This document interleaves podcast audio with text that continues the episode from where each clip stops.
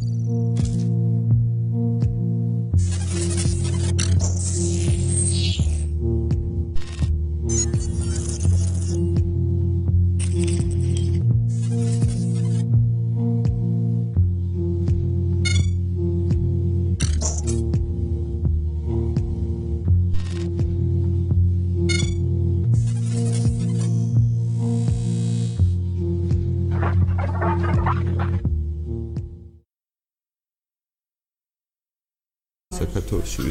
საქართველოსში და რეგიონში.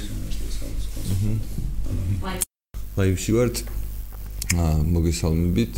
დღევანდელ ჩვენი საუბრის თემა იქნება განათლება და წარმოგიდგენთ ჩვენი სტუმარი სიკო ჯანაშია. მე დიდი მადლობა მინდა უთხრა იმისთვის, რომ გესტუმრა და მგონია რომ ჩვენ საინტერესო საუბარს მოვახერხებთ განათლებაზე. სიკო ასწავლეთ სკოლაში ახლა მასე საუბრობთ და ასევე არის კონსულტანტი სფეროში შესაბამისად ის გაქვთ პრეტენზია გაქვთ რომ ვიგიათ რაღაც გააუმჯობესოთ სხვაგანაც ანუ რა მარტო თქვენ სკოლაში არამედ ზოგადად პოლისის დონეზე და ჩვენ ახლა დღევანდელი საუბარი გვექნება ინდივიდუალს რაღაც კონკრეტულიც და ასევე ალბათ აა ზოგადად განათლების პოლიტიკაზე როგორც ასე რა. ეს ჩვენი საუბრის ინიც ანუ რაღაც დაინიცირა თუ რაღაც ხდა თქვენმა პოსტმა. რომელიც თქვენ დაწერეთ სასწრაფოდ წერეთ ეგეთ რაღაცას რომ საინტერესო კითხვაა შესაძლებელია თუ არა პოლიტიკურმა პარტიამ გააკეთოს თავისი სკოლა. მე სიამოვნებით გესაუბრებით ჩვენ სკოლაზე რას ვაპირებთ როგორ ვაპირებთ და მინდა რომ რაღაცნაირად გასაგები იყოს ჩვენი მსმენელისთვის აი ამ კითხვაზე პასუხი რომელიც თქვენ დაასვით და აუხსნათ აი რატო საერთოდ რატო გაგიჩნდათ ეს კითხვა ასე შემდეგ. ანუ დავიწყოთ ხო რა მაგით. რა არის უკვე თქვენთვის განათლება და აი როგორ შეიძლება ვიღაცას თქვა კონდეს ამის უფლება ან არ კონდეს ამის უფლება აი ამ თემით მინდა რომ შევიდეთ ჩვენ დისკუსიაში და მე ჩემ თავსაც აი უბრალოდ ანუ მე ამ შემთხვევაში არ ვარ უბრალოდ ხაცა ამ ჩვენი საუბრის წამყვანი და მშობელიც ვარ მასწავლებელიც ვარ აა დაინტერესებული ადამიანიც ვარ პოლიტიკით და ნუ პოლიტიკა მგონია განათლება ასევე როგორც ასეც და ანუ სხვადასხვა იპოსტასებიდან დაგისვა ხოლმე კითხებს დიდი მადლობა მოწვევისთვის ჩემსაც საინტერესო იქნება გავიგო მე თქვენი ინიციატივის შესახებ იმიტომ რომ ну ჯერ არ არის ესე ერთიანი ჩამოყალიბებული რაღაცა დოკუმენტი რომელსაც წავიკითხეთ არის ბევრი გამოსვლა. პლუს თქვენი პარტიის საიტზე არის რაღაც აღწერა რატომ გინდათ ესეთი ახალი ისტორიის ჩამოყალიბება. ჩემი კითხვა რა დაუზუსტოთ, რასაც წერდი Facebook-ში, რასაც თქვენ საუბრობთ, აი არ არის იმის შესახებ უნდა კონდეს თუ არა უფლება, არამედ რამეად კარგი არის საერთოდ რომ პოლიტიკური პარტიები ხსნიდნენ თავიანთ ორივე კითხვას გავცეთ პასუხი, იმასაც გავცეთ ანუ კარგია თუ ცუდია და ამასაც გავცეს კონდეთ თუ არა უფლია საზოგადოებისთვის ეს არის ჩემი კითხვა ხო რომ პოლიტიკური პარტიები ხსნიდნენ თავთავიანთ სკოლებს და ზოგადად აი ეგ რას ნიშნავს? ანუ ხსნიდნენ სკოლებს თვითონ ეს კარგად ჟღერს ჩემი ყურისთვის თქვენ აი დაახლოებით ამ მანძილზე ისმისა ცოტა ჩამოიჩუჩ უფრო. ხო აი ესე იქნება გადასარევი. ხო ანუ ეს ხო იმასაც უკავშირდება რომ მე მაგალითად წარმომიდგენია რომ რაღაც ეს არის ძალიან კარგი პერიოდი, როდესაც იხსნება სკოლები, ანუ ანუ ვინ ხსნის ამას ჩემთვის არ აქვს გადამწყვეტი მნიშვნელობა და აი მაინტერესებს ზუსტად ეგ კითხვა თქვენ რას ხედავთ თქვა თან რისკს საშიშროებას ან ნებისმიერ რაღაც პრობლემას, რომელიც შეიძლება უკავშირდებოდეს სკოლების გახსნას. ხო. კი ბატონო, ხო, ან სკოლების გახსნა თავისთავად ერთი შეხედვით თუ მარტივად მიოდგებით, შეიძლება ჩავთვალოთ, რომ ნებისმიერი ახალი სკოლის გახსნა არის სიკეთე. იმიტომ რომ რაღაცა მიზანი სკოლის გახსნის არის განათლება, განათლება, რომ მეტი განათლება კონდეს მეტ ხალხს, ან იყოს მრავალფეროვნება განათლების, ან იყოს მეტი ხელმისაწვდომობა, ან იყოს მეტი თავისუფლება და ასე შემდეგ. ან ბევრი ღირებულებით სხვა სხვა ადამიანები საზღვარგარეთ ხოლმე ახალი სკოლების გახსნა არის სიკეთე. თუმცა ყველა სკოლა რომელიც იხსნება არ არის სიკეთის მომტანი, ხო? ჩვენ ვიცით ისტორიიდან გამომდინარე და თანამედროვეობაშიც შეგვიძლია დავაკვირდეთ იმას, რომ არსებობს სკოლები, რომლებიც არის არა მხოლოდ ბავშვებისთვის რაღაც იკეთის მოსატანად, არამედ არის იმისთვისაც, რომ თქვათ რაღაც ჯგუფებს, რომლებიც ყოველთვის არ არის მაინც და მაინც აა ასე ვთქვათ მისაბაზიან. აი ძალიან კონკრეტულად მაგალითად ყირგიზეთში სულ ახალი ინიციატივა რომ გაზპრომი იწყებს სკოლების გახსნას. მაგალითად მე მგონია რომ საქართველოს რო დაიწყოს გაზპრომმა სკოლების გახსნა, მაინდამაც კარგი არ იქნება ეს არც საქართველოსთვის არც პოლიტიკურად, არც ახალგაზრდობის აღზრდის ხო, მოდი შევედაროთ ხო, ანუ რა საშიშროებას ხედავთ ანუ გაზპრომი რო იხსნება მე არ მგონია რომ გაზპრომის სკოლები რო იხსნება მე არ ვიცი რომ ყირგიზეთის სიტუაციას მაგრამ ესე წარმომიდგენია რომ იქ რაღაცა კერძო სკოლების ბუმი არ არის სადაც გაზპრომიც როგორც ერთ-ერთი მოთამაშე ესე შედის და აპირებს რომ რაღაცა ამ თავისუფალ კონკურენციაში დაამარცხოს ყირგიზული სკოლები და ნუ რაღაცა თავისი ბრენდი. ანუ მე ეს ხო ცხადია მე მგონა რომ იქ ჩვეულებრივ სახელმწიფო ინტერესია ანუ პოლიტიკური ინტერესი ექნება თუ გაზპრომი სადღაც შედის. გაზპრომი შედის იქაც კონკურენტულ გარემოში. კონკურენცია არის სხვადასხვა ქვეყანას შორის თუ ვინ მოიპოვებს გავლენას ყირგიზეთზე საინტერესოა ანუ როგორი სასკოლო სისტემაა დაახლოებით ისეთი როგორც ჩვენთან არის, არის კერძო სკოლების ქსელები, სხვა შორის უფრო გამიმთარებული ვიდრე ჩვენთან იმ თვალსაზრისით, რომ სკოლები იხსნება, სადაც ათეულობით სკოლა შედის თითოეულ ქსელში, ჩვენთან ესეთი გამოცდილება პრაქტიკულად არ არსებობს. ანუ არის რაღაც გამონაკლისები, რომლებიც ბოლო წლებში, ну, პრინციპში განადგურდა, ხო? არის ჩვენთან ერთადერთი ესეთი ხრცელი ქსელი იყო, შედარებით ხრცელი, თორე ხო 3-4 სკოლა არ არის ხდი ქსელი იყო თურქულენოვანი სკოლების ქსელი. იქ ეს ქსელი გაცილებით უფრო ფართო არის აგახანის სკოლების ქსელი, არის თურქულენოვანი სკოლების ქსელი, არის ინტერესი ჩინელების, კორეელების და ასე შემდეგ და რუსეთი შემოდის ახლა აი ამ კონკურენტულ გარემოში თავისი პოლიტიკური მიზნებით, რომ რაღაცნაირად დააკმაყოფილოს თან ინტერესი იქაური მოსახლეობის ნაწილის, რომელიც თulis რომ რუსულოვანი განათლება იჭაგრება და თან ხადე გავრცელოს თავის პოლიტიკურ ხო მაგრამ ახლა გირჩის სკოლა შეუდარებელია ახლა მაგ გირჩის სკოლის თქვა შედარება რაღაცა კირგიზეთში გაზპრომის მიერ სკოლების ქსელის გაკეთებასთან პრინციპზე თუ ვისაუბრებთ ხო? ანუ ახლა გაზპრომი თავისთავად ახლა კი მაგრამ მე წინააღმდეგი არ ვიქნებოდი ახლა კირგიზი გირჩი რო ვიყო როგორც კირგიზი გირჩი კონკრეტულად გირჩის კონსტიტუცია უფლება ან არის თუ არ მიზანში კონკრეტულად პარტია ხო ანუ აბა არა? ზოგადად არის თუ არა საფრთხის მომტანი, ან სიგეთის მომტანი, ან ორივეს მომტანით. რა, რა, ანუ რა რას პოლიტიკური პარტია. ზოგადად მრავალფეროვნება, ანუ მაგას მაგას პოლიტიკური პარტიები ხსნიან სკოლებს. ეხლა რატო შეიძლება იყოს ეს? არა, მოდი ციტა დავაზუსტოთ, იცით, მე მინდა რომ უფრო შორსაც გავიხედო, ანუ მარტო პოლიტიკურ პარტიას ეხება ეს რაღაცა საშიშროება თუ თქვა შეიძლება რაიმე ჯგუფსაც აეკრძალოს. ანუ საერთოდ აი ეს აკრძ ანუ ეს ან აკრძალვა თუ არა კარგი და ცუდი თვალსაზრისით თუნდაც მსჯელობა, ხო? ანუ ესე ესე შევხედოთ ანუ შეიძლება თუ არა ნებისმიერმა ადამიანმა ნებისმიერმა ადამიანმა ანუ იდეალურ სიტუაციაში წარმოვიდგინოთ ანუ აი ესეთი საქმიანობა წამოიწყოს. მსგავსი ტიპის საქმიანობა წამოიწყოს. ანუ რატო გვაქვს ახლა ეს პრობლემა? პრობლემა იმიტომ გვაქვს სიკოს ჩემი აზრით თუ გვინდა რომ მიწაზე დავეშვათ და რაღაცა თეორიულად არ ვისაუბროთ ხო იმიტომ რომ სინამდვილეში ამ ამ ქვეყანაში აკრძალულია ალტერნატიული განათლება ხო ასეა ხო ბატონო? არ არის. არ არის აკრძალული. მე ჩემი განცდით ანუ შეიძლება ჩვენი განცდები არ ემთხოვა ერთმანეთს მაგრამ მე წარმოვიდგენია რომ ის აკრძალულია იმიტომ რომ ისეთი შეზღუდვები რომელიც დაწესებულია საგანმანათლებლო სფეროში მე ნუ ახლა ხო ეს ჭიქა შეიძლება ნახევრად სავსე იყოს ან ნახევრად ცარილი გააჩნია ვინ უყურებს მაგრამ ნუ ახლა მე წარმოვიდგენია რომ ის რეგულაციები რომელიც განათლებაში არსებობს ფაქტობრივად ნიშნავს იმას რომ უნიფიცირებული სისტემა გვაქვს ქვეყანაში განათლების და მე ამ პრობლემას ამ პრობლემას ანუ ვუპირისპირდები და არა მაგალითად რომელიღაც ქვეყნებში სხვა ქვეყნების პოლიტიკურ გავლენას არ ვიხილავ როგორც ასეც ხო? ანუ თუ პრინციპების დონეზე ვიხილავ და ხო. გასმრომსაც როგით ხო ანუ მოდი ჩვენ ძალიან კაპიო ჩამოვაყალიბოს რატომ უნდა უკეთესი განათლება მისაღირგის ბავშვებს მაგრამ ჩემი აზრით კონკურენცია კარგია და კარგია თუ გაზპრომი იქშევა და რა ვიცი კორეელები კიდე უკეთეს სკოლებს გააკეთებენ გაზპრომის ჯინაზე და ან კიდე ყირგიზი ბიზნესმენები რაღაცა ყურებს გამოიფხეკავენ. თუ ეს ასეა მაგრამ მე არ მჯერა მაგის რო ყირგიზეთში ასეთი მდგომარეობაა და იქ თავისუფალი ბაზარია, მოდი გადაუბრუნდეთ საქართველოს. აგერ მაგალ ანუ განსაკუთრებით რო არ ვისაუბროთ, თქვენ გაქვთ განცდა, რომ საქართველოში არ არსებობს ალტერნატიული შეუძლებელი არსებობს და აკრძალულია. ანუ არა მხოლოდ თეორიულად, ყველანაირი ყველანაირი ინსენტივი, ანუ ინსენტივი მოკლულია, რომ ახლა რანერად არის აკრძალული, მე ვადლევ ჩემს განათლებას და ციხეში არ ვზივარ, ანუ აკრძალული ვერ არის. ანუ ბუკვალოდ ვერ ვიქნები მემართალი და თქვენ მწუანი არ არის აკრძალული. არსებობს სკოლები რომელიც საქართველოსში არსებობს სკოლები, რომელიც არ შედის საქართველოს განათლების სისტემაში, სადაც სწავლობენ ქართველი ბავშვები და მათ მშობლებს არავინ არ აპატიმრებს. კი, რა ზუსტად მაგას გულისხმობ მე, მაგრამ მაგრამ ამ ბავშვების მშობლების მიმართ, აი მათი ფინანსური, ანუ ფინანსურად რო შევხედოთ, ხო? სახელმწიფო თანაბრად იქცევა, როგორც იმ ბავშვის მშობლის მიმართ, რომელიც სარგებლობს სისტემით და იმ ბავშვის მშობლის, რომელიც არ სარგებლობს სისტემით. ერთი პრობლემა. მეორე პრობლემა, რომელიც თქვა ამას უკავშირდება, ხო?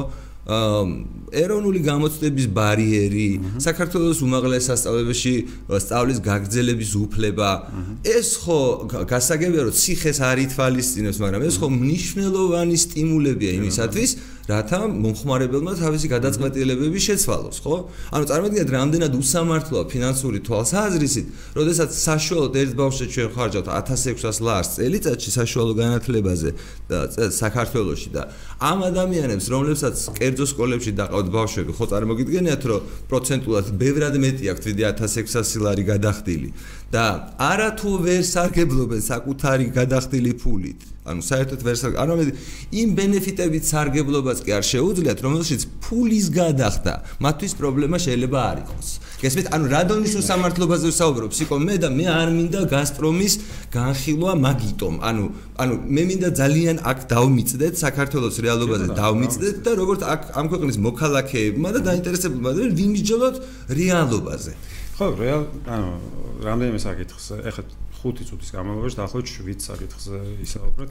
თქვენ და მე ხო ცდილობს გავერკვე რომელ საკითხს მე ისაუბრე აქტიური აქტიური მოსაუბრე ვარ ხო. არის თუ არა პარტიული პოლიტიკა აა თქვათ აა არის თუ არა მიზანშეწონილი პარტიული პოლიტიკა დაუკავშირებს კონკრეტული სკოლის საქმიანობას. მეორე საკითხი არის როგორ უნდა იყოს მოწყობილი სისტემა, განათლების სისტემა, უნდა სისტემის შიგნით შესაძლებელი იყოს თუ არა მრავალფეროვნება და სათამდე შეიძლება ეს მრავალფეროვნება მივიდეს. მესამე როგორ უნდა მოხდეს ამ მრავალფეროვნების წახალისება? ფინანსური თვალსაზრისით მეოთხე და ასე შემდეგ შეგვიძლია გავამოწმოთ რომ რომ საკითხზე შეინტერესებთ ყველაზე. ყველაზე ერთდროულად პირველზე დავიწყებთ. პირველზე დავიწყებთ. მე ვფიქრობ რომ პარტიული პოლიტიკა როცა უკავშირდება კონკრეტული სკოლის საქმიანობას არის საფრთხეები რომელიც ვიცით არა ასე რაღაცა თეორიიდან, არამედ ვიცით ისტორიიდან. ისტორიიდან, ისტორიიდან. გიჩის მაგალითზე მინდა მე საუბარი. გიჩის ჯერ არ აქვს ეს ისტორია, მაგრამ აქვს სხვა პარტიებს ეს მაგალითად ისტორია, მაგალითად ნაცისტური გერმანიაში არის მაგარი მაგალითები საბჭოთა კავშირში არის ძალიან კარგი მაგალითები, როდესაც პარტიის ინტერესი და სკოლის ინტერესი იყო ერთი. ხო, მაგრამ ეს პარტია რომელი იყო, ისეთ განსხვავება რა იყო? ეს არც ერთი არ ყოფილა ოპოზიციური პარტია, ხო? ხო, მაგრამ საბოლოო ჯამში საბოლოო ჯამში მართლი პარტია, ეს შეიძლება სხვანაირად განვიხილოთ, მაგრამ თელი განსხვავება პრინციპზე თუ ლაპარაკობთ, თქვენ თქვენ რა პრინციპს ემხრობთ, რომ მხოლოდ ოპოზიციურ პარტიებს არა, რა შუაშია. ანუ მე მგონი არა, უბრალოდ არ არსებობს უფლება სიკო, რომელიც საერთოდ არა, მიზანშეწონილობასაც არ საუბრობ, იმიტომ რომ მე მაგალითად მიზანშეწონილად მიმაჩნია, რომ ნამდვილად ყველას, ყველას აქ გულისხმობ ოპოზიციურსაც, სამთავრობოსაც, რელიგიურ ჯგუფებსაც, ინტერეს ჯგუფებსაც, ფაქტობრივად ყველას ქონდეს უფლება და ანუ არანაირი უბრალოდ ესეთი პრობლემა საერთოდ არ არსებობს საზოგადოებაში, რომელიც ვინმე საერთოდ აუკრძალავდა ბავშვების გაზდას ისე, როგორც მას თვითონ მიაჩნია მიზანშეწონილად. უბრალოდ ერთი კითხვა, ხო? ესეთი აკრძალვა არ არსებობს. არა, როგორ არ არსებობს? ესეთი უფლება არსებობს კონსტიტუციაში, რომ პირდაპირ წერია, რომ ადამიანს უნდა შეეძლოს აირჩიოს ის ფორმა, განათლებს, რომელიც და ჩვენ შეგვიძლია თქვენი ასე საქართველოს შეგვიძლია. ეხლა ის ჯერ ჯერ იმის არგუმენტაცია თუ გაინტერესებს რატო ვთვლი რომ ეს არ არის მიზანშეწონილი, ერთი არის ისტორიიდან გამომდინარე, ვიცით რომ ანუ თქვენ გეშინიათ ფაშიზმის უბრალოდ. ანუ მაგას ნიშნავს ხო? ანუ გეშინიათ რომ ბავშვებში ისეთ ისეთ იდეოლოგიას დანერგავენ, რომელიც შემდგომში გამოიწვევს ცვლილებას მათ ქცევაში, როცა ისინი გაიზრდებიან. ერთი პრობლემა არის, როდესაც მაგალითად ჩვენ ამბობთ, რომ პარტიებს უნდა შეეძლოთ ესე იგი თავის სკოლების გახსნა და თუ ბავშვებს აღვზდით იმის იმ იდეოლოგიით რომ ესე იგი რომლის სასარგებლოთაც მოქმედებს პარტია ეს არამხოლოდ იმას ნიშნავს რომ უბრალოდ ისე აღზარდეს როგორც თვითონ უნდათ არამედ ბავშვები ხდებიან ამ პარტიის მიღწევების უბრალოდ მიზნების მიღწევის ინსტრუმენტი. მე ჩემი აზრით, ბავშვების გამოყენება პარტიული მიზნების მისაღწევად არ არის მიზანშეწონილი. იმიტომ რომ ბავშვები არ აქვს გაცნობიერებული იმ ასაკში, როცა სკოლაში დადიან, ну, თუ არ ჩავთვლით მე-12 კლასს, თქვა თან შეიძლება უფრო დაბლაც, ხო თქვა მე-11 მე-11 მე-12 კლასს აა ჯერ არ აქვს გასნობიერებული თუ რა არჩევანი უნდა გააკეთონ ცხოვრებაში და მათი ჩართვა პარტიულ პოლიტიკაში ჩემი აზრით მიზანშეწონილი არის. ეს პარტიულ პოლიტიკაში ჩართვა. თუ სკოლა და პარტია უკავშირდება ერთმანეთს. აი უკავშირდება, მე გეუბნები. კავშირი კავშირი რა ტიპის ხო, რა ტიპის კავშირზე ვსაუბრობ. აი როგორ ტიპის კავშირზე? თუ სკოლის წარმატება და პარტიის წარმატება არის ერთმანეთთან კავშირში, ეს შეიძლება ასე იქნება. კი, მას უბრალოდ ამაზე ვლაპარაკობ. ანუ ეს შეიძლება გულისხმობდეს იმას, რომ პარტიის წარმატება აისახება სკოლის წარმატებაზე, სკოლის სკოლის წარმატება აისახება პარტიის წარმატებას. მაგრამ ასევე წარმატებლობაც შეიძლება აისახოს სკოლის მაგალითად თუ პარტია არის წარმატებელი პოლიტიკურ ცხოვრებაში, ამან შეიძლება იმოქმედოს ბავშვების განათლებას. მე არ მგონია რომ საერთოდ ბავშვების განათლებაზე ესეთი ფაქტორები უნდა მოქმედებდეს, ხო? მაგალითად თუ თქვენ, არ ვიცი, პარტიას თქვა რაღაცა აი წარმოიდგინეთ ჩობელი, რომელიც პარტიის პოლიტიკის გამო შედი ესე გადაწყვეტს რომ სკოლაში შეიყვანოს ბავშვი და უცებ აღმოჩნდა რომ რომელიღაც გადაწყვეტილება პარტიის არ მოწონს და ამ დროს უნდა მიიღოს გადაწყვეტილება მისი შვილის განათლებაზეც. არა მხოლოდ იმაზე ამ პარტიას დაუჭერს თუ რა ხარ არამედ იმაზე თქვა ასე უნდა მის მაშულმა მათემატიკა ისწავლოს თუ არა რაც მე მგონია რომ ერთმანეთთან კავშირში არ შეიძლება იყოს. ისე როგორც ხშირ ეხა თქვენი სკოლა მე რამდენადაც მივხვდი განცხადებებიდან არის არამხოლოდ პარტიული სკოლა, არამედ არის მოგებაზე ორიენტირებული სკოლა. ჩვეულებრივი ბიზნესი, მოდი. ხო, ანუ ბიზნესი. ანუ არის რამდენიმე ინტერესი და რაც უფრო დიდია ხოლმე ეს ინტერესები, გარდა განათლების ინტერესის, ხო? მაგალითად, კომერციული ინტერესი, პარტიული ინტერესი და განათლების ინტერესი. ეს ინტერესები შეიძლება ერთმანეთს აზიანებდეს. რა საიდან მოკავშირდება? გამოსლებიდან რაც არსებობს საქართველოსში და საქართველოს გარეთაც. მაგალითად, როდესაც კომერციული ინტერესი უფრო მაღალია ვიდრე განათლების ინტერესი, ხშირად ჩვენ ხედავთ სკოლებში იმას, რომ მაგალითად მასშტაბები საუკეთესო კი არ მოყავთ, არამედ მოყავთ ისეთი მასშტაბები, რომელიც საკმარისი იქნება საუკეთესო მოგების მისაღებად. აბა სხვა როგორ უნდა მოიხსნას იქ? ან სვანელი მოგცედა რა მაგალითად მაგალითად აი მაგალითად შევხედოთ ბუდიში ძალიან არსებობს არამონგებიანი არსებობს კერძო არამონგებიანი არსებობს ეგ არ მესმის კონკრეტულად გეკითხებით როგორ შეიძლება ბიზნეს გადაწყვეტილება მიიღო მოგების მაქსიმიზაციის გარეშე. აი ეგ სწორედ ეს ქმნის პრობლემას, რომ რანაირად შეიძლება ეგ ფრიდეს პრობლემას? ანუ პრობლემა ის არის, რომ აი ეს ფერო ისეა დამახინჯებული თქვენი წარმოადგენები განათლებაზე და საბაზრო მექანიზმით დათვლილი პროდუქტი. ხა ერთმანეთს ანუ გემოვნების დონეზე არ ემთხვევა. აა გემოვნების დონეზე არ აქვს ძალიან კარგი გამოცდილება, მაგალითად ამერიკული უნივერსიტეტების, რომელიც ის უნივერსიტეტი, რომელიც არის, ის უნივერსიტეტები, რომლებიც არის მოგებაზე ორიენტირებული და რომელიც აწყებულია ბიზნეს პრინციპით, ისინი საუკეთესო 100-ულშიც კი ვერ შედიან საუკეთესო უნივერსიტეტების. თქვენ რას მეუბნებით, რომ ამ სოფლიო უნივერსიტეტების რეიტინგში საუკეთესო უნივერსიტეტები არის არამოგებიანი, ხო, აბსოლუტურად ხო. ხო, მე ნაკერწოა. კერძო, მაგრამ არ ამონგებია. რატო? იმიტომ რომ მოგება და ფლობელი და ფლობელის ინტერესი და ასე შემდეგ არ შეიძლება განსაზღვრავდეს მაგალითად უნივერსიტეტის პროფესორის საქმიანობას, სკოლის მასწავლებლის საქმიანობას. თქვენ ისე გინდათ რომ წახვიდეთ ამერიკაში და მე მინდა რომ ესე დავბრუნდეთ საქართველოში. კონკრეტულად გეუბნებით. ეხლა ეხლა დავბრუნდეთ აი საქართველოში ჩემი სკოლის მაგალითზე მოგვიყვებით. ახლა როგორ უშლის ხელს ან უწყობს ხელს აა პრინციპი მოწყობის, ხო? მაგალითად, ის სკოლასაც მე მუშაობ, არის კერძო სკოლა, მაგრამ ამ კერძო სკოლაში არავის არასდროს არ მოთხოვია დივიდენდი. მიხედავთ იმისა, რომ არის რეგისტრირებული როგორც სააქციო საზოგადოება. ეხლა რას უწყობს ეს ხელს? რასაც არ უწყობს ხელს სხვა სკოლებში. მაგალითად, ერთ-ერთი რაც ხელს უწყობს ჩვენ სკოლაში არის დემოკრატიული მართვა. რაც გულისხმობს იმასაც, რომ მასწავლებელი ამ შემთხვევაში თავს გზნობს როგორც საკუთარ სკოლაში და არა ვიღაცის სკოლაში, რომელსაც თუ მოუნდება, შეუძლია ეს მასწავლებელი გაუშვოს მეორე დღეს. ანუ მაგალითისთვის მასწავლებლები თავის კოლეგას თვითონ კირავენ. მასწავლებლები იღებენ გადაწყვეტილებას დირექტორის დაქირავებას. მასწავლებლები იღებენ გადაწყვეტილებას რესურსები რა იქნება სკოლას და ასე შემდეგ. და ეს ქმნის ამ სკოლას და მე ვთვლი რომ ერთ-ერთი წარმატების საფუძველი ჩვენი სკოლის სწორედ ეს არის. ანუ სწორედ ამიტომ არის რომ მასწავლებლები მუშაობენ სკოლის განვითარებაზეც და არა მხოლოდ საკუთარ თავის განვითარებაზე და არა მხოლოდ მასწავლებლების განვითარებაზე. იმიტომ რომ ამ სკოლას აღიქვამენ როგორც საკუთარ ასე ვთქვათ საუკეთესო სამუშაო ადგილს და იმ ორგანიზაციას რომელიც წევრების თვითონ არიან და რომელიც საზოგადოების წევრებიც არიან და არა უბრალოდ დაქირავებულ ადამიანებად თვლიან თავს. ახლა შეიძლება თქვათ რომ ეს ახლა შეიძლება გამონაკლისია და საქართველოს აი რამდენი სკოლა შეიძლება იყოს ესეთ. ცხადია შეიძლება გამონაკლისად ჩავთვალოთ, მაგრამ მე მგონია რომ ეს მოდელი არამხოლოდ საქართველოს მუშაობს, ბევრ სხვა ქვეყანაშიც მუშაობს და არამხოლოდ მგონია ვიცი რომ პრობლემა რა შეგომარებს ანუ ეს მოდელი რომ მუშაობს, კარგი შეიძლება იყოს თქვათ ერთ სკოლაში კონკრეტული რაღაც ისტორიით, კონკრეტული რაღაც ადგილით ამ ქვეყანაში და რაღაცა ეს ხო იმას დანიშნავს, რომ ყველა მსგავსი რამეში აუცილებლად უნდა გააკეთოს, ხო? არსებობს სხვადასხვა მოდელი. კი ბატონო, არა, ვის რა მე უბრალოდ იმას გეუბნები, რომ ხელს უშლის კომერციული ინტერესი ხანდახან ეცინააღმდეგა მოსწავლეების ინტერესს. ყველაფერი შეიძლება ცხოვრებაში მოხდეს, მაგრამ მე მინდა რომ ანუ მესმის თქვენ რასაც ამბობთ რომ სტატისტიკურად შეიძლება ასე იყოს, მაგრამ მე აი საქართველოსზე მინდა ვილაპარაკო, აი მაგალითად თქვენს სკოლაში, რომელშიც რა მოდელიც არ უნდა იყოს, თქვენს მოსწავლეებს. აი საქართველოსში რო თქვა განათლების გაგრძელების უფლება კანონმდებლობ თქვა რა აქვს? ჰა, რა თქმა უნდა. ანუ არა მხოლოდ აქვს, არამედ ჩვენი სკოლა არის ერთადერთი სკოლა, რომელიც არის აკრედიტებული. ანუ არის უფლების მოპოვების ორი დონე, ავტორიზაცია და აკრედიტაცია. ეს სკოლა ზაგავლილი აკრედიტაცია, რაც ნიშნავს რომ ეროვნულ გამოცდებებზე უშვებენ პირდაპირ თქვენს მოსწავლეებს. უშვებენ და გამოსაშვებ გამოცდებსაც არ აბარებენ. რაც ხელს უშლის ყველა დანარჩენ სკოლას იმისთვის, რომ კონდეს უფრო მრავალფეროვანი პროგრამები. ანუ ჩვენ დაუნტკიცეთ სახელმწიფოს ის, რომ ჩვენ უკეთესი პროგრამები გვაქვს, ვიდრე მათ ოკეი. მაგრამ ერთადერთია.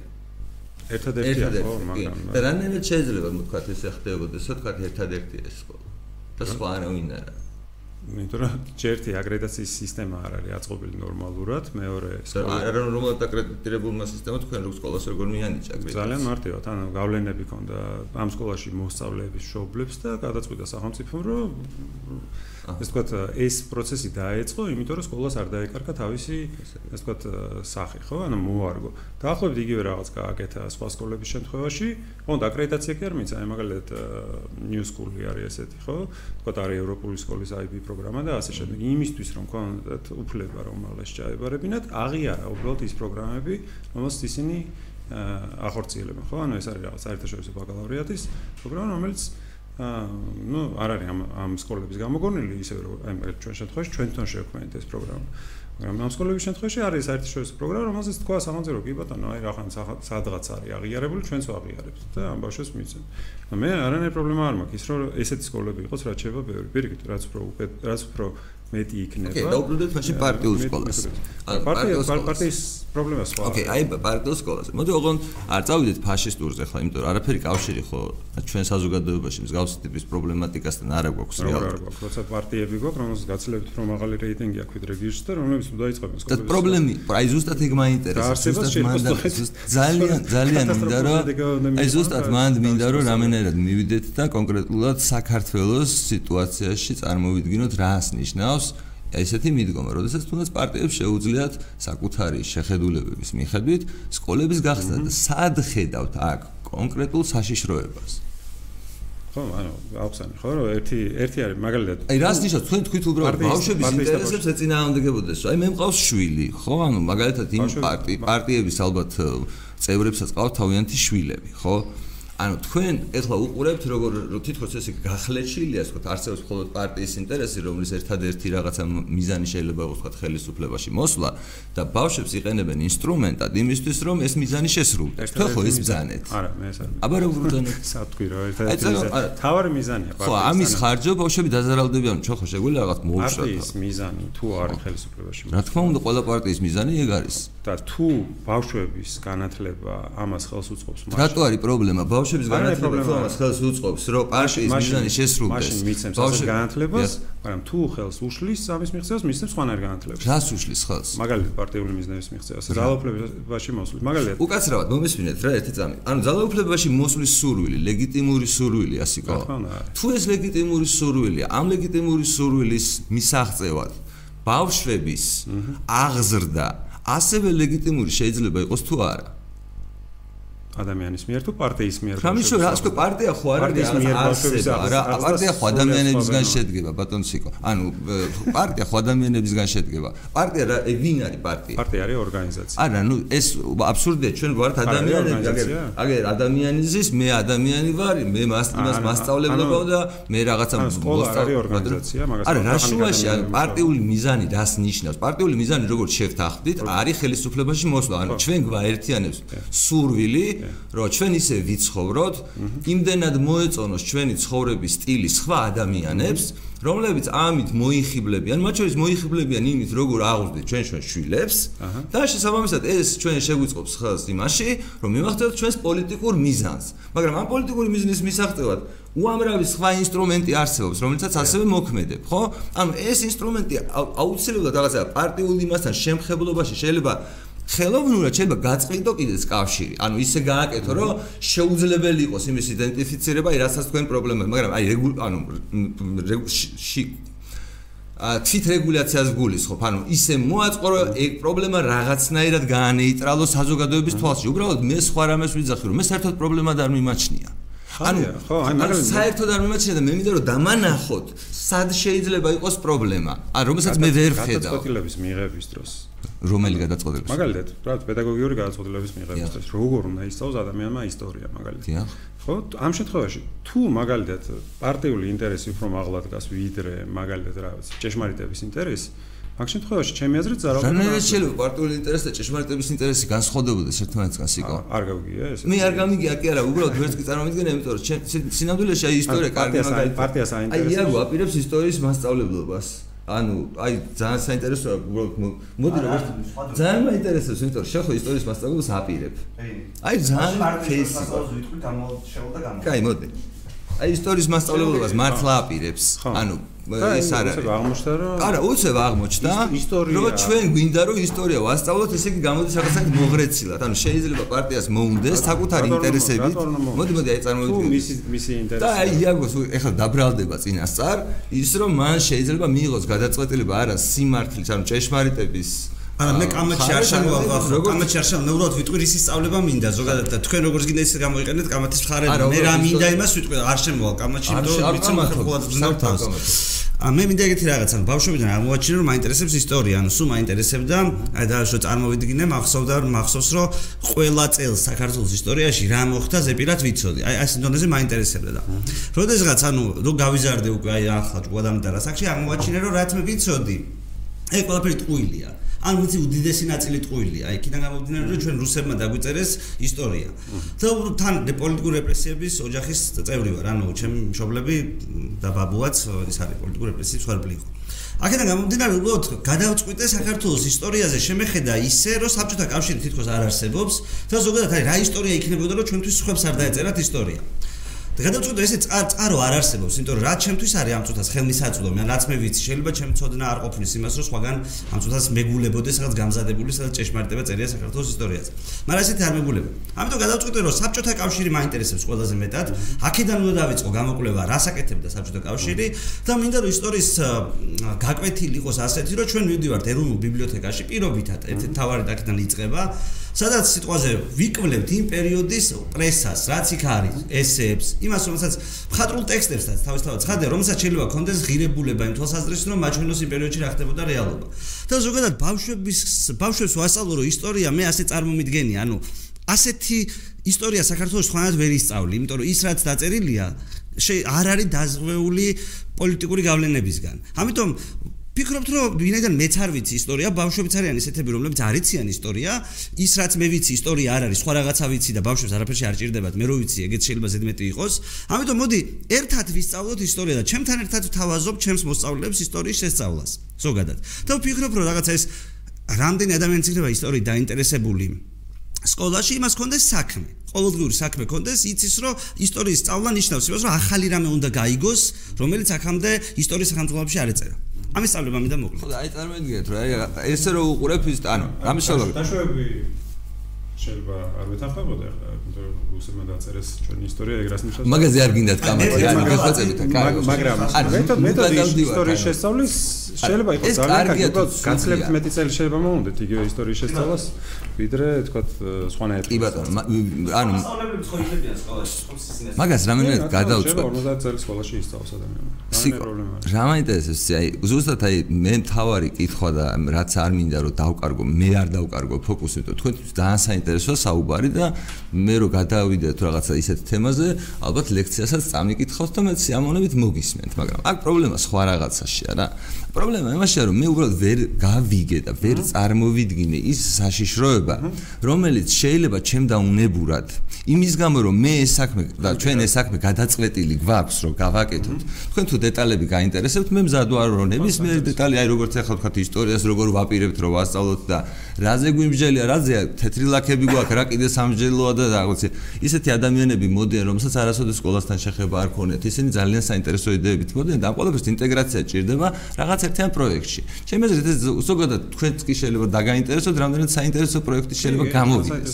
მაგრამ ეს საერთოდ სხვა თემაა ანუ ამაზე ჩვენ შეიძლება რაღაც ვიმეგობროთ და რაღაც მაგრამ კითხვა ამაში მდგომარეობს რომ რა შეიძლება დავაშავო პრინციპულად ისეთი და წავიდე ბავშვების ინტერესების საწინააღმდეგოდ იმიტომ მხოლოდ რომ მე ვარ პარტია ანუ ის ადამიანები ვინც ამ ყველაფერს ვაკეთებთ ვართ თანამოაზრეები რაღაცა მორალში და ეს მორალი გვაქვს საერთო და გვინდა რომ საკუთარ შვილებს ეს მორალი გადავცეთ და არა ის რომელიც არა ადამიანურად მიგვაჩნია. რაც არ უნდა თქვენ მეუბნებოდეთ რომ რაღაცა პროგრამები არსებობს რომელიც ვითომ შეიძლება რომ რაღაცა მრავალფეროვნების იყოს მე მაგის არ მჯერა უბრალოდ. ეხლა მაგაზეც შეგვიძლია უბრალოდ მაგის არც ცალი არც მაინტერესებს რომ არ გითხრათ თო ტექნიკურად მაინტერესებდეს. მაგ რაღაცა ხრელი თავისუფლებებში. ხო იცით რომ ვიცი ხრელების პოვნა თავისუფლებებში და შემიძლია მაგის პოვნა მაგრამ გონია რომ არ არ ღირს. აი ესეთი გზით სიარული და ამიტომ მინდა ფუნდამენტურად გავარკვიოთ. ყველას შეგვიძლია ამის გაკეთება. თუ შეიძლება არსებობდეს რაღაცა რომელიც ვიღაცას აგვიკრძალოს თუ ესეთი რამე მივაგენი ესე გამოდის რომ ვიპოვე ჩემს წინააღმდეგ თავარი იარაღი. ანუ მე ხა მაინტერესებს, რომ პრინციპულად ამიხსნათ რა საშიშროება შეიძლება შეექმნას ჩემ შვილებს, რომლებიც ამ სკოლაში ივლიან. აი მე ხო შეიძლება პარტიაში აღარ ვიყო, ხო?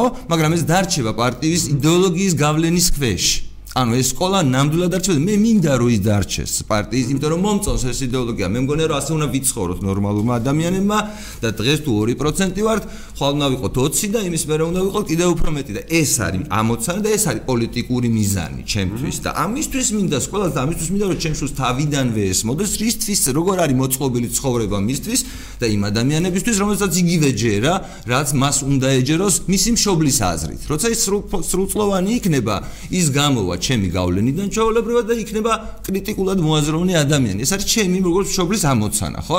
და ამაში რაში ვწდები?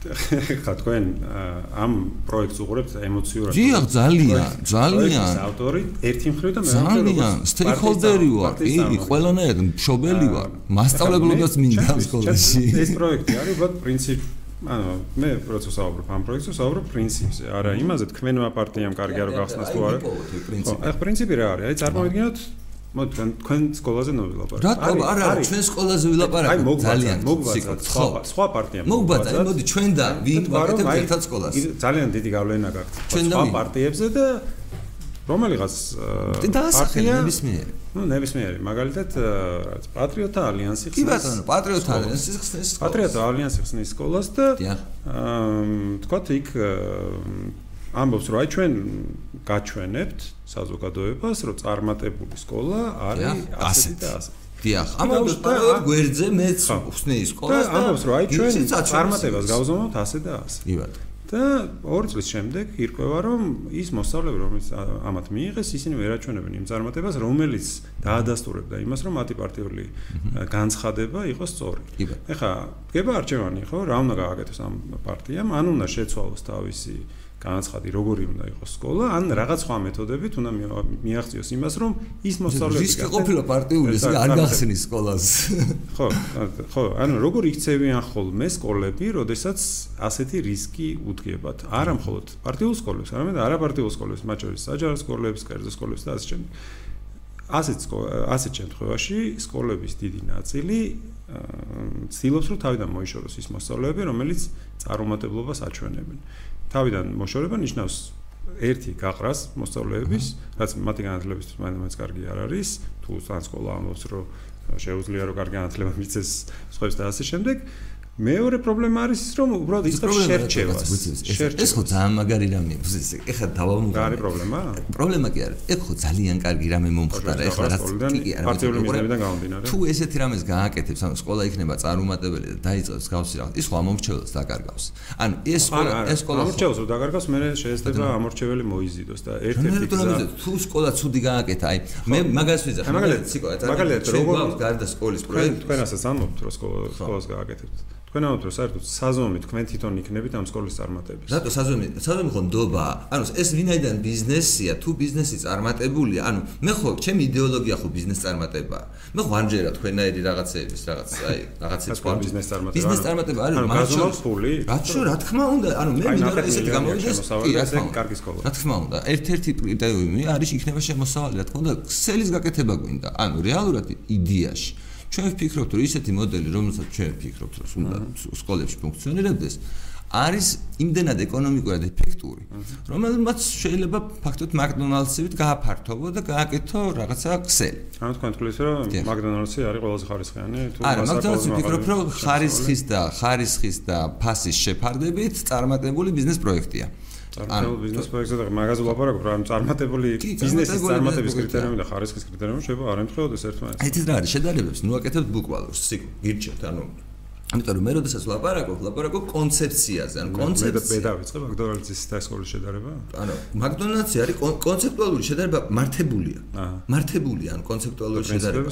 ანუ არ არის შედარება მართებული მაკდონალდსის ჰამბურგერი ჯანმრთელობისთვის საზიანოა თუ არა, იმის გარჩევა არ არის მართებული, მაგრამ იმის არ არ არის მართებული, რა სხვა პროდუქტს უადარებთ, რომელიც იყიდება მიუხედავად მისი მორალური შინაარსის და მომხმარებლის მისდამი დამოკიდებულების. ანუ ბავშვისთვის საზიანო იქნება თუ სკოლა, ამას არ არის მნიშვნელოვანი. არა დიახ, დიახ, რა თქმა უნდა, გაყიდვების მომენტი, როგორც ბიზნესის შეფარდების, თუ ჯერ მაკდონალდსი ძალიან საკამათოა, რომ ვინმესთვის საზიანოა, რაც მაკდონალდს გადარჩენილი ეყოლება ღარიბი ადამიანები, ბევრმა მოიკითხოს, კიდევ ის ყავს იმდენი ადამიანი გადარჩენილი ზოგადად. მაგრამ ნუ ოკეი, მაგას თავი გავანებთ. ანუ შეიძლება ჩათვალოთ, რომ ხარისხიანი არის. დიახ, მე შემიძლია ჩავთვალო, რომ არსებობენ ადამიანები, რომელიც რომლისთვისაც მაკდონალდსი არის შესაძფერისი მისთვის მდგომარეობისთვის ოპტიმალური პროდუქტი და სხვა პროდუქტი მისთვის უარესი იქნებოდა. ამიტომ ეს შეფს ის ადამიანი მაკდონალდსის პროდუქციას რომ მისთვის მისი კონკრეტული მდგომარეობიდან სხვა პროდუქტი ვარესი იქნებოდა, იმიტომ რომ უკეთესი ფული შეიძლება არ ქონდეს. ეს არის ხო, ჩემი კითხვა, ჩემი კითხვა იყო თქვენ თვლით თუ არა ხარისხი. მე ვთვლი წარმატებულ კომპანიას, სიკო, რაზე ვკამათობთ, ნუ სხვა რამე გვაქვს ხო თუ საზომი არის. წარმატებული კომპანია მაკდონალდსი და ნეტა ჩვენი სკოლების პროექტიც იყოს ასე, როგორც მაკდონალდსი წარმატებული, მე ვიქნები ბედნიერი. როგორც ვერასოდეს, იმიტომ რომ მაგდონალდსისგან განსხვავებით თქვენ არ ხმით წოდნას. კი, არა, სხვა რამეს ხვნი. ანუ მე ამ ბაზარს როგორ ვუყურებ ის სინამდვილეში? მე ვუყურებ ამას როგორც მონოპოლიზირებულ ბაზარს, სულად მონოპოლიზირებულ ბაზარს, რომელზეც შესვლა თავისუფლების პირობებში გაძლევს აა უზარმაზარ უპირატესობებს. ანუ იმ სისტემასთან შედარებით, რომელიც არსებობს. და მე კითხვა, ანუ ამაში მაქვს, რომ თუ ჩვენ ფაქტობრივად მორალურად ვერ აა ანუ ერთ-ერთი რისკი ჩემი პროექტისთვის არის მისი მორალური დაცვა, ხო? ანუ თქვა რა თქვენ დააყენეთ რაღაცა თვალსაზრისით აა ეჭვის ქვეშ, თქვა პარტიული კუთხით. ანუ მოხდება თუ არა ინდოქტრინაცია, გამოიყენეთ თუ არა ბავშვებს და ამ სკოლის, ანუ სკოლა თუ წინააღმდეგობაში მოვა პარტიის ინტერესებთან ბავშვების ინტერესთან ეგ მე არ მესმის თქვენ უნდა განმარტოთ. ანუ ეხლა თქვენ რასაც ამბობთ აი რანაირად შეიძლება სკოლა. მაგალითად თქვენ ხო დაასახელეთ ძალიან ირმაინაშვილის მიერ სკოლა თქვენ ამბობთ რომ თქვენი სკოლა აჩვენებს რომ მათემატიკის სწავლა ესე ჯობია ვიდრე ისე და გაზომავთ. ამას ასე და ასე. გაზომეთ ეს და არ არ გამოვიდა. არ გამოვიდა. ოკეი. და რა და მე საზოგადოება ამას რომ ნახეთ პარტიას სკოლასაც ამბობდა რომ გავხსნით და ვერ გავხსნეს. რა შუაში მათემატიკას რო გასწავთ ანუ მათემატიკას პოლიტიკური განაცხადი და პოლიტიკური განაცხადი სხვა პოლიტიკური განაცხადი რომ პოლიტიკური განაცხადი სულ სხვა რამე მათემატიკას როგორ ვასწავლი კი არა. კი ეგეც არის. არა რა მათემატიკას როგორ ვასწავლი? არა თქვენ ამტკიცებთ რომ უკეთეს სკოლას აკეთებთ ვიდრე სხვაები ხო? მაგალითად მე კი არ მომბრო თქვენ ამბობთ რომ მათემატიკას უკეთესად, მაგრამ რაღაცას უკეთესად ვაკეთებ. კი, რაღაცას უკეთესად გავაკეთებ, რა თქმა უნდა. მე თავისუფლებას მივიდე, ანუ თავისუფლების შეტანა წარმომიდგენია თავარ advantage-ად ამ პროექტს. როგორ გაზომავთ? ბატონო, როგორ გაზომავ? აუ, ძალიან მარტივად გაზომავ. აი, ბავშვებს ეთყობათ სახეზე. კი ბატონო, აი გაზომეთ სახეზე ბავშვები და აღმოჩნდა რომ მაინდა-მაინც თავისუფლები არ არიან. ნუ ეს ეგ ეგ რა არის? ეგ ხო ფაქტობრივად მე ხო მაგაზე პასუხს ვაგებ, ანუ პასუხისგებლობის მომენტი შემოდის ყოველთვის. წერანაც კი მოიწვით დავამთავრე. თქვენ არა პარტია პარტია აგებს პასუხს. კი, პარტია პარტია მაგო პასუხი, რა თქმა უნდა, იმიტომ რომ მეც და იაგო ხვიჩია და ვინც ამ სკოლის პროექტში მათ შორის რაღაცა ინვესტორი რომელიც მონაწილეობს, ყველანი ჩვენ ყველანი ჩვენით ჩვენი ერთი ადგილით ვართ პასუხისგებლები, ხო? ანუ ამ შემთხვევაში თქვა, როდესაც საუბრობთ რაღაცა სასკოლო სისტემაზე, in general, არავინ პასუხისმგებელი არ არის. ანუ, აბა ვინ არის პასუხისმგებელი? სახელმწიფო რა თქმა უნდა. არა, სახელმწიფო პასუხისმგებელი, ანუ ეგ ეფემერული პასუხისმგებლობა, რომელიც არასოდეს არ დამდგარა, რომელიმე ministristvis რაიმე, თავი დაუჭრიათ ვინმესთვის. ანუ რეალურად ვინმეს პასუხი უგია იმ მდგომარეობისთვის, რაც განათლების სისტემაში. არასოდეს არავის არ ფერ პასუხი. წელიწადში ერთხელ ხსნიან ministristvis. წელიწადში ერთხელ რომ ministristvis ხსნიან. მაგრამ გონიათ რომ წელიწადში ერთხელ შეიძლება პასუხისგებლობა დააყენოს. არა, მარტო მე ეგ არ არის ჩემი აზრით პრობლემა, რომ პრობლემა იმაში მდგომარეობს, რომ ზუსტად აი თქვენ თქვენ რასაც ამბობთ რა, რომ არავის არ მოსდის თავში აზრად და ყველა ეძებს ერთადერთ იდეალურ გამოსავალს, რომ აი ესე თუ იქნება სკოლები მოწყობილი, იქნება ძალიან კარგი. აი კითხვა მაქვს, მაგალითად, რატო არსებობს? ბატონო? ვინ ამბობს ამას? ყველა მინისტრი მაგას აკეთებს. აბსოლუტურად ყველა მინისტრი მაგას აკეთებს. ანუ გამოდიან და ეხლა ჩვენ 2000 რაღაცა სკოლაში ამას ვიზავ. და მაგალითად აი მოგიყვებით ამბავს შეიძლება უფრო მარტივად გასაგები იყოს. იმ დღეს აღმოჩნდი ეთერში TV3-ია ესეთი, სადაც რა ქვია იმ ადამიანს, ვისაც ვინც ეს მაჩუქა ბერიკა შუკაკი ესეთი ადამიანი აღმოჩნდა სტუმარი ასევე ჩემს გვერდით. ნუ იყო რაღაცა ესეთი საჯარო უწყების წარმომადგენელი რა და უცბად ისეთი სასწაულად ჩემთვის ჩემთვის მოულოდნელი იდეები საუბრა, ნუ არის რომელიც ფაქტობრივად ერთ-ერთი შემთხვევა იმას, რასაც თქვა, დაცას მე ვსაუბრო, ხო? და იცით რა არის? უბრალოდ ერთადერთი ამბავია, რომ ეს ამ ადამიანს თი რამე თქვა, რომ ეხლა ჩვენ ამას ერთ სკოლაში ვაკეთებთო. მეреო 100 სკოლაში თუ არ მახსოვს 50 სკოლაში დავტესტავთო და ხო იცით რა რთულია ამის 2300 სკოლაში გაკეთებაო რა. აი წარმოგიდგენთ აი თითქმის ყველაფერში ვეთანხმები. აი მე და თქვენც რო დავარდეთ ალბათ განათლების თემაზე აი კონკრეტულად რო გავიაროთ აი სახელმწიფოების მრავალფეროვნებაში ვეთანხმებით ერთმანეთს თუ არ ვეთანხმებით მასშტაბლებლის თქვა რაღაცა ავტონომიის გაზდაში ვეთანხმებით თორემ დარწმუნებული ვარ რომ თითქმის 90%-ში ალბათ დავეთანხმებით ერთმანეთს და ეს ბერიკა შუკა კიდე ზუსტად მაგით იყო ჩემთვის ესეთი რაღაც მოულოდნელი რომ თითქმის ყველაფერში თანხდებოდით ანუ დამოკიდებულებასთან დაკავშირებით განათლების სისტემასთან მაგრამ ამ ადამიანმა გადაწყვიტა რომ ამ თავის ძალიან კარგ პროექტს აი მე რო გადავწყვიტო მე რომ მგონია კარგი პროექტი ოღონდ მე რომ მგონია ჩემნაირი ჭკუის ადამიანებისთვის ოღონდ მე რო ეს თქვა რომ ამას მე 2300 სკოლაში გავაკეთებ ანუ ამ ადამიანმა ეს თქვა, ხდებით და ჩემს ეს აი ეს ხდება პრობლემა, რომ რაც არ უნდა კარგი იდეა თქვა და მათ შორის, როდესაც ეჭქვეს თქვენ პრინციპულად რომ დააყენეთ გირჩი ძალიან კარგია რომ გირჩი დააყენეთ. სანდოჩი, იმიტომ რომ მე ვეთანხმები რომ ირმაინაშვილსაც კონდეს სკოლის და კი არა თუ ვეთანხმები მე მაქვს სურვილი რომ ქართულმა ეკლესიამ, არ ვიცი, მუსულმანურმა ეკლესიამ, ნებისმიერმა ინტერეს ჯგუფმა, ვისაც რაიმე ინტერესი გააჩნია განათლების სფეროში, ეს ეს ნაბიჯი გადადგას. და თუ ეს ამ ნაბიჯს გადადგავს, მე როგორც გეუბნებით, ამას მოყვება პასუხისმგებლობა. და პასუხისმგებლობა მდგომარეობს იმაში, რომ ძალიან მალე დრაივერი პროცესის იქნებიან მშობლები. ანუ ის მშობლები არიან, არ ვიცი, მართლმადიდებლ რაღაცა ქრისტიან, როცა მშობელთა კავშირი. მართლმადიდებლ მშობელთა კავშირი თუ სიტყვაზე არის გირჩის რაღაცა ხმალამოღებული მხარდამჭერი ორივეს აქვს ერთი და იგივე სტიმული ჩემი აზრით. მათ ორივეს თავარი ფოკუსი არის მისი შვილი. ხვდებით ანუ მისი შვილი გვაერთია ანუ შვილი შვილის მიმართ ინტერესი და ეს სისტემა რაშიც მე მიშლის ხელს მიშლის ხელს იმაში რომ ფაქტობრივად არავის არ აძლევს ამ ბიზნესის დაწყების საშუალებას რომ ჩვენ ერთმანეთთან შეძლოთ დალაპარაკება. ანუ ყველა რაზე მიდის ხოლმე ჩხუბი სიკო რაზე რაზე მინდა რომ თქვენი ყველგან მივაქციო მიდის ჩხუბი იმაზე რომ მაგალითად უნდა შეიტანონ თუ არა რომელიღაც ახალი საგანი სკოლაში და იქ მიდის ფაქტობრივად სიბნელესა და სინათლეს შორის თითქოს ჯახი რაღაცა სისულელე ციგნი რომელიც სწავლება საერთოდ არავის არ შეუძლია. ანუ სინამდვილეში ამას არანაირი შინაარსი არ გააჩნია ამ კამათს ანუ ამაზე მიმდინარეობს კამათი რაღაცა ჯგუფებს შორის იმიტომ რომ არსებობს ესეთი პარადიგმა რომ შენ თუ გაიტან ზემოთ ანუ ministri თუ შენიანი ტიპია რომელსაც იმის ჯერა ვითომ რისიც შენ ჯერა ის 2300 სკოლას შენ ჭკუაზე მოაწყობს და ეს არის ჩემი აზრით არასწორი. ანუ ეს არის ჩემი აზრით ყველანაირი პრობლემის სათავე და წყარო, რომ შენ თუ ასე უყურებ, ის 2300 სკოლა სულ ისეთივე ბანძი რჩება, ისეთივე ნაგავი და უაზრობა, როგორც იყო 26 წლის წინ, როცა დამოუკიდებლობა მოვიპოვეთ. ხვდები და ისევ საბჭოთა კავშირი იქ არის, თორე თქვენ სკოლაში 20000 ლარი როგერ სწავლა. ბაზარი არ არის უკეთესი იქნება, რაც არ უნდა დემოკრატია მოაწყოთ თქვენ. თორე ჩემი აზრით, კარგი მენეჯერი რო ყავდეთ, იასნია უკეთესი იქნებოდა. ხო ესია? არა. ოკეი, კარგი მენეჯერი ყავს. ძალიან კარგი. ეს რომ მაგის პრობლემა არ გვაქვს. იმიტომ რომ აქეთ ერთი ადამიანი არ არის მენეჯერი და ხო და ძალიან კარგი და სხვებსაც ხო გვინდა რომ ეგეთი რაღაცა გქონდეთ და პასუხი რო აგონ თავიან ცუდ სკოლებზე. კი ბატონო, კაცო, მე არა პრობლემას მაგაში არ ხედავ, რაც შეიძლება აბა თქვენ რომ ამბობთ რომ სხვა აი სხვა პარტიამ რო გააკეთოსო. პარტიის პრობლემაა. რატო, რატო არის პრობლემა? პასუხს ხო აგებს? რაც მე პასუხს. პასუხს ხვაგებს თავისი ცუდი გაკეთებული საქმე. ბავშვის განათლება არ უნდა იყოს დამოკიდებული რას ნიშნავს? აბარაზე აბარაზე უნდა იყოს ვიღაც სულელი მინისტრების დამოზე ხო არ უნდა იყოს დამოკიდებული არა?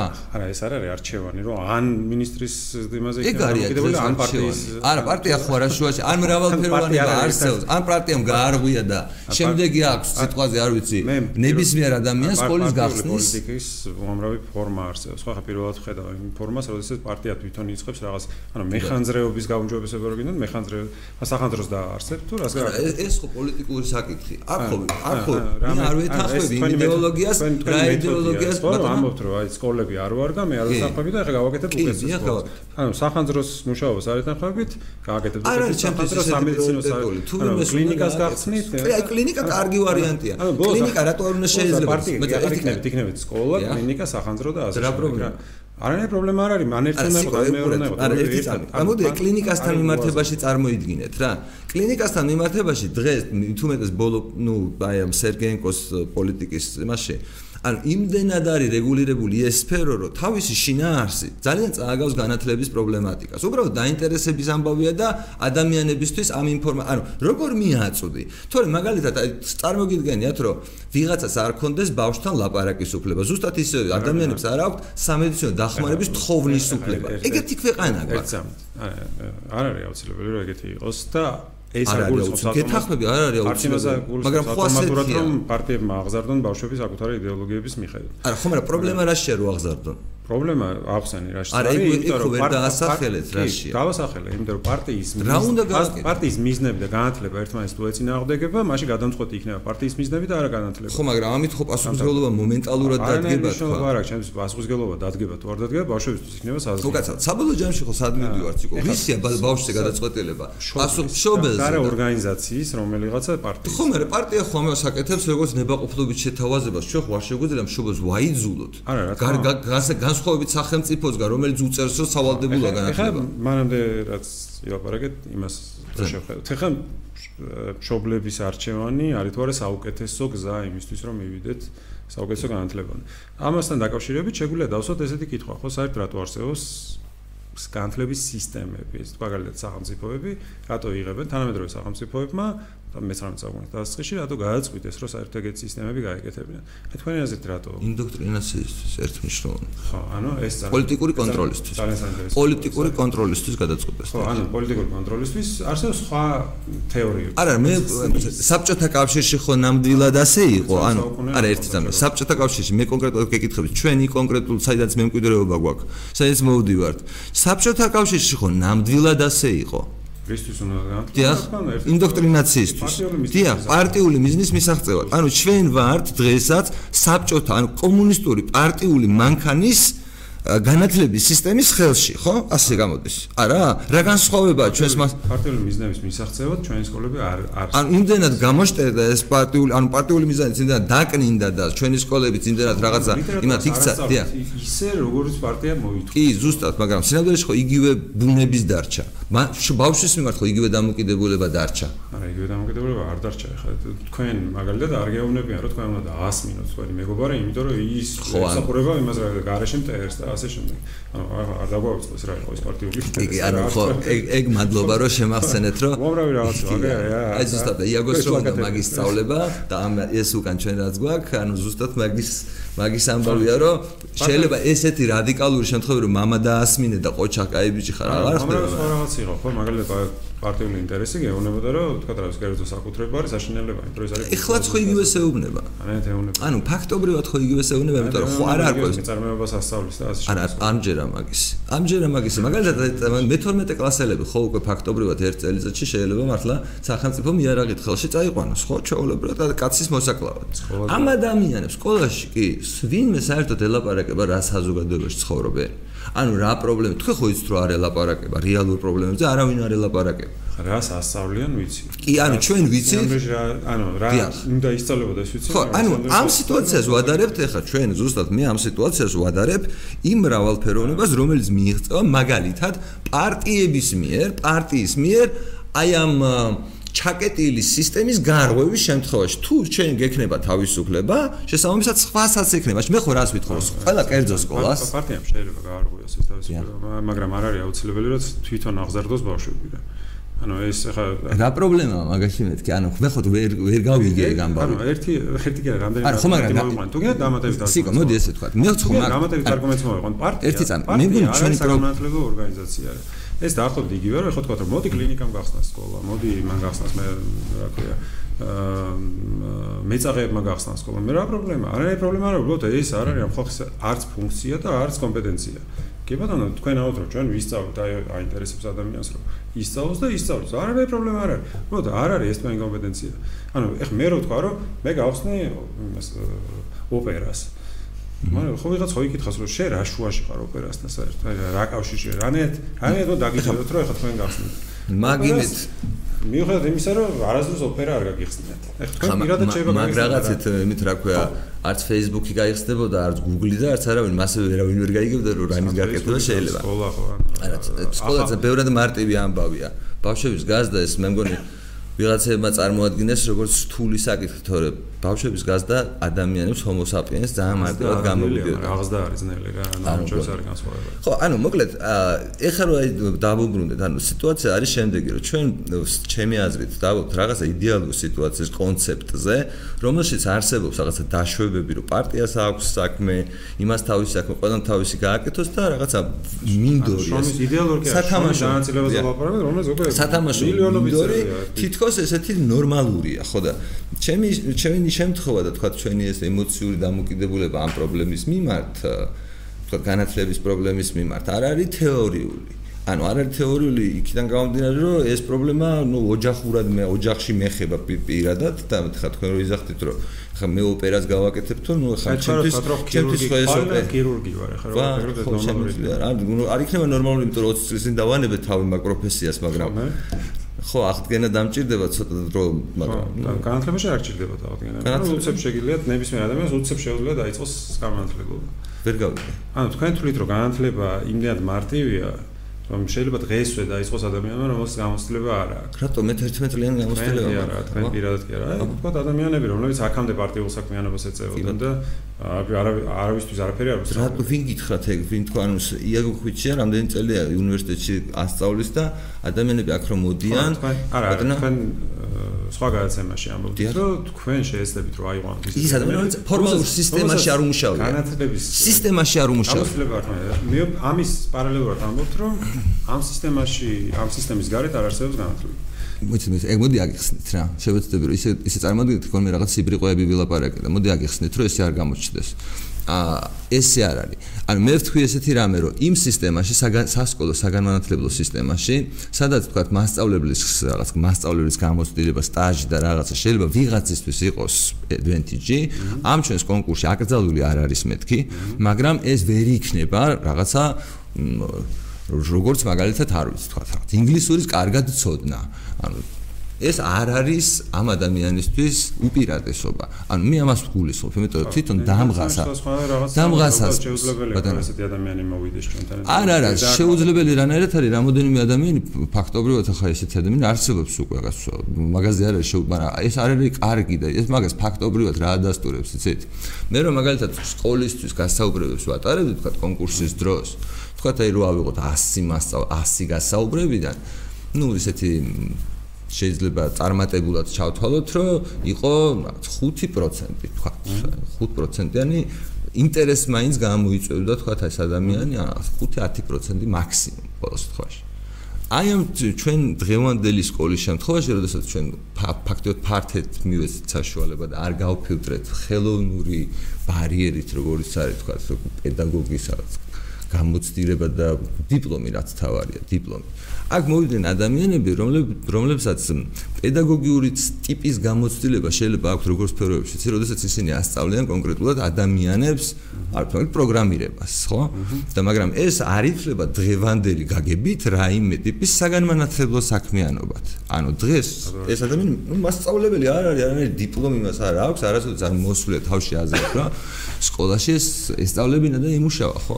ასეთი ადამიანები სხვადასხვა სფეროებში, რომლებსაც სურვილი აქვთ სხვა ადამიანებს თაქვისი დაგროვილი ცოდნა გადასცენ, უცბად აღმოჩნდა რომ ამ ადამიანებს მიეცათ ასეთი საშუალება და ძალიან კარგია, მგონია რომ ძალიან დიდი უპირატესობაა ჩემთვის, როცა პირველი აკეთებ ამას, თორე სინამდვილეში მე ამ მოთხოვნას, ანუ ეს პარტიული სკოლის მოთხოვნა კი არა, ეს არის ყველა კერძო სკოლისთვის აბსოლუტურად. თავისუფლების მიცემის მოთხოვნა ნებისმიერი კერძო სკოლისთვის და მაგ შემთხვევაში შეიძლება მე დაგეთანხმოთ. აი, როდესაც იქნება კერძო სკოლებს შორის ისეთი კონკურენცია, სადაც მე როგორც მომხმარებლებს მექნება მართლა არჩევანი, რეალური არჩევანი თავისუფალ ბაზარზე, აი, ესეთი მინდა სკოლა იყოს ისეთი მინდა სკოლა იყოს, მაშინ შეიძლება მართლა ამ ბაზარზე თქვენი არგუმენტი გამართლდეს და პროფილირებამ შეიძინოს დიდი მნიშვნელობა, ანუ ვიღაცა, რომელიც კონკრეტულად ერთ საქმეს განსაკუთრებულად კარგად აკეთებს, მაგრამ ამ შემთხვევაში მე საღიაზრის დონეზე ვუყურებ ამას და მიმაჩნია, რომ ჩემი გამოცდილება თუნდაც თქვა საგანმანათლებლო სფეროში. ის პარტიული შესაძლებლობები, რომელიც მე მაძლევს საშუალებას, რომ პროპაგანდირება გავაკეთო თავისუფლების ამ სფეროში. და პლუს იმ შეზღუდვებს არ დავექვემდება, რომ რომელიც გამიძირებდა მომსახურებას, ხო? ანუ ძალიან ბევრი პლუსი შეიძლება დავინახო, რომ დღევანდელ საქართველოში მე გავუერთიანდე ირმაინაშვილს, ნებისმიერ კიდე სხვა პარტიას ამ აზრში, რომ ნებისმიერ ჩვენთანგანს გქონდეს განათლებაში შესვლის თავისუფლება. და ამას ნუ მევაყოლებ უბრალოდ სხვების, ანუ ნებისმიერი კერძო სკოლის სრულ თავისუფლება, სადაც სახელმწიფოს არაფერი არ ესაქმება.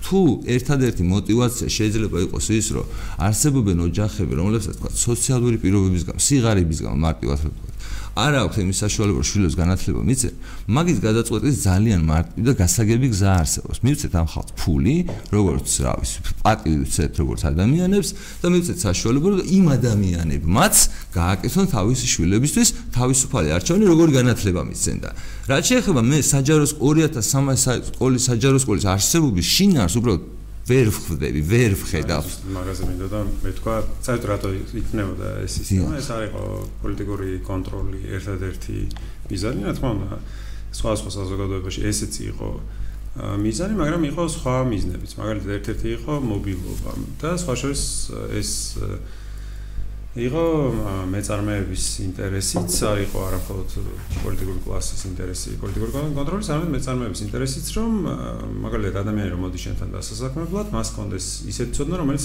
ჩემთვის იქნებოდა გასაგები, ხო? მაგალითად მე რომ ინსტრუქციას მივცემ ქარხანაში, ჩემთან მოსულ მუშას, მე ვიცი რომ ის გაიგებს, რატო გაიგებს, იმიტომ რომ ისენა აქ ნასწავლი, რომელიც მეც მესმის და ის მათემატიკა აქ ნასწავლი, რომელიც მეც ვიცი და არა რაღაცა თავისი ანუ ყველას თავისი განათლება როცა აქვს, მაშინ დიდი შანსია, რომ მაგალითად საქართველოს ისტორიას თუ გადმოხილოთ და თეორიულად არ ვილაპარაკებთ ეს ყველაფერი ძალიან კარგია მხოლოდ თუ იქნება მრავალფეროვნება, ნახოთ იმასაც, რომ იყო პერიოდი საქართველოში, როდესაც მაგალითად ქართულად არ ვილაპარაკობდა მოსახლეობის რაღაც ნაწილი.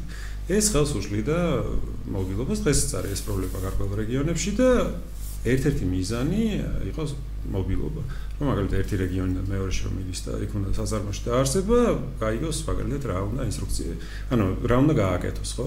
ეს იყო მე-19 საუკუნის დასწრეს, როცა რაღაცა ინდუსტრია ვითარდება და როცა მეწარმეების ინტერესი არის. მეორე ინტერესი, რაც დღევანდელ სახელმწიფოებს აქვს, არის სტაბილურობა.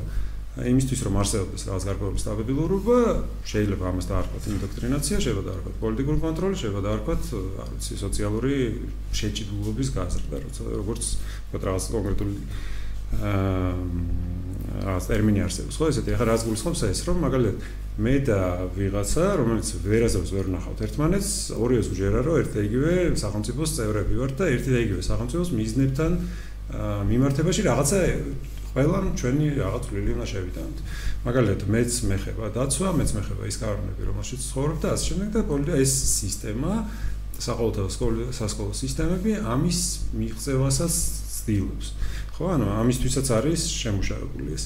გარდა ამისა, სახელმწიფოები, ეხლა ეს არის საყოველთაო სისტემა, რატო არის, ხო, და არაწოდებრივი და ასე შემდეგ. ანუ მე-19 საუკუნის საქართველოში არსებობდა კერძო სკოლების ფართო ქსელი, სადაც იყო მაგალითად ცალსახე კод რაღაცა ვაჭრების შვილების სკოლები, ფეოდალების შვილების სკოლები, სახელმწიფო სკოლები, სადაც რაღაცა იმპერიის დაარსებული და ასე შემდეგ. ანუ ეს ესეთი დაყოფა არსებობდა და ნუ ხომ მაინც წარმატებული ესეთი დაყოფა არ არის ხოლმე, იმიტომ რომ ამათ შორის ურთიერთობა ვერ ყალიბდება, არის იყო იქაც ენობრივი განსხვავებები, თქვა იყო ქართული სამხური, რუსული და ასე შემდეგ. სკოლები. ეხლა პრობლემა ანუ საერთოდ ერის შექმნის სულ რამდენიმე ინსტრუმენტი არსებობს რა. არსებობს განათლება არსებობს მედია და ეს განათლების და მედიის საფუძველზე ადამიანები იგებენ რომ ხო ანუ მე შეიძლება ნათესავი არ ვარ ამ ადამიანის მაგრამ მაინც რაღაც საერთო მაქვს მათთან. და ეს ეროვნული ინტერესი აქედან დგება. ხოლმე და ეს არის ერთ-ერთი ინტერესი ახლა შეიძლება ვთქვათ რომ ну ახლა სახელმწიფო თუ სახელმწიფო არსებობს ლეგიტიმურია. და ამისთვის ძალადობა ლეგიტიმურია. ძალადობა ხო ანუ ეხლა ისე იგივე კითხვა თქვენ ეხლა ეხლა ძალადობაზე ძალადობის ისტორიას თუ შევხედოთ სახელმწიფოს და ძალადობის ისტორიას ადამიანებმა რაღაც პერიოდში გამოგაბულიდან გამოსვლის დროიდან დაწყებული გადაწყვეტეს რომ თავისი უფლებების ნაწილი დაეთმოთ სახელმწიფოსთვის. ეგ მეინსტრიმული ფერულობას არ ვეთანხმებს იქ. არ ვეთანხმებ. ნუ ნუ ვეთანხმებით, მაგრამ ეს არის ერთ-ერთი ინტერპრეტაცია ჩვენი ისტორიის, ხო რომ ადამიანებმა როდის ხას თქვა ეს თავისუფლებებზე უარი რაღაც ნაწილი. ადამიანებმა არც კიციან რა მათ უფლებები საიდან უნდა ეთქვა უარი. მე ჩემ უფლებაზე რომ ვიღაცაზე ვიზალა და ვამბობ უარს სახელმწიფოს სასარგებლოდ. არა რას ლაპარაკობ. თქვენ უბრალოდ არა თქვენ მაგის გჯერა თქვენ იმიტომ არ ძალოთ რომ სახელმწიფოს გეშინია? მე ადამიანის მოკვლის უფლება არ მაქვს. არა მოიცი თქვენ იმიტომ არ კლავთ ადამიანს რომ ვიღაცის გეშინიათ? ვიღაცის გადავაბარეთ. უკაცრავად თქვენ თქვენ ან მაგას გეკითხებით ანუ თქვენ სკოლაში როცა ასწავლეთ მაგას ასწავლეთ რომ ადამიანები არ უნდა მოკლათ ვთქვათ, იმიტომ რომ სახელმწიფოს გადავაბარეთ ეს უფლება და ამიტომ არ კლავთ ადამიანებს ეს ეს არის მე არ კლავ ადამიანი, მაგრამ ჯარისკაცი კლავს, ხო? ანუ ჯარისკაცს უფლება აქვს, იმიტომ რომ სახელმწიფოს გადავაბარე მე ეს უფლება რომ ჯარისკაცი იყოს ის, ვისაც დაარქმევს სახელმწიფო და არა ის, ვისაც დავარქმევ მე. ხო ჩემ მეზობელს დავარქმევ ჯარისკაცს და ის რო ვიღაცას მოკლავს, ეგ არის ხედრიონი და სახელმწიფო როცა სახელმწიფო თქვა პოლიციელი როცა მოკლავს ვიღაცას, ის არის პოლიცია. ამათ შორის ეს არის განსხვავება. რანაირად შეიძლება გასულ განსხვავება? მე არ მესმის. რანაირად შეიძლება? თქვენ მაგალითად იარაღის დარების უფლებას არ ეთანხმებთ, ხო? ანუ მაგალითად მაგ მაგ თვალსაზრისით რომ ადამიანს არ აქვს თავისი თავისუფლება დაცვის უფლება, იმიტომ რომ გადააბარა სახელმწიფოს მაგას სახელმწიფოს მე გადავაბარე მართლმსაჯულების ანუ მე არ ვიცი ვინ თქვენ გადააბარეთ მე და თქვენ ხო ერთეგივე არა ვარ. თქვენ ხართ ადამიანი რომელსაც თქვენი აზრი გაქვთ ციკო. მე ვარ ადამიანი რომელსაც ჩემი აზრი თქვენ რაღაცას რომ მიყვებით თქვენ მოყვებით თქვენ გზეთ თქვენ და მე ხო არ გადამიბარებია თქვენ თონაგე არა უკაცრავად მე ხო არ გადამიბარებია მე ვიღაცამ წამართვა ბატონო სიკო. მე ვიღაცამ წამართვა. ანუ თქვენ ესე უყურებთ თქვენ გადააბარეთ და მე კიდევ უყურებ რომ მე ვიღაცამ წამართვა. კაიგეთ ანუ განსხვავება ჩვენ შორის ეს არის. საზოგადოების რაღაც ნაწილი ვარ შეთანხმებული იმაზე იმაზე თქვენ ვიღაცას გადააბარეთ გადააბარეთ. ჩვენ ვიღაცებს გადააბარეთ ჩვენი უფლებები იმისთვის რომ არსე ხო ცხადია რა. ანუ თქვენ შეიძლება იმასაც თulitet რომ თქვენ საქართველოსში არ ცხოვრობთ. ეს არის პრობლემა. მე შე გიჟი ვიქნები უბრალოდ ეგ არის განსხვავება. არა რატო კაცო? თქვენ არ თulit თავს საქართველოს. თქვენ მე არ გადამიბარები არავისთვის, არანაირი უფლება. ხო არ საქართველოსში არ დაბადებული ხარ თქვენ. ეგ რა შეშე, ან თქვენ მე გიჟად თulit. არა, მაგრამ აბა რა შეშე მე ყვავი ძახრო საქართველოსში არ გადაბადებული ვარ. ეს ძალიან დიდი განსხვავება. სოციალური კონტრაქტი რა. მე საქართველოს არა ხო სოციალური კონტრაქტი არის იდეა, რომელსაც ვიღაცა იზიარებს და ვიღაცა არ იზიარებს და მე საქართველოსში დავიბადე თუ არა, ეს არის ფაქტი. და მე საქართველოსში დავიბადე, ამიტომ ვიჟი არ ვარ. საქართველოს სოციალური კონტრაქტი. საქართველოს არ არის, საქართველოს არ არის კლდე, სოციალური საქართველოს არის ტერიტორია, რომელიც არის ობიექტურად იმები შემოსაზღვრული, შეგვიძლია რაღაც ავიღოთ ორიენტირები და თანამგზავრიდან და ვთქვათ რომ მე აქ დავიბადე.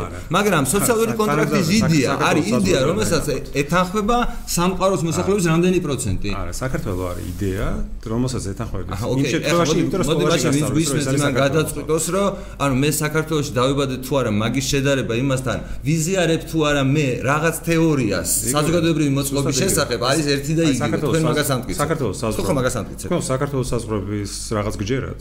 კი, თქვენ არ ჭირდათ საზღვრები. და საქართველოს საზღვრები არის იდეა, ეს არ არის. გავიგრო იდეა, მაგრამ ყოველ შემთხვევაში ეს იდეა შეიძლება გავზომო. გავზომო იმიდან რა ქვია, ობიექტური ხელსაწყოები დავიბადე თუ არა. და თქვენ რასაც ამტკიცებთ, ეს არის იდეა, რომ რომის გაზომვა შეუძლებელია. თქვენ დაგაძალეს, რომ ეს საზღვრები მიგაჩნდეთ საქართველოს. შუაში დამაძალეს, მე საერთოდ არ მithქვამს. მე საქართველოში დავიბადე ფაქტია. მაგრამ ის საერთოდ არ არის ფაქტი, რომ თქვენ გჯერათ, რომ თქვენ ვიღაც უფლებები გადააბარეთ. ნუ რამე ხო მაგათი და მაგაში კი დამიჭირეთ, რომ საქართველოს საბჭოთა სოციალისტური რესპუბლიკების კავშირში დავიბადე საბჭოთა კავშირის შემადგენლობაში. მაგრამ დავიბადე ამ ტერიტორიაზე და ის იდეა, რომელსაც თქვენ მახოთ თავს ის არ არის იდეა. თქვენ მახოთ თავს, რომ საქართველოში დავიბადეთ, რა ასნიშნავთ. ხო, აბა სად დავიბადე? საბჭოთა კავშირში დავიბადე. ხო, ოკეი, საბჭოთა კავშირში დავიბადე, მაგრამ ხო გასაგებია რა სწავლა. აი, გასაგები არის ის, რომ არსებობს იდეები, რომელსაც ადამიანები ეთანხმებიან, ანუ არსებობს საზოგადოება, საზოგადოება არ არსებობს შეთანხმებული იდეების გარეშე. მეთანხმები თამაში.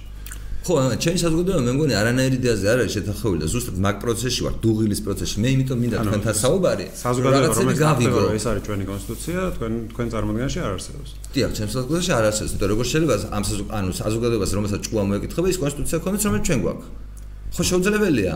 არა, მე არ მგონია შეუძლებელი. არა, შო, ანუ ოკეი, მაშინ ჩემთვის შეუძლებელია, ამიტომ მგონია, რომ ის რასაც ახლა ჩვენ ვაკეთებთ, ანუ მაგალითად თვითდაზიანებები, რასაც ჩვენ ვიყენებთ, ხო? ანუ მაგალითად სკოლის შინაარსი რაც არის, რომ მე ის კი არ მინდა რომ მაგალითად ჩემს შვილებს რაღაც საღამოთი ბუხართან მოვუყვე რაღაცეები, რომ ესე არის შულო, ესე კი არის შენ რო სკოლაში გასწავლეს, არამედ ესეა და ესეა და ესეა და მე მინდა რომ ეს პროცესი უბრალოდ გავაფორმალიზო, ხო?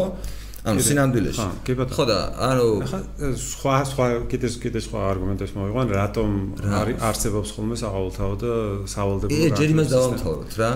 ჯერ დავამთავროთ. ჯერ არა, ჯერ დავამთავროთ იმაზე. ჯერ დავამთავროთ აი თქვენ რასაც ამბობდით, რომ ჩვენ ესეთ საზოგადოებაში ვცხოვრობთ და სადაც როლების დანაწილება, სადაც გადავაბარეთ ვიღაცებს რაღაც ფუნქციონირება და ასე შემდეგ. სადაც სადაც ყველა ყველაფერს კი არ აკეთებს, ყველა ექიმი, მასწავლებელი, საზოგადოება ესეთი კი არა ერთდროულად, არა? სტატიური, ანუ შეგვიძლია რომ რაღაცები შევცვალოთ. რა თქმა უნდა. ხო, თუ მაგის უფლება გვაქვს რომ რაღაცები შევცვალოთ, მოდი შორს ვწავლოთ და განათლებაზე ვილაპარაკოთ, ხო? აი, განათლების ამბავში, რაზეც თქვა, რაზეც ვშელობთ ხა თქვენი წარმოდგენით აი ის იდეა რომ საქართველოსში როგორც არ უნდა მიგაშთეთ როგორც არ უნდა იყოს ჩვენი განსხვავება თქვა თქვენ მიგაშთეთ რომ მეტი შესაძლებლობა აქვს და მე მიმაჩნევს ეს არასაკმარისია ანუ არსებობს შესაძლებლობა მე მეძებს არის. თქვენი აზრით ის რომ თითქმის სრული თავისუფლება გაჩნდეს საშუალო განათლებაში ანუ ნებისმიერ ადამიანს ნებისმიერ მშობელს შეეძლოს გადაწყვიტოს ფორმა შინაარსი ყველაფერი თავისი შვილის განათლების შესახებ. ანუ იდეალურს გთავაზობთ, აი შავს და თეთრს, აი ჩემი აზრით, ანუ იდეალურია ეს არის ჩემთვის და შავი და თეთრი რო წარმოიდგინე. იმიტომ რომ ამაზე უკეთესი რომ ყველა მშობელმა საკუთარ შვილზე აიღოს პასუხისგებლობა, მე ამაზე უკეთესი სტიმულის ფუნდამენტი საგანმანათლებლო სისტემის არ წარმომიდგენია. ანუ ყველა რატო არ წარმომიდგენია?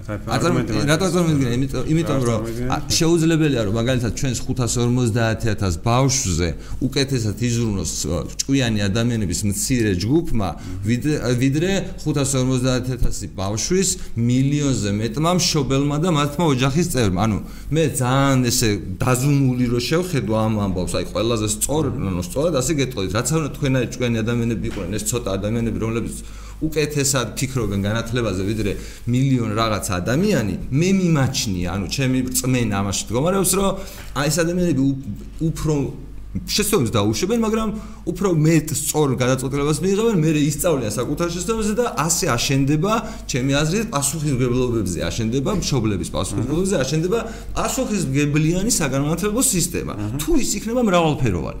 თუ ის იქნება მრავალფეროვანი და ამ ნაწილში ხა მართლა პარტიიდან დავიწყეთ თორე სინამდვილეს პარტიაზე ხო არ არის საქმე. ყველას აი მოდი ესე ვთქვა ყველას აქვს თუ არა ამის უფლება და არსებობს თუ არა შანსი რომ რაიმე ფაქტორის ვიმეს აბუკრძალოთ ეს ხო სიტყვის თავისუფლებასთანაც მიდის სიკო?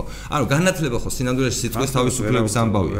ხო. ესეთი აკრძალოს არ შეიძლება. ანუ არსებობს ესეთი ნორმა რომელიც აკრძალოს განათლებას. აბა რა შეიძლება რომ საქართველოს განათლება იყოს სავალდებულო სიკო გაუნათლებლობა აკრძალული, განათლება არ არის აკრძალული. ან გაუნათლებლობა როგორ შეიძლება, ვინ წვეს რა არის განათლება? ხო, აი მან მივდივარ. ვინ წვეს? თუ სახელმწიფო საზოგადოება, არ ვიცი, საზოგადოება თუ mhm. თანხდება, რომ ყველას უნდა კონდეს განათლების მიღების უფლება და ეს შეთანხმება არსებობს, შეიძლება არ მოგწონთ. ხო. ამ შემთხვევაში აუცილებელია რომ დადგინდეს.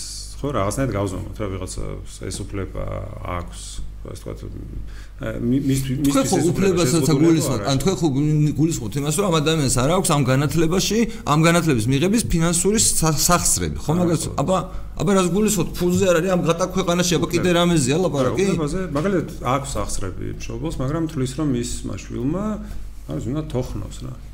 ოკეი არ აქვს უფლება რომ ის გადაწყვეტა და თulis რომ თოხნა არის განათლება არა ხო და შობელს მეთქე მილიონ რაღაცა შობელს. ამის უფლება რომ თავის შვილთან მიმართებაში გადაწყვეტილება მიიღოს არ აქვს თქვენი აზრი ანუ ეგ არის ჩვენი შობს აი ეგ არის თავის თავის შვილთან სხვაობა. ხო ანუ დიახ. მიიღოს უფლება რომ რატო თulit ეს? არავის არ აქვს უფლება რომ ადამიანს მიაღენოს ზიანი მათ შორის ბავშვი ზიანი ანუ ეს განუვითარებლობა არის ზიანი რაც მიიღებს ეს ბავშვი იმ შემთხვევაში თუ ვერ მიიღებს განათლებას თუ იმ საზოგადოებაში რომელშიც განათლების გარეშე წარმატების მიღწევა არის პრაქტიკულად შეუძლებელი, მაშინ ამ განათლების უფლების შეზღუდვა არის მისი განვითარებლობის წყარო რა. ანუ ეს არის იმის მოტივი, რომ ჩვენ გქონდეს საჯარო სკოლების სისტემა. სავალდებულო საჯარო სკოლების სისტემა. სავალდებულო სავალდებულო სკოლის სისტემა. ანუ ეს არის ამ სისტემის ნაირად. ოკეი, წარმოვიდგინეთ. კერძო სკოლა. წარმოვიდგინეთ, კითხვა მაქვს რა. აი წარმოვიდგინეთ, რომ ცნობილი ამბავია, რომ მოსახლეობის რაღაც პროცენტს აქვს შეზღუდვები. შესაძლებლობების შეზღუდვები რაღაცა ხასიათის, ნუ მენტალური, რომელიც გამოიხატება იმაში, რომ მას არ შეუძლია რაღაცები არ შეუძლია.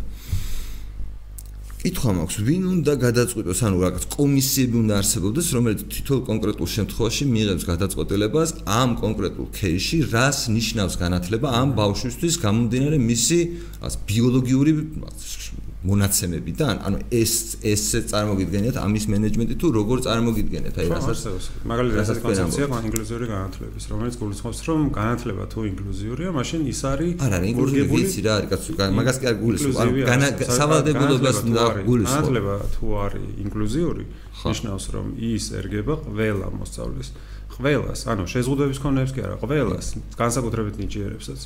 ანუ ეს არის ინკლუზიური განათლება. მაგალითად, ეს არის იმ მოსწავლეებისთვისაც, რომლებსაც განსაკუთრებული პირობებიც აქვს სახლში, მაგალითად მე რა ვიცი, ვიღა ვიცო ბავშვებს, რომლებსაც არ ჭირდება ციგნიდან იმის სწავლა, რა არის პარიზი, იმიტომ რომ ამ ამყოფია რამდენჯერმე. ხო, ანუ მათთვისაც უნდა იყოს განათლება მორგებული და იმ ბავშვებისთვისაც, რომლებსაც რაღაც გათმის მეტი არ უნახავს არაფერი, ხო? ანუ ეს არის ინკლუზია განათლებაში და ეს პრინციპი ჩემი აზრით როგორ უნდა დავიცვათ ეს როგორ არის განხორციელება სიკო აი ეს მაგალითად საქართველოს მსგავსი ქვეყნის პირობებში აი არსებობენ ბავშვები რომელსაც პარიზი უნახავთ რამოდენიმეჯერ მას აქვს რაღაც პროგრამაში გეოგრაფიის იმაშავს პარიზი ან რაღაცა არსებობს რაღაც ბავშვი რომელიც სადღაც ზემო სვანეთში ან აჭარაში ცხოვრობს სოფელში ინტერნეტით რაღაც გუშინ გაუყანეს რაღაც და აი ამ ხელა განსხვავება ამ ადამიანებს შორის. და თქვენ რას ამბობთ რომ ანუ რა უფლებას ვიცავთ ამ ორი ბავშვის? ანუ რა დონე ანუ რა არის ის რაც მას მის მშობელს ავალებს რომ ანუ ეს ბავშვები გაათანაბროს. ანუ თქვენ ხო საბოლოო ჯამში ანუ რაღაცნაირად ანუ თქვენ ხო გინდათ რომ თითოეული ეს ბავშვი იზრდება შედეგის თვალსაზრისით მან დაახლოებით თანაბარ შედეგებს ამას ცდილობ აბა რას ცდილობ არა, რო პირობები გათანაბრდეს საწყისი, რო შანსი კონდეს. როგორ უნდა გათანაბრდეს ეს ბავშვი სამჯერ არის წლის განმავლობაში პარიზში და ის როგორ უნდა გათანაბრდეს? კითხვა, მაგრამ იმის ის რომ ადამიანმა იცოდეს რა არის პარიზი, შეიძლება ახლა წყალდია სამჯერ ვარ წახვიდე პარიზში იმის garaშიც. ან ჩვენ ბევრი რამე ვიცით ისეთი ადგილების შესახებ, სადაც გამყოფები არ ვარ, თქო. კი, მაგრამ აი ხო გეკითხებთ რა არის ის სტანდარტი, სადამდეც უნდა გავათანაბროთ, იმიტომ რომ როგორც ემწუში დავტკიცეთ, ანუ დავამტკიცეთ, შეუძლებელი ამ ორი ბავშვის გათანაბრება, იმიტომ რომ ეს შეიძლება რომ მაქსიმალურად ახლოს მიიღო ან ერთმანეთს. და ამის გამო ძალადობა მოსულა. ასე ძალადობა. ანუ მაგალითად ეს რო თქვენ ჩვენ თქვენ ის არის რომელიც თქვენ სისტემას უჭერს ხარს. ძალადობა არის რომ მაგალითად პოლიცია ძალადობა შეზღუდული შესაძლებლობის კონე ადამიანებს და მაგალითად მათ შეიძლება შვილებს ხავდეთ და ამ ადამიანებს ეს ადამიანები უკეთესად გადაწყვეტენ მათ შვილებს რა განათლება უნდა ქონდეთ ვიდრე თქვენ? მაგრამ ეს სხვა რამეს გულს. არა, მაგას ვიცი რა სკოლის ხომ, მაგრამ ის იგი იგივე მაგალითი რო გამოვიყენოთ რა. ვერ გავიგე კიდე გამიმეორეთ. ადამიანები რომლებსაც მაგალითად არ შეუძლიათ ლოგიკურად აზროვნება, იმიტომ რომ რაღაც დარღვევა აქვს. თქვენ თვლით რომ ისინი უკეთესად გადაწყვეტენ საკუთარი შვილების განათლების ბეს ვიდრე თქვენ გადაწყვეტეთ? არა კაცო, ის ადამიანები თუ სასამართლოს მიერ ქმედ უნა უუნაროებად არ არიან ცნობილები? ძალადობას ამართლებთ? აი ესეთ კითხვებს ვისაუბრეთ. დიახ, ანუ ძალადობას ამართლებთ სასამართლოს? შემიძლია შემიძლია პასუხი გავცე მაგას, ანუ თუ ისინი არიან ქმედ უნარიანები, მაშინ ისინი ყველაფერზე არიან, ანუ მათ შორის თავის შვილებზე იღებენ ჩოგლებრივ გადაწყვეტილებას, მიუხედავად იმისა, მე მათ ინტელექტზე რა წარმოადგენა შეიძლება მქონდეს.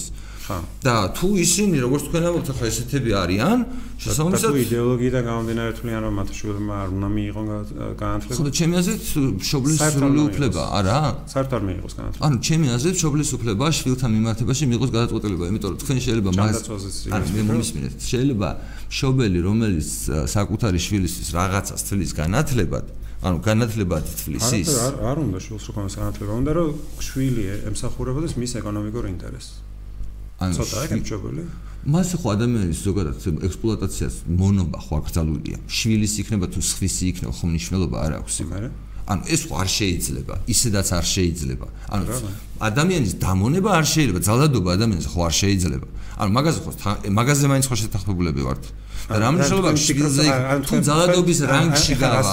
თუ ძალადობის რანგში გავა? სახში დავტოვებ და ვეთქვი რომ მოუაროს თავის წირეწლოვანი დას ეს მონობა იქნება. არა ხო და უყურეთ ეგ არის კონკრეტულად კონკრეტულად საღი აზრის დონეზე განსაჯელი საკითხი. არის შემთხვევები არა არის შემთხვევები როდესაც მაგალითად შობელი ნუ რა ვიცი შვილის სექს რაღაც ექსპლუატაციას ეწევა, ხო? აი, ეს მონობაა გეუბნები. ხო, ანუ არსებობს მეთქი кейსები, რომელიც უნდა გაიცეს case by case, ანუ კონკრეტულ შემთხვევაში თუ არის ანუ მეუნებას მოწახვალ სკოლაში მოდი ჩემთან ერთად დაჯეკი ბაზარში და ივაჭრე. ეს არის ეს შეიძლება იყოს ამ ოჯახისთვის ბევრად უკეთესი, ვიდრე ამ ბავშვის, ანუ ეს ალტერნატივაა. ოჯახმა გადაწყვიტა რომ ამ კონკრეტულ შემთხვევაში ბავშვისთვის და ოჯახისთვის ყველასთვის ერთად ჯობია რომ ეს ბავშვი მიეხმაროს მშობლებს და ამის უფლება ჩემი აზრით მშობლებს აქვს სრული და არავის არ აქვს იმის უფლება რომ გადაწყვიტოს. რომ ამ ბავშვმა რაღაცა თავის დრო უნდა დაუთმოს რა. განათლებას ეგრეთ წოდებულს და არა ოჯახის დახმარებას და ამ მეგონ ეს ანუ პაპექტა იგივე რო გადავით ან ჯანდაცოზე ან შენ უწახვალ ხა იმაში ექიმთან იმიტომ რომ მაგის დრო არ გაქვს მოდი იმუშავე. ამ შემთხვევაში ისო ცუდი ადამიანები სიკო ყველგან არსებობენ ერთ გრაშუაშია. ცუდი ადამიანები რომლებიც ადამი თავის შვილებს ან თავის ოჯახის წევრებს ცუდად ექცევიან არსებობენ ყველგან და ყოველთვის. ამის გამო რას ისე უფლება რას ისე მე დაანებოდი მე უნდა ჩავერიო თქვენ მომიწოდებთ რომ მე წავიდე მე წავიდე იარაღით ამ ოჯახში რომელიც თავის შვილს ხანეუბნება წადი სკოლაში და ხანეუბნება არ წახვიდე სკოლაში ეს არის ჩემი და თქვენი საქმე. კი ნამდვილად. ჩემი არ არის თქვენი თუ არ არის ჩემი საქმეა და ამის გამო რას გააკეთებთ? ამის გამო სახელმწიფო და საზოგადოება მაშინ რატო არ მოდიხარ ჩვენთან სახში უკაცრავად. ჩვენთან სახში რატო არ მოდიხარ მე არ მივიდივარ მაგ მაინტერესებს აი მაგალითად ნორმალურ ქვეყანაში მოვიდოდა სოციალურ ნორმალურ ქვეყანაში აი თქვენ ხო მაგას ითხოვთ. აი ხა ინგლისში ინგლისში იყო თქვენ აი თუ ნორმალურ ქვეყანას ეძახეთ თქვენი ქვეყანა სადაც ახლა მე სახში პოლიციელი დამადგებოდა. პოლიციელი არა რომელსაც სოციალური მუშაკს არ ქმებენ ანუ მოფერებით ანუ იმიტომ არა იმიტომ რომ საბოლოო ჯამში არა საბოლოო ჯამში პოლიციის სოციალური მუშაკის ფუნქცია საბოლოო ჯამში სანქცირებამდე თუ მიდის ორივე არის ძალოვანი სტრუქტურის წარმომადგენელი სახელმწიფოს მხრიდან ხო ესე გამოდის რა მნიშვნელობა აქვს? არა არა აბა. ანუ როდესაც ადამიანი სახელმწიფოს აქვს ამ ეს ნობლ მიზნები რომლებსაც სოციალური მუშაკი ახორციელებს ადამიანების ინტერესების სასარგებლოდ. ასე უყურებთ. ხო თქვენ და მე ასე არ ვუყურებ. მე ვუყურებ პირიქით რომ ეს არის ორივე პოლიციური ინსტიტუტი, რომელიც ასთან დაყოფილი სეგმენტები. ერთი რაღაცა, არ ვიცი, ქუჩაში დადის, მეორე ოჯახებში შევარდება და ასე შემდეგ. ანუ ძირითადი პრობლემა აქ ისევ მივდივართ იქამდე, რომ ვინ უნდა გადაწყვიტოს, ხო, ანუ ზუსტად, აი ხა მაგალითად ჩემ შემთხვევაში, თქვენ თვლით, რომ ის განათლება, რომლებსაც ისინი იღებენ, ვთქვათ, ერთ სეტინგში, ანუ რაღაცა დღეს რო განათლება ქვია, არის ჩემთვის სავალდებულო და მე მოქმედებ ჩემი შულების ინტერესების საწინააღმდეგოდ, როდესაც ამ კონკრეტულ სეტინგზე უარს ვამბობ. აბა, აბა სოციალური მუშაკირისთვის უნდა მოვიდეს ჩემთან სახში. გაარკვიოს თქვენ განათლებას აძლევთ თქვენ შულს. და თქვა არ ვაძლევ, ანუ ესე იგი ვიღაც ვიღაც სოციალური მუშაკი უფრო. იმ შემთხვევაში სახელმწიფო უნდა იმსჯელოს, ირღვევა თუ არა თქვენი შულის უფლებები. ოკეი, ეგ არის გამოსავალი. თქვენი აზრით, ესე იგი თქვენ უფრო ხართ დაინტერესებული ჩემი შვილის ბედით და თქვენ უშვეთ სოციალურ მუშაკს ჩემთან სახლში. ჩემი კერძო საკუთრების დასაშვებები. ჩემი კერძო საკუთრები არ გაინტერესებს ზოგადად. ანუ ამ ამას ანუ მათ შორის ჩემ შვილებზე არ ჩემს კერძო საკუთრებს, ანუ ჩემს ასე ვთქვათ უფლებებს ხო, მათ შორის კი საკუთრება სანამ ამ ადამიანს ჩემი უფლებები შულთან მიმართებაში კი, ხო. როგორც აღწერეთ თქვენ მაგალითად, როცა კვედონაროა ადამიანი. კი, რა თქმა უნდა, მაგრამ ამ შემთხვევაში ხო უნდა დადასტურდეს ის, რომ მე არა ვარ საღაზრზე, როგორც ასეთი, ხო, მე არა ვარ კვედონარო, ამის შემდეგ რა თქმა უნდა, სახელმწიფო ადამიანებს არ უშვებდეთ სახლიდან. ხო, შეიძლება ადამიანები მოდიოდნენ და ნუ რაღაც თეთრი მით გაყავდეთ ადამიანი თუ ის დადასტურდა, რომ გიჟია, როგორც ასეთი, ხო? ანუ თქვენ შეიძლება გადაწყვეტოთ, რომ თქვენ შვილებს უნდა აჭამოთ, ხოლოდ რა ვიცი, Kentucky Fried Chicken-ი და შეიძლება ამან რაღაც ისეთ ზიანი მიაყენოს თქვენ შვილებს, რომელიც ხა თქვენ თვლით რომ არ არის ზიანი, მე რა. ანუ მე ვთვლი რომ არის ზიანი. ან თქვენ შეიძლება თვლით რომ თქვენ მე ესეთი ანუ ესეთი რისკები ყოველდღიურად არის სიკო ანუ ამიტომ სტარტება საზოგადოება შეიძლება ვიყიდო ისეთი სარეცხი საშუალებები რომელმაც ზიანი მოგვიტანოს ისეთი ყვების რაციონზე გადავიყვანო ჩემი ოჯთელი ოჯახი ამ პირიქით ვიღაცამ ისეთ რაღაცა ან თქვენ მე ისეთი რამე მირჩეთ მე დაგიჯერთ ანუ ეს ხო ადამიანების ცხოვრება და ამ ყველაფრის კონტროლი როგორ წარმოგიდგენიათ რანაირად წარმოგიდგენია? ანუ უფლებების დაცვა წარმოგიდგენია თქვენ სახელმწიფოს გარეშე, ხო? არა, მე უფლებების დაცვა კი არა, მე ძალადობისგან დაცვა მინდა. უფლებები არ გაქვთ? ბატონო, მე ძალადობისგან დაცვა უფლებების დაცვა როგორ უფლება არის, რომ ჩემი სიცოცხლე თავისუფლება დავიცვა. ამ უფლებას არა რომ მიიღოს განათლება. არა, ჩემი შვილის უფლება, განათლების მიღების უფლება ბუნებაში არ არსებობს. წერან რომ თქვენ ბუნებაში, ბუნებაში, ბუნებაში საერთოდ საზოგადოება არ არსებობს. განათლების მიღების უფლებას მე პირადად ჩემი მოსაზრება ესეთი რომ არ ვაღიარებ არ არსებობს კი ბატონო ნუ აღიარებ. ესეთი პოზიტიურ უფლებებს იცი და პოზიტიურ უფლებებს არ ვაღიარებ. ვაღიარებ ნეგატიურ უფლებებს. შესაბამისად მაგ უფლებას როგორც ეს არ ვაღიარებ. ანუ ეგ არაფერს არ ცulis საზოგადოების კი არა არ ცulis მანამდე ვიდრე ჩემი პოლიტიკური მიზანი არ შესრულდება კი ბატონო შეიძლება მოსანა ანუ ხო ეს არის სინამდვილეში ნორმალური საზოგადოების ფუნქციონირების ნორმალურად ფუნქციონირების შესაძლებლობა როდესაც მაგალითად ადამიანები რომლებიც ერთ აზრზე არიან საკუთარ რაღაცა აზრს ტესტავენ ხო? ანუ თუ მე პოლიტიკურად ეს მესიჯი მომგებიანი აღმოჩნდა ბევრ ადამიანს, ბევრი ადამიანი მიხვდება, რომ ის პოზიტიური უფლებები, იმ ტიპის, თქვა, დამოკიდებულება ადამიანების, თქვა, შობლების მიმართ საზოგადოების, ხო, ანუ ჩვენ ხო რა გამოგვიძო, რომ ჩვენ გამოგვიძო ჩვენი მეზობლების საქმეები გვაინტერესებს მუდმივად. ანუ ჩვენი საკუთარი საქმეები კი არ გვაინტერესებს, ჩვენი ოჯახის, აი ხა თქვენ რაც ძანეთ, ხო, ჩვენ ოჯახთან მიმართებაში. ჩვენ ეს კი არ გვაინტერესებს. ჩვენ ვიღაცაზე გავიგეთ რაღაცა, მე ხო ამ შემთხვევაში ძალიან რაციონალურად ვიქცევი, მე ველოდები ისეთი სიტუაციის შექმნა, სადაც ჩემი შვილები მეგონება რომ კიდევ უკეთეს მდგომარეობაში იქნებიან, ვიდრე დღეს ისინი არიან და შესაბამისად გონიათ კი ცხადე რომ იმდენი დრო არ მაქვს რომ და ბევრი ობიექტური ეკონომიკური ობიექტური მიზეზი არსებობს. იმისთვის რომ მეც მინდოდეს როგორც ბევრ ადამიანს უნდა რომ ისეთ ადგილას იარონ ჩემმა შვილებმა, სადაც ჩემზე უფრო მეტ ან რაღაც ჩემზე რა ოჯახზე უფრო მეტ და უფრო რაღაც ხალისიან ცხოვრებას გაატარებენ, ბავშვობას გაატარებენ, ხო? მე ამას ველოდები სინამდვილეში. და ამ დროს წარმოიდგინეთ, რომ თქვენი შეხედულებებით მართლაც შესაძლებელია და ეს მართლა ბევრ ქვეყანაში არსებობს, ამაში გეთანხმებით. საზოგადოება დადგეს იმ ჭკუაზე, რომ მართლა პოლიციელი გამომიგზავნოს. ხო მე პრობლემას ვერ ხედავ. პრობლემას ვერ ხედავ. ხო აი გაიცეთ ჩვენი განსხვავება. ანუ ჩვენ ხედავთ იმას, რომ როცა პოლიციელს არ უგზავნიან ადამიანებს შეიძლება ძალიან ცუდი შედეგებიც მიიღო, ხო? ეხლა რეალურად ეხლა რა კონტექსტში ვაპარაკობ და როცა ვაპარაკობ, მოდი დავმიცდეთ საქართველოს, დავმიცდეთ მართლა და გავიხსენოთ ეხლა. ანუ თქვენ გინდათ რომ გურუშიძეს სისტემაში გამომიგზავნო ლევანდელმა პოლიციამ ჯობელმა გადაწყვეტა რომ შეეცემოს თავისი ბავშვი ყოველ დღე. ძალიან დიდი სიკო რა. მას ბავშვი სიკვდილამდე. სიკო მე თქვენ ასეთ სიტუაციაში მიგიცეთ რომ მან ეთესად იცის თიშ ზუსტად ზუსტად მე გეტყვით იცის სოციალურმა მუშაკმა რომელსაც ევალებოდა ის რომ ეს აი ზუსტად მაგას გიმტკიცებ და ეხლა მომისმინეთ მე გიმტკიცებთ იმას, რომ აი ამ ქვეყანაში რეალობა მე მგონია ის, რომ ესეთი ამბები ხდება, ეგეთი ამბები, ანუ ცუდი მშობლები ნებისმიერ საზოგადოებაში არსებობენ, ცუდი მშობლები. კარგ საზოგადოებაში შეზღუდვა. არსებობენ, არსებობენ ქვეყნები, რომლებშიც ეგ სისტემები აწყობილია, მაგრამ არსებობენ პათოლოგი მშობლები, რომლებიც წლების განმავლობაში პადვალში აუპატიურებენ საკუთარ მრავალრიცხოვან შვილებს და ასე შემდეგ, ხო? ავსტრია მაგ ამ შემთხვევაში მხედველობაში. სადაც ეს სისტემები ვითომ რომელიც იქ ამის პრევენციისთვის არსებობს დიდათაც არ მუშაობს იმიტომ რომ ადამიანებს სისტემებისათვის გვერდის ალების არვლის საშუალება აქვს ანუ ეგ ეგ ხო ანუ ანუ ეს დამოკიდებულება საბოლოო ჯამში საქართველოსში ნიშნავს იმას, რომ დღეს ახლა დებატები მიდის არა რაღაც განზოგადებოთ, არამედ სასამართლო სისტემაზე. სისტემაზე, რომელიც უბრალოდ არ გაგვაჩნია, ხო? არ გაგვაჩნია და შესაბამისად ნებისმიერი ჩვენთაგანი მიუხედავად იმისა, დამნაშავე ვიქნებით თუ უდანაშაულო, შეიძლება აღმოჩნდეთ სახელმწიფო საპრობილეში. მე ვიჯექი იქ ცოტა ხანი. მიქ იქ საჯდომი არაფერი არ დამიშავება. მაგ სისტემამ, მაგ სისტემამ უნდა გამომიგზავნოს მე სახში წარმომადგენელი და თქვენ მაგ სისტემას ენდობით და არა, თქვენ შეიძლება თქვენს წარმოსახვაში მე მიგზავნით არ ვიცი, ამერიკელ ან ბრიტანელ სოციალურ მუშაკს. მე არ გამოვრიცხავ ამას, რომ თქვენ იმას მიგზავნით და არა მურუსიძის მსგავს ტიპაშს. ეს წარმოადგენაში ესეთი წარმატებით შეგვიძლია გითხრათ, რომ ავსტრიელი მშობლები გონიათ ქართველი მშობლები. ვერ გავიგე? თქვენ ქართველი მშობლები გონიათ ავსტრიელი მშობლები და მე ქართველი სოციალური მუშაკი მგონია და ავსტრიელი არა მე მგონია მეთქი რომ მე უბრალოდ თქვენ არ გამი არ გამიმეტებდით იმისთვის მე უბრალოდ ამის იმედი მაქვს არ გამიმეტებდით იმისთვის რომ ჩვენი სამართალდამცავი სისტემა გამოგეშვათ მაგდანაც არ მოდის დღეს თქვენთან ჩვენი სამართალდამცავი სისტემა. თორე გინდათ რომ მოვიდეს იმიტომ რომ არაეფექტურია და არ მოდის. და ეფექტურია ხო მაგას ვიძახი რომ ანუ ჩემთვის მაშინ რეალური პრობლემა ირმა ინაშვილი კი არ არის. რეალური პრობლემაში თქვენ ხართ ანუ თქვენი მოსაზრება ჩემთვის თავარი მოწინააღმდეგე რა.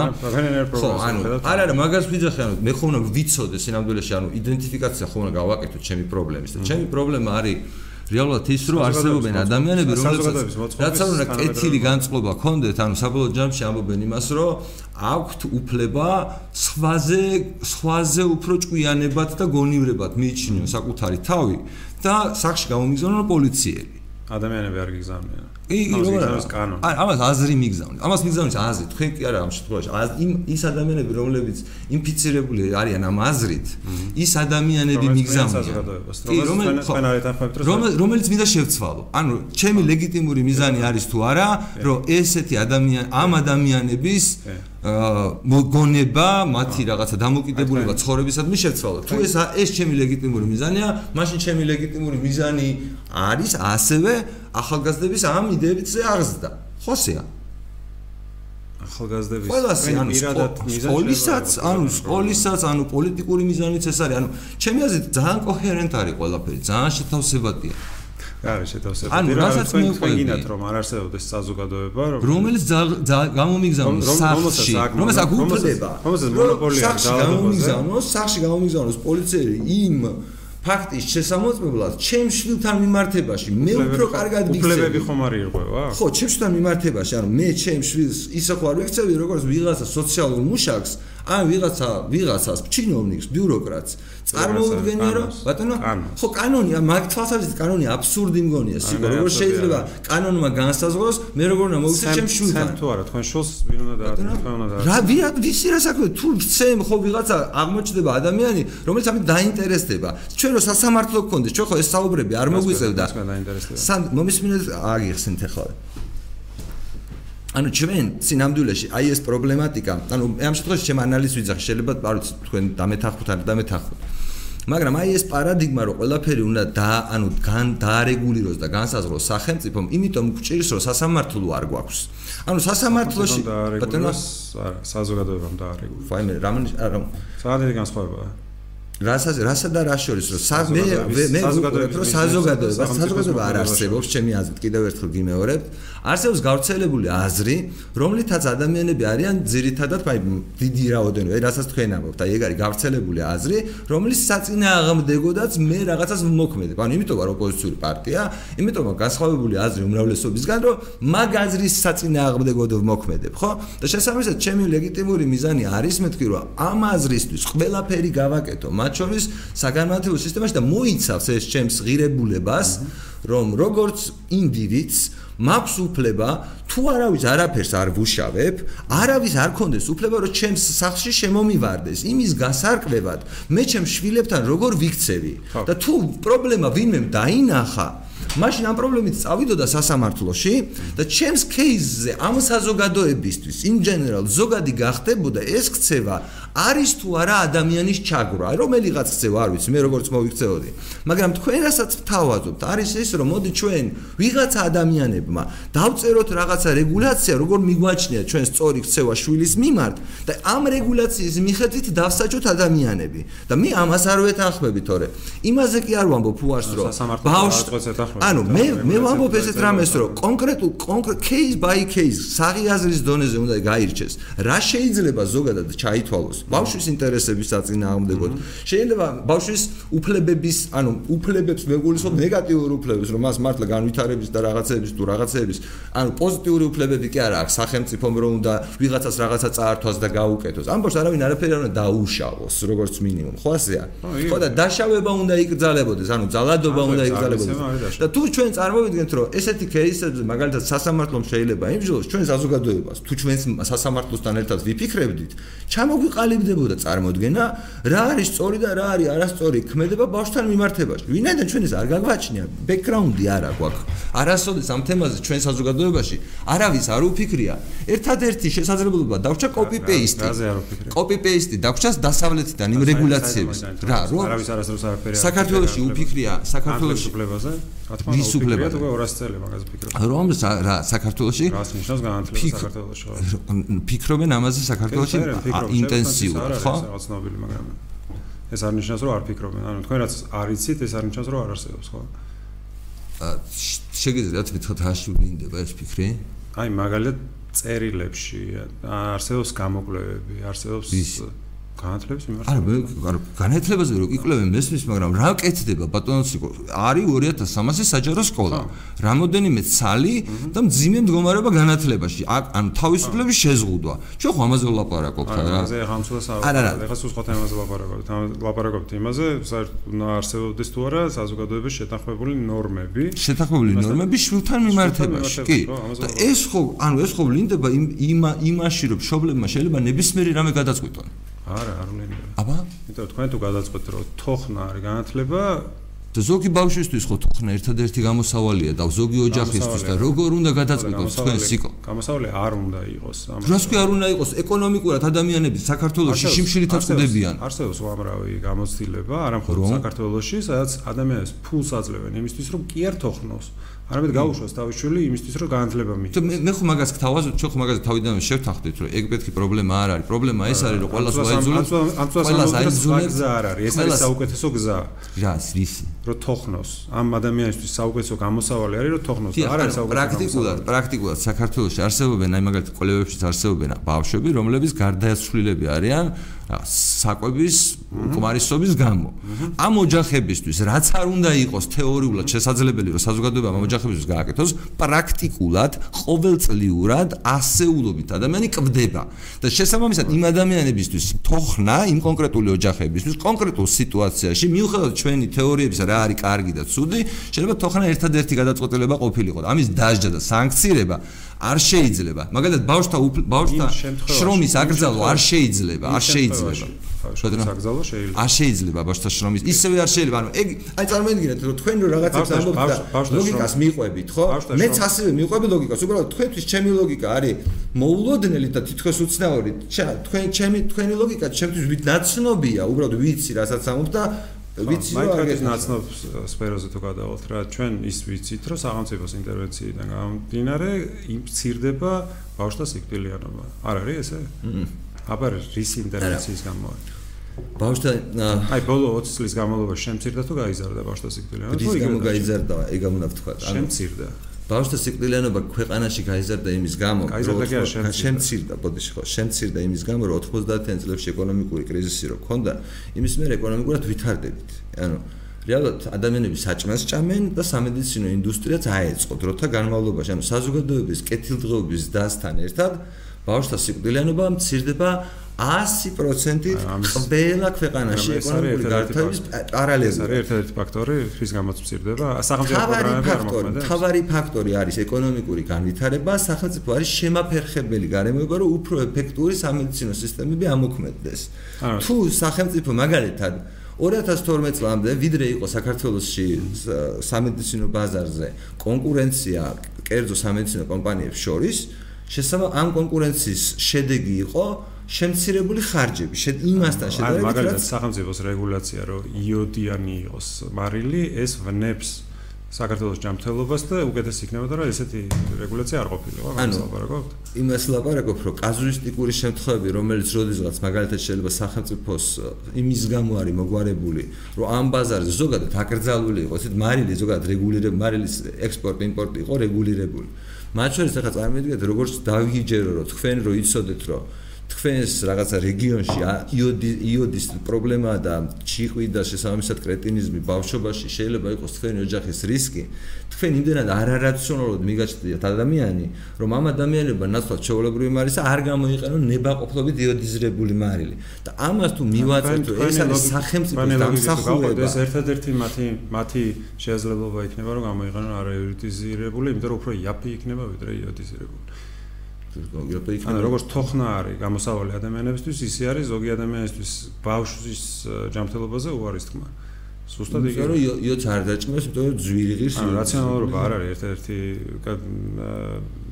ძალადობაა საჭირო უამრავი კვლევა არსებობს უკვე ბოლო 60 წლის განმავლობაში განსაკუთრებით რომელიც აჩვენებს რომ ადამიანები არ იღებენ გადაწყვეტილებებს მაინც რაციონალურად ოკეი არა ნუ ხა ესე ანუ თქვენი ძახით რომ ადამიანები არ არიან რაციონალურები და ვინ არის რაციონალური ხალხი ვინც არ არის რაციონალური ხალხი უნდა მართოს აი მაგაში მიდის პრობლემა საბოლოო ჯამში ხო და მაგაზე პასუხი არ არსებობს. არა, როგორ არ არსებობს, არსებობს. არსებობს საზოგადოებები, რომელიც იმართება დემოკრატიულად და იქ არის დემოკრატია, რაციონალური ხალხი როგორ ისჭამს? რაციონალ არის იდეებს შორის კონკურენცია, რომელი იდეებიც იმარჯვებს, ის იმ იდეებს, ასე ვთქვათ, ვახორციელებთ, ხო? ანუ ეს არის. ხო, ხო, იდეებს სინამდვილეში ვიბრძვით ჩვენი იდეებისთვის. რეალურად, ხო, ანუ ჩემი ჩემი იდეები მაგ თქვენ თქვენ ამბობთ, რომ მოდი მოდი ადამიანები ადამიანებმა რომელსაც არც განათლება მიუღიათ და არც მაინც ეკონომიკური შესაძლებლობა აქვს, ანუ აქვს ვითარება, სადაც 1/13 არის იღარების, ანუ ითვლება ღარიბ ადამიანად, ამ ადამიანებმა უკეთ იციან დავითშულები როგორ გამოიყენოს იღარები. ხადე ვიდრე თქვენ. რა თქმა უნდა. იმიტომ რომ ისინი დაინტერესებულია, ისინი განიცდიან. ისინი უზომოდ დაინტერესებულები არიან, ის მდგომარეობა და არ არიან დაინტერესებული. აბა ვინ არის? მე ვარ დაინტერესებული. თქვენ ხართ უფრო დაინტერესებული. ასე ხნობთ, როცა ამათ რო დაინტერესებული. საკუთარ გამოცდილებას, იმიტომ რომ მე ჩემი თავი უფრო ვარ დაინტერესებული, რომ სხვა ადამიანები მგონია რომ ასევე ის ადამიანი არის თქვენნაირი ადამიანი. ბატონო მე მგონია რომ ყველა ადამიანს რაღაცნაირად ერთნაირი მისტრაფებები გვაქვს. ყველას მინდა უკეთესი ცხოვრება, ბატონო, როცა ამას ამბობთ, რომ ყველა თქვენ გონიათ რომ ყველა ადამიანს ერთნაირი მისტრაფებები აქვს. ანუ თქვენ გონიათ რომ არა მე არ მგონია რომ არ არის რომელიც ბავშვს კლავს წემით და თქვენ ერთ და იგივე მისწრაფებები გაქვთ არა მე არ გამოვრიცხავ რომ ჩვენ შორის არიან ავადმყოფები ანუ ადამიანები რომლებსაც შეიძლება თქონდეთ როგორც ორგანული ისე რაღაცა ფსიქოლოგიური დაზიანება პრობლემები და რომელიც არ იქცეოდნენ. ადამიანები რაციონალურად როცა იქცევენ და ბავშვს როცა ყიდიან თქვენ და თქვენ შუ თქვენ ერთ და იგივე რაციონალურად ის ავადმყოფები მეც ბოდიში ეცა თქვენ ახლა ბავშვების გაყიდვაზე მკითხეთ ხო? ბავშვების გაყიდვა თქვენი არის ნორმალურია თუ არა ნორმალური პროცესი? არა ნორმალური პროცესი. აი ნახეთ მე მგონია რომ ბავშვების გაყიდვა არის ძალიან სწორი ბავშვებისთვის ანუ ვინც ვინც აპირებს შვილის ყოლას ხო ნათელია რომ ბავშვი იმას უნდა ყავდეს. როგორ შეიძლება ბავშვის გაყიდვის აკრძალვა აი თქვენ ხო ყველაფერზე გძალვა თქვენ თვითონ თქვენ და იმ ადამიანს რომელიც ბავშვს ყიდის ერთნაირად ერთნაირი მიზნები არა ამ ბავშვისთვის შეიძლება ჩვენ გვაქვს სხვადასხვა მიზნები მაგრამ ის უფლება თავისუფლება თავისუფლება მე ვიყიდო და იმ ცუდი მშობლის რომელიც არც შეიძლება მე მომწოს და შეიძლება თქვენც არ მოგწონთ იმ მშობლის უფლება გაყიდოს თავისი შვილი. გადაწყვეტილებას რომ ადამიანები იყიდებოდნენ და ყიდულობდნენ მაგრამ არ ეხრო ბავშვებს ვემხრობ არა ბავშვებს ვემხრობ იმიტომ რომ ბუნებრივია რომ ბავშვი არის ისეთი საშუალება არსება, რომელიც უნდა მოხდეს ყველაზე მზრუნველი ადამიანის ხელში. ეს არის ამოცანა, მთელი ჩვენი საზოგადოების ყველაზე მეც გადაიხდის. და ეგ თუ ერთ-ერთი გამსაზღვრელი ფაქტორია იმის, თუ საერთოდ ბავშვი, რა თქმა უნდა, ერთ-ერთი ფაქტორად ეგეც უნდა იყოს სიკა. რაზე ლაპარაკობ? იმაზე ლაპარაკობ, რომ ბავშვების ადამიანის ყიდვა გაყიდვა ბავშვების ყიდვა უნდა შეიძლებაოდეს, კი, ბავშვების ყიდვა უნდა შეიძლებაოდეს. იმიტომ რომ დაასრული ადამიანი საკუთარ თავზე უკვე პასუხისგებელია. ბავშვი ბავშვს ჭირდება მომვლელი ადამიანი, რომელიც რომელიც იტვირთებს პასუხისგებლობას. რატო შეიძლება დაასრული იყიდოთ?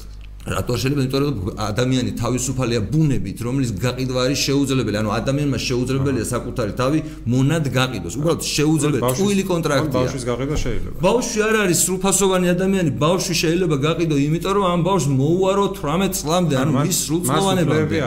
რას ნიშნავს უფლებები არა კაცო აბა ვიცით თქვენ როცა წყვეტთ რომ ბავშვი ერთი ანუ იქიდან რა ქვია მშობლიდან წამოიყვანო და ვიღაცას მიაშვილოთ. თქვენ როცა წყვეტთ ანუ სახელმწიფოს როცა წყვეტს ამ შემთხვევაში რა განსხვავებული სტიმულია იმასთან შედარებით, როდესაც ადამიანი ამბობს, რომ მე მინდა შვილი. ამის შესაძლებლობა არ მაქვს, ამდენი რესურსი მაქვს, რომ ეს სიკეთე, რაც არის შვილი, მივიღო და პატიოსნად შეეძლოს ამ ადამიანს ჩაოლებრივად იყიდოს შვილი შობლის უფლება თავისი შვილით. რა პრობლემას ხედავთ ამაში ამიხსენით და რატო არის ის კორუფცია, რომელიც არის გამეფებული ბავშვების გაშვილებასთან მიმართებაში, უკეთესი ლეგალურ ბავშვებით ვაჭრობაზე? ამიხსენით.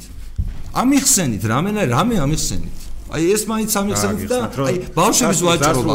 რატო არ შე ანუ თქვენ ვერ ხვდებით განსხვავებას ბავშვსა და სრულფად სრულწლოვან ადამიანს შორის ჯერ ერთი განსხვავება უზარმაზარია და მეორეც ერთი ადამიანს სრულწლოვანს თავისუფლება თქვენ ამ დღიცებთ რომ ადამიანს ესე იგი სრულწლოვან ადამიანს მოხდეს თავისუფლება ყველაფერი აქვს კაცო აქვს ყველაფერი აკეთებს.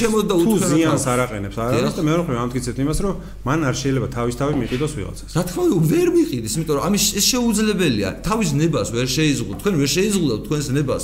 არ გიფიქრიათ მაგაზე რა უფრო გავაკეთე ვერ შეიზღუდავთ იმიტომ რომ მომავალ წამ შეიძლება გადაიფიქროთ. რატომ იგზავნოთ ვერ ვერ გააკეთებთ მაგას არ გიჯერებთ ისე როგორც ახლა მივიჭერთ ტყუებით უბრალოდ იმიტომ რომ უბრალოდ შეუძლებელია ადამიანისთვის თავის თავი მონობაში გაყიდოს. შეუძლებელია ანუ ნებას ვერ გაიუხნო არის ინახავთ და ბავშვის აღზრდა ეს ძალიან დიდი ბოდიში რატო აი ეს ორი რამე ხო არ არის შედარებადი? ბავშვის გაყიდვა და დიდი ადამიანის არა არა შედარებადი. იმიტომ რომ ბავშვის აღზრდა იყიდება ბავშვის აღზრდის უფლება იყიდება. არა. კი როგორ არა?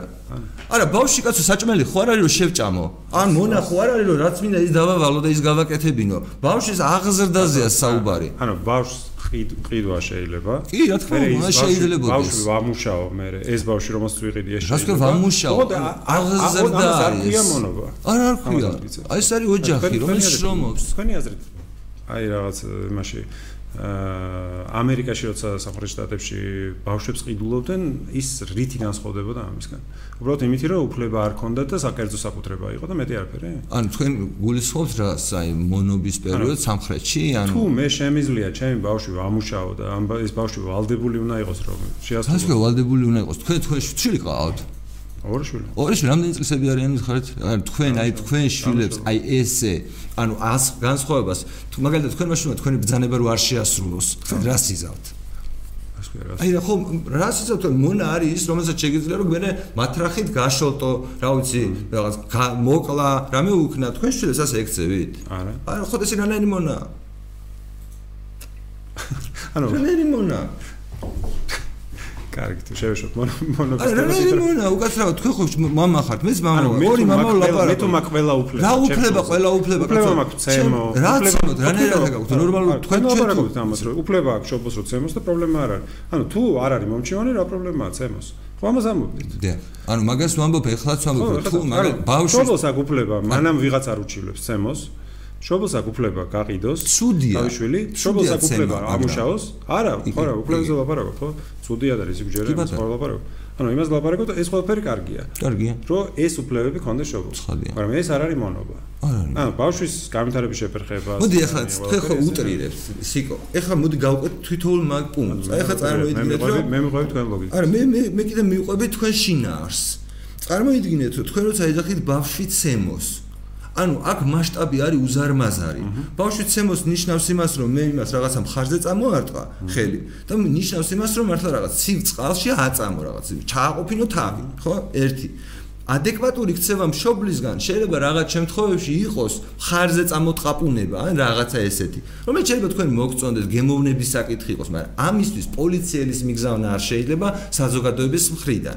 აი ამერიკაში ერთ-ერთი უზენაესმა სასამართლომ ერთ-ერთი кейსის დროს უზენაესამდე მიაღწია. საუბარი იყო იმაზე, რა ქვია, ავღანელი ავღანურ ოჯახში мама შვილს ტუტუტებზე კოცნიდა. მეზობელმა უჩივლა, რომ ესო რაღაცა პედოფილია არისო თუ რაღაცა არისო და ანუ ორი ინსტანცია გაიარა ამ იმანს და გაატყუნეს და უზენაესმა სასამართლომ გაამართლა ეს ადამიანი იმ მოტივით, რომ ამ კულტურაშიო, საიდანაც ეს ადამიანი არისო, ესეთი ქცევაო არ ნიშნავს იმას, რაც ამერიკულ საზოგადოებაში შესაძლოა ნიშნავდესო რა.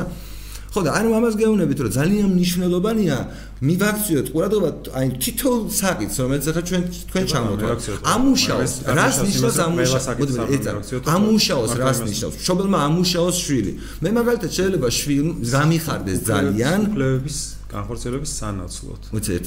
რას შეუძლებს განხორციელების სანაცვლოდ? ანუ ადამიანს ტანჯავ, ანუ მინდა შვილი მოვკლა ეს ხო ისედაც აკრძალულია. მაგალითად ადამიანი მუშაობს და ამიტომ ვერ ვითარდება რა. მე ერთი წამი მე გეტყვით აბა кейს. იქნება იქნება უფრო შევთანხმდით. აი წარმოიდგინეთ რომ ბავშვია, რომელიც ძალიან კარგი იქნებოდა რაღაც ესეთი მარტივი სამუშაო შეიძლება მარტივი მისი ასაკისთვის ნორმალური სამუშაო შესრულებინა ანაზღაურების სანაცვლოდ, რომელიც ოჯახსაც გამოადგენდა, ამ ბავშვის განვითარებისთვისაც შეიძლება კარგი ყოფილიყო, მაგრამ ამ კონკრეტულ სიტუაციაში ჩემი აზრით ადეკვატური გადაწყვეტილება შეიძლება იყოს რომ ბავშვმა იმუშაოს. წინააღმდეგ შემთხვევაში უარესი შედეგი დადგება ბავშვისთვისაც და მშობლისთვისაც. თავარი თქვენ ჩვენ რაზეც ჩემი აზრით პრობლემა გვაქვს შევთანხმდეთ არის რომ აა მშობელს შეუძლია მუდმივად მიიღოს შვილთან მიმართებაში გადაწყვეტილებები. ვიდრე გარედან ვიღაც არ აღმოჩნდება, რომელიც შეამჩნევს, რომ მართლაც კონკრეტული ბავშვის აა ბავშვზე ძალადობას აქვს ადგილი. ანუ არც წამოტმა თავისთავად, არც ბავშვის შრომა, არც ბავშვის გაყიდვა. ბავშვის გაყიდვა საერთოდ სხვა თემაა. ბავშვის გაყიდვა არის პრობლემური პრობლემური მშობიარობები და ბავშვის მომავალი და ბავშვის მომავლისთვის რა თქმა უნდა უკეთესია რომ ეს სისტემა ლეგალურად არსებობდეს და ბავშვი ბავშვი შვილდებოდეს საუკეთესო ოჯახში რაც კი შესაძლებელია ამ საზოგადოებაში. ეს ყველა ჩვენთაგანის ამოცანაა და რა როგორ შეიძლება შეარჩიოს საუკეთესო ოჯახი თუ არა აუქციონი მოაწყო და მართლა ნახო ვისაა ყველაზე მეტი რესურსი რომ ეს ბავშვი აღზარდოს ერთის მხრივ და ვინ არის მე თუ გაინტერესებს ეს ოჯახი გიჟები არიან თუ არა შეამოწმე კაცო ვინ გიჟებს კიდე ერთი რაღაც რაც ვერთან ხვდებით არის ის რომ საუკეთესო ოჯახი არ შეიძლება ესე შევაფასოთ მის ფინანსური შესაძლებლობები. აი წარმოიდგინეთ, რუსეთში პუტინი როცა კრძალავს გაუშვას თავისი ბავშვები ამერიკულ ოჯახებში. ანუ ხო ეგ არგუმენტია, სიკორო. წარმოიდგინე რომ მესმის, რა თქმა უნდა, შეიძლება იყოს გამონაკლისი ვიღაცა სასწაული ოჯახი, რომელსაც შვილი ძალიან უნდა არის ღატაკი, მაგრამ ყველაფერს გააკეთებს, რომ ეს ბავშვი კარგად აღზარდოს. მაგრამ ნორმალურ სიტუაციაში, ნებისმიერ ნორმალურ სიტუაციაში, თუ რამე ამტკიცებს იმას, რომ ვიღაცას აქვს ბავშვის მიხედვის საშუალება, არის პირველი არის ფინანსური მდგომარეობა ოჯახის. დღევანდელ საზოგადოებაში 100-ია. და აბა რა გვინდა მოვიგონოთ? აი მართლა რა უნდა მოვიგონოთ? დღევანდელ საზოგადოებაში რომელსაც თქვენ არ აღიარებთ, არის ისე რომ ესე იგი ვინც ყველაზე მდიდარია, ის ყველაზე უკეთესი მშობელია. არა, უკეთესი არ მithქვამს, უკეთესი არა, მას პოტენციალი აქვს, რომ იყოს, ანუ რა თქმა უნდა, ის ადამიანი ვინც ყიდის თავის შვილს არის ამ კონკრეტული ბავშვისთვის ყველაზე უარესი кейსი, რომ მას დაუტოვო, იმიტომ რომ მას არ უნდა გაყიდვა უნდა და არსებობენ რაღაცა ადამიანები, რომელიც განსხვავებულ კომიტმენტს აკეთებენ, რომ ამ ბავშვის აღზრდაში ჩადებენ თავიანთ რესურსს. და ვინც ყველაზე მეძდებს მეთქი, ამაზე მეკამათებით რომ ის კაცია ყველაზე კარგი ვარიანტი, შესაძლოა თქვენ რომ ის ბავშვი იყოთ, რომელიც აი ამ მდგომარეობაში, რომელიც დედასაც არ უნდა და ტირი ხართ, რაღაცას ყვირი ხართ და მოვიდა 10 კაცი, ერთი არის ყველაზე ასე შეძლებული, ერთი არის ყველა ნაკლებად და თქვენი ანუ ბევრი ინფორმაცია არ აქვს ყველას უნდა ბავშვი აშკარად ეთყობა და თქვენი ასარჩევია ვის აირჩევდით ჩემი ასეთ ყველაზე შეძლებულ ოჯახს აირჩევდით არა? არა. აბა ვის აირჩევდით რას მელაპარაკებთ რომ შეიძლება იყოს დიდარი და კრეტინი და შეიძლება იყოს მაგალითად საშუალო კლასის წარმომადგენელი. არა კრეტინი რა შუაში კაცო ძიებრი შუაში თქვენი ამოცანა ხო ცოტა გინახავთ თქვენი ამოცანა ხო ის არის რომ კრეტინი რანაირად შეიძლება შეაფასოს ბავშვის გამშვილებელმა ხო? ანუ ეს შეაფასოს ადამიანი რომელს თვითონ განათლება არ აქვს. ადამიანი რომელიც არ ვიცი მაგალითად მის სიმდიდრეს აეჭო წარმომავლობის არის ადამიანი რომელიც ვინ უნდა შეამოწმოს მინისტრმა განათლება თქვენ თქვენ გააქვთ ამის შესაძლებლობა რომ შეაფასოს არა რატო უნდა შეაფასოს კაცო რატო უნდა შეაფასოს კი არა თქვენ როგორც მოქალაქე შეგიძლიათ ამ შეფასება ისი.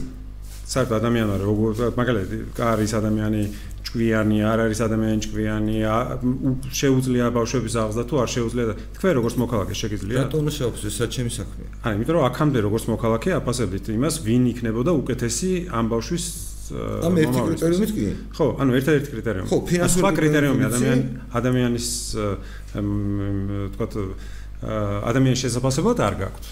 როგორ არ მაქვს? ოჯახის შესაძლებლად? რა თქმა უნდა, მაგრამ ეგ რა შვეშია. ანუ და რატო არ იყენებთ ამ სხვა კრიტერიუმს? ჩემი უფლებამოსილება არ არის რომ გადავწყვიტო ვის უნდა მივაშვილო ეს ბავშვი. არა, აქ ხო უფლებამოსილებებზე არ ვლაპარაკობ, ვლაპარაკობ თქვენი აზრით რა უნდა იყოს შეფასების კრიტერიუმი. თქვენი აზრით, ჩემი აზრით ერთ-ერთი ყველაზე ნათელი იყოს ეკონომიკური მდგომარეობა. ეკონომიკური არის ნათელი. ეკონომიკური, ანუ შეთავაზება ოფერტა, რომ მე თუ თქვენ ბავშვს მომაშვილებთ, მე თქვენ გადაგიხდით არის 100000 დოლარს. ეს არის გასაგები. ასაკი ის რომ ბატონო, ასაკი ანუ ხო ეგ არ არის გასაგები ანუ მაგალითად 99 წლის ადამიანმა უნდა იშოვოს 40 წლის ადამიანმა უნდა იშოვოს არ არის ერთი წამი რა მოდი ესე ვთქვათ ანუ წარმოიდგინეთ რომ ანუ გარდა ამ შობლისა რომელიც ამ ბავშვთან მიმართებაში დღეს აპირებს რომ რაღაცა ეს პასუხისგებლობა მოიცილოს.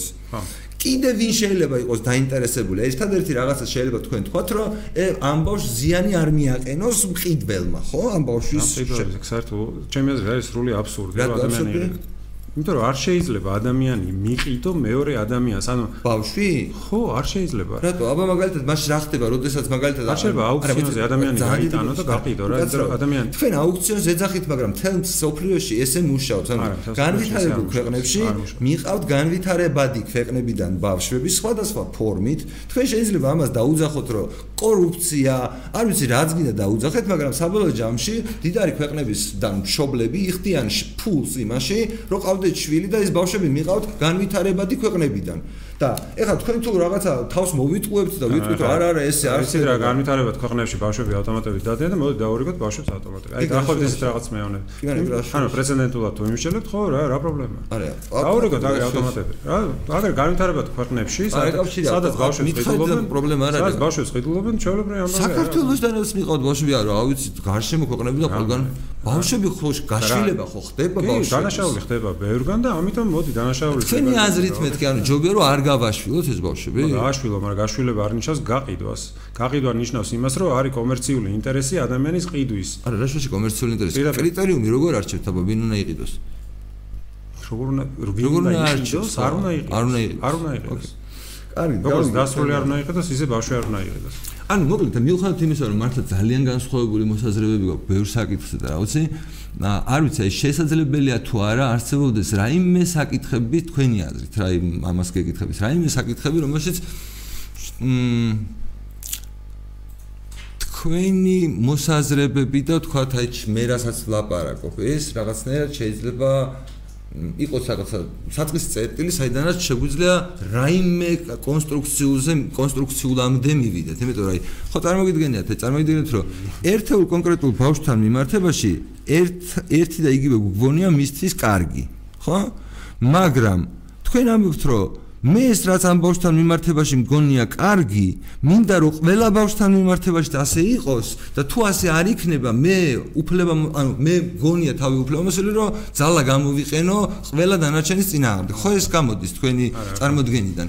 არ გამოდის, იმიტომ რომ ერთი არის მე რას თვლი ყველა ბავშვთვის არის კარგი და მეორე არის რა არის მინიმალური სტანდარტი, რომელიც რას ნიშნავს? აი მინიმალური სტანდარტი რას ნიშნავს? აი მაგისტვის რა მინიმალური? აი წაგა პარიზი. მაგალითად მე მე შე ვთვლი და ჩემი შვილისთვის კარგია რომ ჭამოს, არ ვიცი, ბროკოლი, მაგრამ ეს არ არის ბროკოლი ვერ იქნება მინიმალური სტანდარტი. კალორიების რაოდენობა, კალორიების რაოდენობა არის მინიმალური სტანდარტი. იმისთვის რომ ადამიანი არ მოკვდეს და განვითარდეს ფიზიკურად, ხო? ვინ უნდა გადაწყვიტოს ბროკოლს აჭმეს თქვენ შუს თუ მაგალითად ცილოვან რაღაცა ეს ნებისმიერ უნდა გადაწყვიტოს ნებისმიერ შობლმა თვითონ, მაგრამ თუ მინიმალურ სტანდარტს არ ყვევს, ან თუ არ თუ ჩემი შვილი აღმოჩნდება რომ მაგალითად არ ვიცი 20 წლის 20 წლის კაი 20 წლის შვილს დავანებ და თქვა 10 წლის ბავშვი თუ არის 20 კილო ამ შემთხვევაში და თუ ჩამორჩება განვითარების ნორმას მაშინ ჩემი პასუხისგებლობა უნდა დაადგეს როგორც ჩობეს კი ბატონო კი ბატონო დადგეს თქვენი პასუხისგებლობა როგორ უნდა დადგეს ოღონდ როგორ დგება პასუხისგებლობა სატრამპ თემასთან დაკავშირებით. არა, წარმოიდგინეთ ის რაღაცა, რომ მე რო დავინახო გამხდარი ბავშვი. გამხდარი ბავშვი არა. აბა, ეს არის განუვითარებელი ბავშვი. ანუ ოკეი, მე რო ანუ ესე იგი დავინახო განუვითარებელი, ანუ რაღაცა, ანუ რაღაცა პრობლემა მომეჩნევს მასთან მიმართებაში, პოლიციელის, ანუ სისტემის სტიმული უნდა იყოს, რომ გაარკვიოს სიტყვაზე ამ ბავშვის ოჯახის წევრების რაღაცა მდგომარეობა. თქვენ ამას უჭერთ ხარს, ესე გამოდის ხო? თუ თქვენ ხედავთ რაღაცა ბავშვის პრობლემას და ესეთი ბავშვები არიან მთელ საქართველოში ალბათ ყველგან არსებობენ ასეთი ბავშვები ჩვენ უნდა დავიწყოთ მათი ოჯახების გამოკვლევა ხო რომ ანუ რა პრობლემა ხო არ მოდის ოჯახიდან. ანუ რეალურად სახელმწიფო უნდა შევიდეს ყველა ოჯახში ხო? სადაც ბავშვების უფლებები ირღვევა. ანუ ხო და ვინ უნდა გადაწყვიტოს? ანუ ხო შეიძლება გადაწყვიტოს ხო შეიძლება ყველა ბავშვის უფლება ირღვეოდეს. და ყველა ოჯახში უნდა შევიდეთ. ანუ ეს გამოდის საბოლოო გამოსავალი სიტუაციიდან რომ გავდაწყვიტო ე თუ მე ხა ძალიან ჰიპოთეტურ რაღაცაზე ვარაგი რომ ყველა ბავშვს უფლება ირღვევა და სახელმწიფო მიცის რომ ყველა ბავშვს უფლება ირღვევა და მე რეიცებს ყველა ბავშვს გამოკლებას ნახე მართლა დავიშოთ ჯობია ხო ესე გამოდის ეგრე უნდა გამოვიდეს ანუ აი ესე გამოდის ანუ სახელმწიფო უნდა დაიწყოს ყველა ბავშვის მდგომარეობის გამოკლება კი ანუ თუ ადამიანი თუ ვიცით რომ რომელიღაც ბავშვი თქვათ უნდა იღებს განათლებას და არ იღებს, ამ შემთხვევაში უნდა ჩაერიოს ხა, ვერ ვიცით ეგეთი. არა, ესეთი ბავშვები ანუ ესეთი ბავშვები არის ჩვენი მოსწავლეების უმრავლესობა. ანუ ტესტების კვლევები ხო, ანუ ბატონო? არ არის. ანუ იღებენ? ანუ განათლებას იღებენ, ხა რამდენად ხარისხიანს იღებენ? ხო, მაგას გეუბნები, ანუ თუ მე მაგალითად ხო შეიძლება ეს ხო სუბიექტური შეფასება, თქვენ ხო რაღაცა მინიმალურს რო ამბობთ. თქვენ შეიძლება ამბობთ რომ თქვენ გეთანხმებათ ამ მინიმალურში ბევრი ადამიანი, მაგრამ მე ვამბობ მარტო მე რომ გონია. ხო, ხო, მე მე არ მე რაღაც არ ვჯერა, მე მარტო რასაც ვთვლი განათლებად გონია რომ ჩვენი ბავშვების რაღაც უდიდესი უმრავლობა ანტიცოდენასაც კი იღებს სკოლაში ვიდრე განათლებას. აქედან გამომდინარე თქვენი თქვენ მე რო ანუ თქვენ რო ესე ფიქრობდეთ, მაშინ მართლა თელს ყველა საჯარო სკოლის თუ რა ვიცი სისტემის ამ განათლების სისტემის მომხმარებელი ბავშვის ოჯახში უნდა გავაგზავნოთ ადამიანები, რომ შევაფასოთ როგორ როგორ ექცევიან ან მშობლები ამ ბავშვს, ხო არის ხდება ამ ბავშვის უფლებები? იმიტომ რომ ჩვენ ვიცით რა ფაქტორი იწვევს ამ აი თქვენ მაგალითად არ მოგწონთ, ხო, რა შედეგებს იღებს აა ეს მოსწავლე, თქვა რა ვიცი როგორ აზროვნებს, როგორ იქცევა და ასე შემდეგ. და თulit რომ განათლების სისტემა არის ამის გამოწვევი ფაქტორი, რა თქმა უნდა, მშობლთან არ მიდიხარ, თუ იცით რა არის ამის გამოწვევი ფაქტორი. ცხადია რომ ეს განათლების სისტემა არ არის ერთადერთი გამოწვევი ფაქტორი. აი მაგალითად როცა ამბობთ რომ ტესტებზე აჩვენებენ სულ შედეგებს, იქ ტესტებზე ზუსტად ის ჩანს რომ სოციალური პირობები იწვევს განათლების შედეგებს. ეს ანუ ის რომ საქართველოში 40% ვერძლებს რაღაცა ტესტ რაღაცა სხვადასხვა საერთაშორისო კვლევაში მინიმალურ ზღვარს, იქ ისიც ძალიან კარგად ჩანს, რომ იმ ადამიანების სოციალური მდგომარეობა უწყობს ამას ხელს. ხო, ეს ხო ძირითადად არის სახელმწიფო სკოლების მოსწავლეები, ხო, ანუ ეხლა ვიდეო ეს მოსწავლეები ვერ მიდიან კერძო სკოლაში. ანუ ეგეც ხო და ნუ ზოგადად არის სისტემის სახე, ანუ ეს კერძო სკოლების კვლევა ჩატარდა სხვა შორის, შარშა. და თუ ერთნაირ სოციალურ სოციალურ-ეკონომიკურ მდგომარეობას ვადარებთ კერძო სკოლის და საჯარო სკოლის მოსწავლეებს შორის დიდი განსხვავება არის. აი მე რაც გითხარით თავიდან. არ არის განსხვავება. კეთილდღეობა ამეთ თავარი განსაზღვრელი განათლებაშიც, განათლებაშიც ერთ-ერთი განსაზღვრელი ფაქტორი. შედეგის არის კეთილდღეობა. საჯარო სკოლები კი არ არის ცუდი და კარგი და ასე. ხო ეს ნიშნავს რომ კერძო სკოლასაც კი მნიშვნელობა არ აქვს იმდენად შედერობა. კერძო ხო ხო ანუ ის თქვენ გეთახმებით იმაში რომ თუ რაც პრო შეზღუდული იქნება სისტემა, მით რომ ნაკლები იქნება განსხვავება, განსხვავებულ აა ფორმებს შორის განსხვავებს. აი, სულ ბოლო კითხვა მაგრამ რაშიც ფაქტებით არის ის ნამდვილად, რომ სახელმწიფო არ უნდა ეცადოს, რომ ერთიან თარგზე მოაწყოს ყველა სკოლა. იმიტომ რომ ეს ერთიანი თარგი არის განვითარების შემაფერხებელი და ჩვენი სისტემა დღეს იმ მდგომარეობაში იმდაგი არ არის, რომ რაღაც არის მასალები გასული ის კოსეს და ასე შემდეგ. ამიტომ იმიტომ რომ არ ვითარდება და განვითარების ხელშეწყობა იქნებოდა ერთ-ერთი წახალისება და მეორე აი იმ ბარიერების მოხსნა, რაზეც თქვენ ლაბორატორობთ, როცა თქვენ პროექტზე ლაბორატორობთ ხოლმე. რომ თქვენ მაგალითად გაიძულებენ რომ ასწავლოთ რაღაც, აი მაგალითად არის. ხა იაგოს გოშება გონია რომ რაც აქ მოხდა იმის გაკეთების იმის გაკეთებას ვინმე უგრძალო საჯარო სკოლაში, ესე არ ვიცი. ეხლა რატო გონია ეს არ ვიცი, მაგრამ ესეც დაბეჭდილება რჩება რომ ეს გონია. და კი მაგრამ უკაცრავად აი ძალიან დიდი ბუდეში, აი მაგაზე მეკითხავთ რა. აი რანერა შეიძლება მაგალითად მაგას აკეთებდეს საჯარო სკოლაში მასწავლებელი და მე მის მოსწავლეს კონდეს ანუ გამოცდებზე, ეროვნულ გამოცდებზე ისტორიის პროგრამა ჩასაბარებელი. აი რანერა წარმოგიდგენთ თქვენ პროექტში ეს. საინტერესოა რომ იმას ლაპარაკობთ, რომ ის ის გამოცდები უნდა შენარჩუნდეს, მაგრამ სკოლები უნდა შეიცვალოს. ვინ თქვა? იმიტომ თქვენ ამ რატომ არა ერთ არა ერთ გამოცდაში თქვით რომ ჩვენ დავამტკიცებთ იმ გამოცდებზე რომ კარგ განათლებას მივცემთ. და ესე იგი სტანდარტად არის არა ერთი რა სულ ერთხელ ვიყავ მე მგონი მაგ თემაზე ზოგადად მედიაში მაგრამ ოკეი ანუ მე ვავარ თუ ის არსებობს თუ ის იარსებობს ეს არის სოციალურ მედიაში ჩანაწერი შეხვედრის საწავას გაგიხსნით ანუ თუ არსებობს მაგალითად ამერიკაში ხო არსებობს რაღაცა common course შემამოწმებელი რაღაცა სტანდარტული გამოცდილება შეგიძლია ჩააიღოთ ანუ სკოლები რომლებსაც საქართველოსგან განსხვავებით იქ სრული თავისუფლება აქვთ რომ ის გააკეთონ. სინამდვილეში მე ხო აქ არანაირ ველოსიპედს არ ვაკეთებ რეალურად ვაკეთებ ამას რაც სხვა ქვეყნებში მომე მოსულა. საქართველოს მოსულა საქართველოს არ ეგეც როგორ მოსულა ეგ ხო მაგაზე ხო მაგაზე ცალკე ვილაპარაკოს თუ გინდა არჯერათ რო არსებობს. არა არა არ ჯერა როგორ ახლა თქვენი სკოლა ვიცი მაგრამ ერთადერთი სკოლა რანაირად არსებობს ხო. არა QSI რა ღირს QSI ხო რა ღირს? ანუ არსებობს თუ არ არსებობს? არსებობს QSI რომელიც საერთოდ გასულია ქართული საგანმანათლებლო ინგლისურენოვანი პროგრამა ხო არსებობს ხო მაგრამ რატო არ კითხვა კითხვა სხვა რამეში მდგომარეობს კითხვა სხვა რამეში მდგომარეობს რო არსებობს ამ სკოლებს ესეთი თავისუფალი მარტივი თქვენ რა გონიათ რომ მედრესები არ არსებობს საქართველოში? მედრესები რო არსებობს ეს იმას ნიშნავს რომ საქართველოს რაღაცა ფუნდამენტალისტური მუსულმანური ქვეყანა ხო არ არის? ანუ მედრესე არსებობს ამას ხო არ ნიშნავს? განათლების ფორმა განსხვავებული იმისგან რაც არის სკოლა ხო არსებობს. ანუ თქვენ ხო არ იგონებთ ამას საქართველოში არა რა თქმა უნდა ეს ფორმა არსებობს სხვა ქვეყნებში მაგრამ საქართველოში არსებობს მედრესები თქო მაგას გეუბნები და თქვენ თუ მედრესს დაარქმევთ განათლებას ესე იგი გამოდის რომ თქვენ არ ხართ პირველი თქვენ არ ხართ პირველი რომელიც იგონებს სახელმწიფოსგან განსხვავებულ სწავლების ფორმას. კი ბატონო ანუ მედრესი და ანუ ეს ამ სკოლის ფორმა თქვენ იდეურად ერთი და არა არა უბრალოდ მაგალითად მოგიყვანეთ იმისი რომ არსებობს საგანმანათლებლო პროცესი, რომელიც არ ექვემდებარება სახელმწიფოს რა. რა ხანდა რომ სახში როცა შობელი ელაპარაკება ბორს ეგეც ხო არ ექვემდებარება სახელმწიფოს, მაგრამ ეს სხვა პროცესი. აბა რატო რატო არ არის? თქვენ არ თვლით, თორე მე ვთხოვთლი?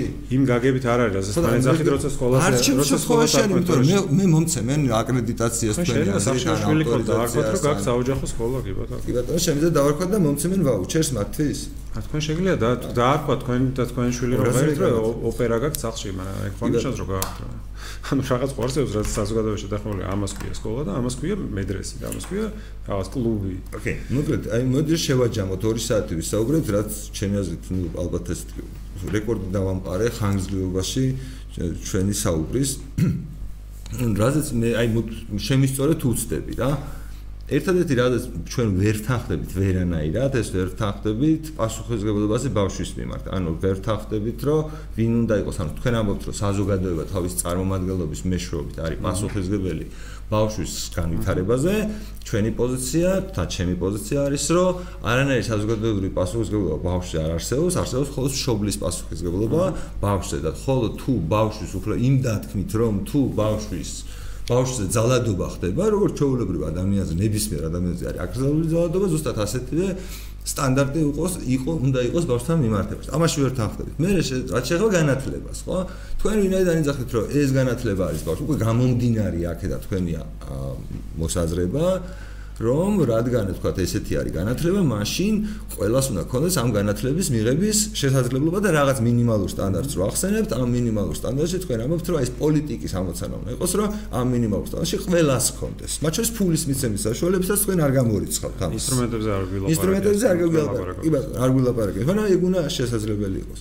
და ამ შემთხვევაში მე ვიძახი, რომ ან ჩემი პოზიცია არის რომ პირიქით საერთოდ არ მგონია განათლება როგორც ასეთი უფლება და მგონია რომ პირიქით არ არსებობს არანაირი უფლება რომ ვინმე შეზღუდოს თუ როგორი შეიძლება იყოს განათლება. ანუ ყველას უნდა გქონდეს შესაძლებლობა რომ ისეთი განათლება აწარმოოს როგორც მას მიაშლი იქნება ერთი ბავშვისთვის 1000 ბავშვისთვის თუ 100000 ბავშვისთვის. მნიშვნელობა არ აქვს. ანუ ეს არის ჩემი პოზიცია. არა ეს ვილაპარაკეთ ეს მაგალითად ერთ-ერთი ის რომ თქვენ თვით რომ განათლება არის ინდივიდუალური სარგებელი ადამიანის და ოჯახის რა ანუ შობლის და მისი შვილის.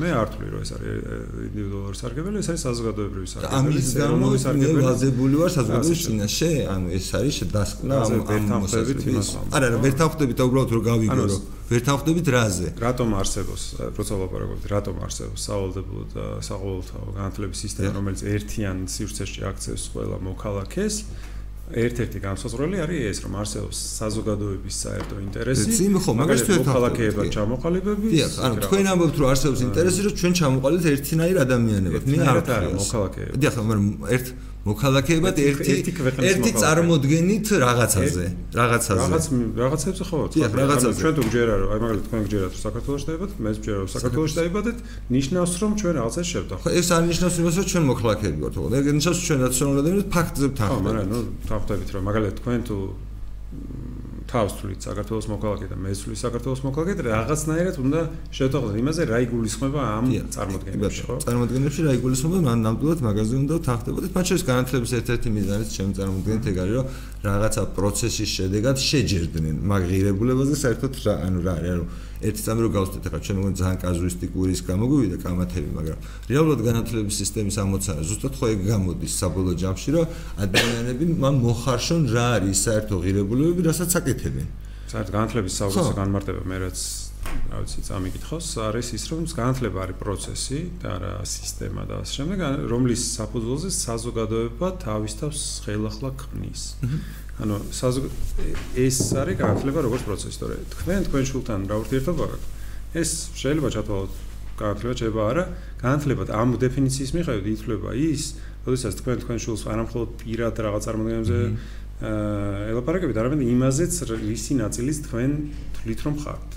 ანუ საზოგადოების ნაწილიც შემოდის ამ განათლებაში ხო ანუ განათლება ერთხელ თქვით ის განათლება არის პროცესი რომლის საფუძველზე საზოგადოება თავისთას ქმნის ხელახლა ანუ იმიტომ რომ სინამდვილეში ხო ანუ ჩვენ თუ გვინდა გავაგზავნოთ მაგალითად ის რომ ჩვენ მაშულებმა ილაპარაკონ ქართულად განათლებას როგორც პროცესს ამასაც უთმობთ. თუ მაგალითად გვინდა რომ ყველა სხვა სხვა ენაზე ილაპარაკოს კი ბატონო მაშინ ეგეთი განათლების პროცესი. ხო მე მეც უბრალოდ გამახსენდა თქვენ რო გისმენთ ანუ ერთ-ერთი ძალიან მომწონდეს დეფინიცია რომ რეალურად ჩვენ ხო კაცობრიობა ანუ ადამიანი განვითარდით იმისგან რომ უფრო მეტი ინფორმაციას ინარჩუნებს ყოველი შემდეგი თაობა ვიდრე წინა თაობას ქონდა შეინარჩუნდა ანუ რაღაცა ეხლა მაგალითად მატარებლებზე ვინარჩუნებს და მაგიტომაც ეს სტრაფი განვითარება აქვს მაგრამ ყოველთვის უფრო მეტს ვინარჩუნებით. ანუ რეალურად ვქმნიდით ახლიდან ანუ რეპლიკაციას აკეთებდით ხო? ანუ მაგიტომ მაგ განმარტებაში არის სწორი ხო? ანუ სწორი რაღაც თვალსა თუ გვინდა რომ მაგალითად არ ვიცი ხო საზოგადოებას რაღაცები უნდა თქო ცხადია ვიღაცებს უნდათ ვიღაცებს ეთანხმება ვიღაც არა მაგრამ ნუ მაგალითად როგორც საზოგადოებას რა ვიცი სხვადასხვა საზოგადოებები სხვადასხვა რაღაცაზე ღირებულებს ნახტობიან ხო? აი მაგალითად ყირგიზეთი რო ახსენე იქ ჩანს ძალიან კარგად ეს საზოგადოებრივი ინტერესების გახლეჩა. მაგალითად, როცა მიდიხართ ყირგიზულ სკოლაში, თქვენ ხედავთ იქ პლაკატებს, სადაც არის მაგალითად მოხუცების პატივისცემასთან დაკავშირებით, როცა მიდიხართ რუსულ სკოლაში, იქ არის ომის ვეტერანების პლაკატები, ხო? აქ ჩანს, რომ ორი სხვადასხვა საზოგადოებაა სინამდვილეში ერთი და იგივე სახელმწიფოს შიგნით, რომელიც ცდილობს თავის ღირებულებები გადასცეს მომავალ თაობას. ერთი ამბობს, რომ რაღაცა არ დაივიწყო რაღაცა ბაბუები, რომლებმაც გაიმარჯვეს ომში და მეორე, უნდა არ დაივიწყო ის რომ მოხუცებულობას უნდა ვცეთ პატივი იმიტომ რომ ესენი არიან რაღაც მოხუცე შეიძლება იგივე გამოდეს ანუ ეს კიდე იდეოლოგიური რაღაცა არის, რომელიც ამას რომ ჩვენ მარტო ყირგიზები არ ვართ, ყირგიზეთის მოქალაქეები არ ვართ, უფრო დიდი რაღაცა ერთად. პანთურქული იდეა მან თემა? არა, არა. ანუ საბჭოთა კავშირის იდეა ხო, იმ ომის ვეტერანების არიან რუსეთის მხრიდან მაგას იძახეს. და ლენტებია და რაღაც ელემენტები. გავიგე. ანუ ხო, განსხვავებები კარგია კიდეც და მგონია რომ სწორია კიდეც არსებობს. ანუ არა, უბრალოდ ეს არის ნიმუში როგორ აკეთებს ამას საზოგადოება. ხო, ხო, ჩვენი საზოგადოება რას აკეთებს, რაზე შეთანხმდა, მაგალითად ჩვენ ჩვენ საზოგადოება შეთანხმდა რომ საქართველოს მოქალაქეებმა უნდა იცოდნენ ქართული. არ ვიცი ხა ამის წინააღმდეგ ბევრი მებრძოლი არ მინახავს მე. ეხა ან რაღაცა საზოგადოება შეთანხმდა რომ რაღაც ტექსტი არსებობს, რაღაც ტექსტები რომელიც კარგია რომ ყველამ ვიცოდეთ, იმიტომ რომ ეს ტექსტები არის ჩვენი კულტურული საფუძველი. ეხა ვიღაცა შეიძლება თulides რომ აი ვიცოდე ეს თუ არ განიმარტა, ხო? ამ შემთხვევაში მივიღებთ აი იმ პრობლემებს, რაც გვაქვს, რომ ვიღაც თulis რომ ვიცოდე ნიშნავს, რომ დავიზეპირო, ვიღაცა ნიშნავს, რომ ვიცოდე ნიშნავს, გავიაზრო, ვიღაცა თulis რომ ვიცოდე ნიშნავს არ ვიცი, ამ ტექსტის სხვა ტექსტებთან მიმართება ვიცოდე და კავშირი და ასე შემდეგ, ხო? რაღაცა ვეფხს დაუსანი ვიღაცა თulis რომ ცოდნა არის მინიმალური სტანდარტი ცოდნის არის ეს და ვიღაცა სხვა თქვენ ამბობთ რომ არ რაღაცა კრიტიკულად შეფასება არის და გადაფასება არის და ამის ღირებულება. ხო რა თქმა უნდა, მაგალითად სიტყვა ვიღაცისთვის ცხადია, რომ ბევრად მნიშვნელოვანი იქნება თქვათ რაღაცა ლიტერ ქართული ლიტერატურის ნაწილი, ხო? ანუ ჩემთვის ლიტერატურა ძალიან მნიშვნელოვანია თავისთავად, მაგრამ ჩემ განსხვავებას არ ვაკეთებ, თქვათ არჩევანში. და რაღაც ღირებულებები არის საზოგადო მე იმის თქმა მინდა, რომლისთვისაც ანუ რომელსაც განათლების სისტემა გადასცემს და განათლების სისტემის არ არის ერთიანი სისტემის არარსებობის პირობებში არსებობს გამოცდილება რომ ეს ღირებულებები არ გადაეცემა. ეს არის და ეს რა და ამიტომაც საზოგადოების რაღაც ნაწილი მრავალფეროვანი მრავალფეროვნება იყოს შესაძლებელი. უშვებს მაგას? ანუ მაგას თუ შვებ რა თქმა უნდა. და მაშინ ხო კარგი იქნება ანუ მაშინ ხო ატრიალებს სურათს ანუ მაშინ ხო პირიქით იცრება ანუ მაშინ გამოდის რომ მრავალფეროვანება ველი უყოფილა ხო მაგრამ ღირებულებები არის რომ ვარ შეთანხმებული რომ არ გვინდა რომ მრავალფეროვანი იყოს არის ღირებულებები რომ არა ეგრეთი ხო არა ვარ შეთანხმებული სინამდვილეში არის რა მაგალითად ჩვენ ვარ შეთანხმებული იმაზე რომ გასაშვები არის რომ საქართველოს სკოლები აღზრდიდნენ საქართველოს მოქალაქეებს სხვა ქვეყნის მოქალაქეებად.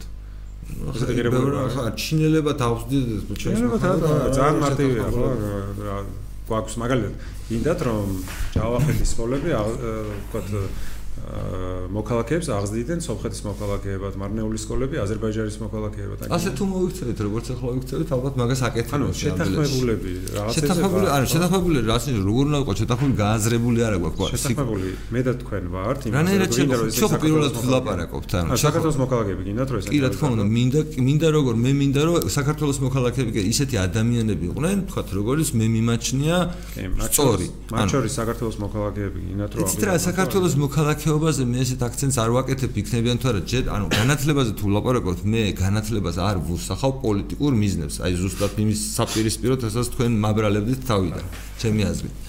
აა მე მას ვუსახავ მიზნად რომ ისეთი ადამიანი აღსარდოს რომელთანაც კომფორტული იქნება ცხოვრება. და ნუ შემდგომში ის ადამიანი ასევე რაღაცა თავის თავისთვის იქნება და სხვა ადამიანებისთვის იქნება სასარგებლო ხო? ანუ ამოცანა ხო ეს სამაქვს და რა ვიცი აბა რატომ უნდა მინდოდეს რომ მაგალითად ჩემი დღეს რო ჩემთან ერთად ხალხი ცხოვრობს ისინი გახდნენ სხვა ქვეყნის მოქალაქე ანუ მე რაღაც ისე ცუდად არ უნდა მოვიქცე რომ ამ ადამიანებს ეს უნდოდეს და ჩემი აზრით თუნდაც აი ხა თქვენ თქვენს თეორიულად ლაპარაკობთ მე ვიტყვი პრაქტიკულად ამ ადამიანებს ვიზეც ახლა ლაპარაკობთ ზუსტად ეს პრობლემა აქვს რომ მათი ისინი მენტალურად ჩვენი ქვეყნის მოქალაქეები საერთოდ არ არიან. და გასაგებია უბრალოდ არის სხვა ქვეყნის მოქალაქეები და მე რომ შემეძლოს რომ მოbrunების კი მე რომ შემეძლოს რომ იქ ზუსტად ესე ვიმოქმედო როგორც მე ვაპირებ რომ ეხლა დავიწყო მოქმედება ხო? ჩემი აზრით მაგ პრობლემის გადაწყვეტაში დავეხმარებოდი ზოგადად მათაც? ეს ახლა თეორიულად ვჯელობთ თეორიულად ვჯელობთ კი ამ შემთხვევაში. თუ გადავხედოთ იმას რაც ხდებოდა იყო დრო როცა რასაც უნდა იმას ასწავლიდნენ ისე ой წარმოვიდგინეთ მაინდა-მაინც ის არისო რაც თქვენ გინდათ რომ კი მესმის მაგრამ გავლენები ხო არსებობს ყოველთვის? ანუ აქ ხო შო ხო არ გქონია ესეთი სიტუაცია სადაც ეს ამბავი ბუნებრივად ხდებოდა? აუცილებლად იყო ვიღაც დაინტერესებული ბატონო? როგორც დავთ მათ გავლენებს, უცხო ქვეყნის გავლენებს. დღეს დღევანდელ სიტუაციაში იცი რა? რაც მრავალფეროვნება არის. არ მინდა შეზღუება. მე უბრალოდ აი ამ შემთხვევაში წმენა მაქვს კონკურენციის. ანუ მე მგონია, რომ თუ ჩვენ ყველანი ვიბრძოლებთ თავისუფლებისთვის, არ არსებობს ძალა, რომელიც თავისუფალ საზოგადოებას კონკურენციაში მოუგებს. ანუ ჩემი პოსტულატი გასპრომის ისტორია გერმანია როგორ გახდა ნაცისტური გერმანია და გაგაცდა კონკურენციით გახდა. არა კონკურენცია ეხლა რისი თქმა გინდათ ანუ რაიმე შედარებადია თქვა ნაცისტური გერმანიის 33 წლის სიტუაცია საქართველოს 21 საუკუნის რაღაც სიტუაციასთან ანუ არ არის შედარებადი ჩემი აზრით არ არის შედარებადი და გაგიხსნით თუ გინდა რატო? ანუ რა ა თქვენ აღგიცეთ რომ თავისუფლება არის იმდენ ძლიერი იდეა. ი არ არისია შეუძლებელი ი არ არისია კი არა იმდენ ძლიერი იდეა იმდენ ძლიერი ი არ არისია რომ შეუძლია დაამარცხოს ნებისმიერი ტოტალიტარული სისტემა არა თუ რამეს შეუძლია თუ რამეს შეუძლია სიკო ტოტალიტარული სისტემის დამარცხება შეუძლია თავისუფლების იდეას. თუ რამეს შეუძლია სხვა არაფერს არ შეუძლია. ანუ ოღონდ ინსტრუმენტი არის მაქსიმალური თავისუფლება. დიახ ანუ ინსტრუმენტი ანუ მაშინ ის კი არ უნდა იყოს რომ მე ვიღაცაზე ჭკვიანი ვარ და მე მოვახვევ თავს სხვა ადამიანებს ჩემს იდეას. არამედ უნდა იყოს რომ მეც ისეთივე თავისუფალება. რეგულაციის შემთხვევაში. დიახ. ვინ აიღებს კონტროლს ამ სისტემაზე? ვინაც ქვია, ვინ აიღებს? რომელი ორგანიზაცია? ვინც იყიდეს, იმანა იყოს. იყიდონ და აი. როგორ ფიქრობთ, თავისუფლების მომხრეები აიღებენ თუ შედარებით შეზღუდვის მომხრეები? თქვენ თქვენ გგონიათ რომ თქვენ იცით თავისუფლების შეზღუდვის მომხრეებიდან ამ სკოლებს? მგონია რომ ის რომ ეს არის სახელმწიფოს ხელში და ის რომ საზოგადოება ეს რაღაც ნაწილი იბძვის იმისთვის რომ ეს სისტემა არ ჩავარდეს იმ ბნელი ძალების ხო? იმ ინსტიტუტების ხელში ბენეძახი ამას. ხო არა, მე არა, მე მგონია რომ არა, მე კი არა, ის ადამიანები ვინც ამას აი მაგ მოტივით იკავებენ სახელმწიფოს ხელში, ის ადამიანები ფიქრობენ რომ ის ვიღაცები ბნელი ძალები არიან. არა, ბნელი ძალები არ არის. აქ არის ლაპარაკი იმაზე, რომ არის ინსტიტუტები, რომლებიც არიან უფრო მეტი თავისუფლების მომხრეები და არიან ინსტიტუტები, რომლებიც არიან უფრო მეტი შეზღუდვის მომხრეები. მე მე ვფიქრობ, რომ სახელმწიფოს მოშორებით ამ სისტემიდან უფრო ყველაზე ძლიერი ინსტიტუცია საქართველოს ეკლესია, რომელიც არის შეზღუდ თავისუფლებების შეზღუდვების ერთ-ერთი მთავარი მომხრე საქართველოსში ის იქნა ის გახდება ერთ-ერთი თავი მართველი ამ სისტემაში. თქვენ ამბობთ რომ ესე იგი სახელმწიფო მთლიანად ეს ცენტრალიზებული სისტემა მას კონტროლი რომ გაუშვას, მას ცენტრალიზებულადვე დაეპატრონება მეორე ცენტრალიზებული ინსტიტუტი არა. ხო, ხო და აი მოდი ესე ვთქვათ რა რომ მე მეთქე მეოთხე განსხვავება ჩვენ შორის ეს არის. მე ვფიქრობ რომ ეს სისტემა რომ შეშალოს და თქვენ რასაც ამბობთ ქართულმა მართლმადიდებელმა ეკლესიამ რო წაიღოს ნახევარზე მეტი და გავლენა მოახდინოს ნახევარზე მეტი. თავს უთრაზე კონკურენციაში ძალიან სწრაფად ნათელი გახდება რა ჯობია ბავშვებისთვის და რა არ ჯობია? ძალიან სწრაფად არა საუკუნეები დაჭირდება. არანაირი საუკუნეები. არ დაჭირდება ჩემი აზრით მაგას? მაგის უკვე გამოსწორია ესე იგი გამოდის რომ ესე იგი ეგ პრობლემა მდგომარეობს იმაში რომ ჩვენ ხელიდან არ ვუშვებთ ამ მონოპოლიზებულ ძალადობრივ სისტემას რომ ის ქართულმა მართლმადიდებელმა ეკლესიამ არ ჩაიგდოს ხელში. ეგ არის არგუმენტი არა, უბრალოდ მე ანუ სტანდარტები არსებობს. რის სტანდარტები არსებობს? კაცო, რომ ქართულ მომხდარებს სხვა კარგი ესე აგეცნეთ. მე მე რომ უნივერსიტეტს ვამთავრებდი, მაგისტრატურას ვამთავრებდი, ძალიან საინტერესო იყო ჩემთვის. უნივერსიტეტის რექტორის გამოსვლა საქართველოში არ ხდება, ეს ამერიკაში ხდება, რომელიც სხვადასხვა ფაკულტეტის და კურსდამთავრებულებს აა თქვა უსურვებდა რაღაც მომავალში ხო? რა უნდა გაიგეთ თქვა განათლების უსურვებდა უსურვებდა ხო? რა თქვა რა რა ხან დაამთავრეთ და წახვალთ ახლა და დაიწყებთ რაღაც საზოგადოებრივ ცხოვრებას? ხო ანუ ეს ეს ეს არისო ეს თქვა მოხსენება რაღაცა ესეთი რაღაცა იყო უბრალოდ მიმართვა ყველა ფაკულტეტს ცალსაკი იმიტომ რომ ექსპიგერი სხვა იყო და ერთ-ერთი რაც დამახსოვრდა იყო სწორედ ის რაც იურისტებს უთხრა რომ თქვენ ეხა უნდა შექმნათ რეგულაციები რაც მოგცემს ჩვენ თავისუფლებას. აი სწორედ ეს არის ეგესაც ხდება? ეს ხდება ჰარვარდის უნივერსიტეტში. რომელიც აგზაროებს ყველაზე ცუდი უნივერსიტეტია. არა, ყველაზე კარგი უნივერსიტეტია თითქმის. ხო, ხო, ანუ რეგულაციის გარეშე თქვენ ვერ გექნებათ თავისუფლება. ანუ თუ განათლებას ანდობ მხოლოდ აა თქვათ ინდივიდებს შორის კონტრაქტის დონეზე არეგულირებ ამას, ან მხოლოდ ინდივიდები თუ თანხმდებიან ამაზე. და თუ ინდივიდების დიდი ნაწილი არის თავისუფლების შეზღუდვის მომხრე, მაშინ ეს არ ნიშნავს, რომ შენ გექნება უფრო მაღალი დონის თავისუფლება, ვიდრე გაქვს დღეს. ეს მე მგონი, რაღაც ცხადი უნდა იყოს. თუ გავითვალისწინებთ იმასაც, თქვათ, ვის აქვს ყველაზე მეტი გავლენა საქართველოსში არ მხოლოდ ეკლესიაში, არამედ რა ძალები არიან პოპულარულები, თავისუფლების შემსრულებლები თუ მომხრეები თუ სხვა, მაშინ არც თუ ისეთი ასე ვთქვათ, ნათელი ესე ვთქვათ, ოპტიმისტური სურათი იქნება, როგორც თქვენ წარადგენთ ხოლმე, როცა თეორიულად ვჯელობთ იმის შესახებ, როგორ აჯობებს კონკურენციაში იდეები. ანუ საზოგადოების ნაწილი ითხოვს ტალინს, ნაწილი ითხოვს, რომ მოძღვარი იყოს ყველა სკოლაში, ნაწილი ითხოვს, იმას რომ უცხოელები უნდა გავყაროთ საქართველოსდან და და ამ პირობებში თქვენ ამბობთ რომ საუკეთესო განათლების სისტემას მივიღებთ იმ შემთხვევაში თუ ეს ადამიანები გადაწყვეტენ განათლების სპეციალისტები. მე მგონი ძალიან დიდი მადლობა უნდა მოგიხადოს სიკო აი ამ ბოლო იმისთვის, იმიტომ რომ ზუსტად მაგას ვამბობ და ძალიან კარგად ჩამოაყალიბე ბოლოში და აი ამაში არის ფუნდამენტური განსხვავება ჩვენ შორის. ანუ სინამდვილეში შემგონია რომ ამ სისტემით, აი ამ სახელმწიფო სისტემით და მისი ასე ვთქვათ რაღაცნაირად მოჭერით ჩვენ ვიცავთ საგანმანათლებლო სისტემას.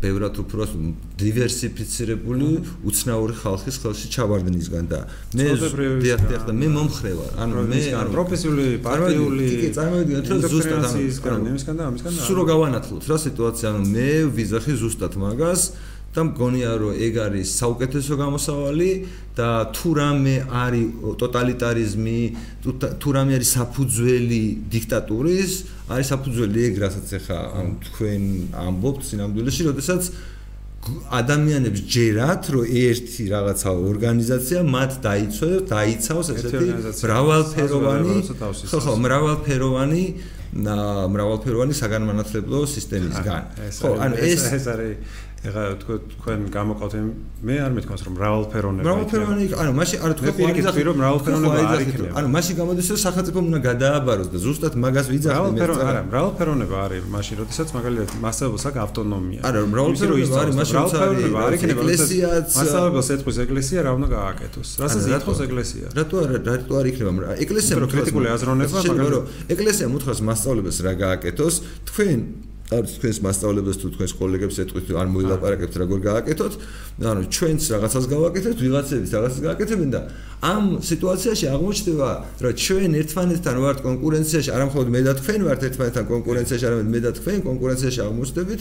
არ ვიცი რა ეპისკოპოსთან რომელიღაც ვიღაცასთან თქვენ ძალიან ეს ძალიან ოპტიმისტურად უყურებთ იმას რომ შეიძლება საერთოდ ამას კონკურენცია დაერქვას თქვენ რა შეიძლება კონკურენცია აბა რა არის ეს? თქვენი მაგალითად ის რასაც თქვენ თქვენ ხართ მარგინალური პარტია და ეკლესია არის მეინსტრიმული ორგანიზაცია. დიახ, და მე მომხრევა რომ მეინსტრიმული ორგანიზაცია, მე მეინსტრიმული თუ არის კაცო იმას უნდა ქონდეს დემოკრატიის ამბავი ხო ეგ არის? არა, ეგ არის. აბა რა არის?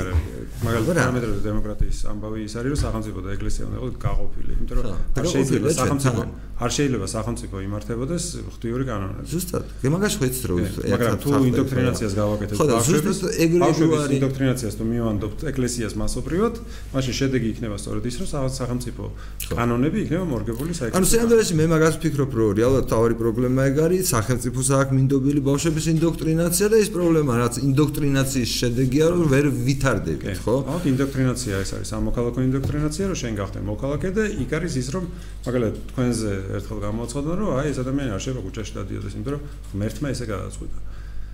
იმან თქვას ესეთი რამე? არა, ეს ხო სინამდვილეში არა, თუ ანუ თქვენ შემოგაქვთ რომ მაშინ გამოდის რომ უკვე ირანი ვართ.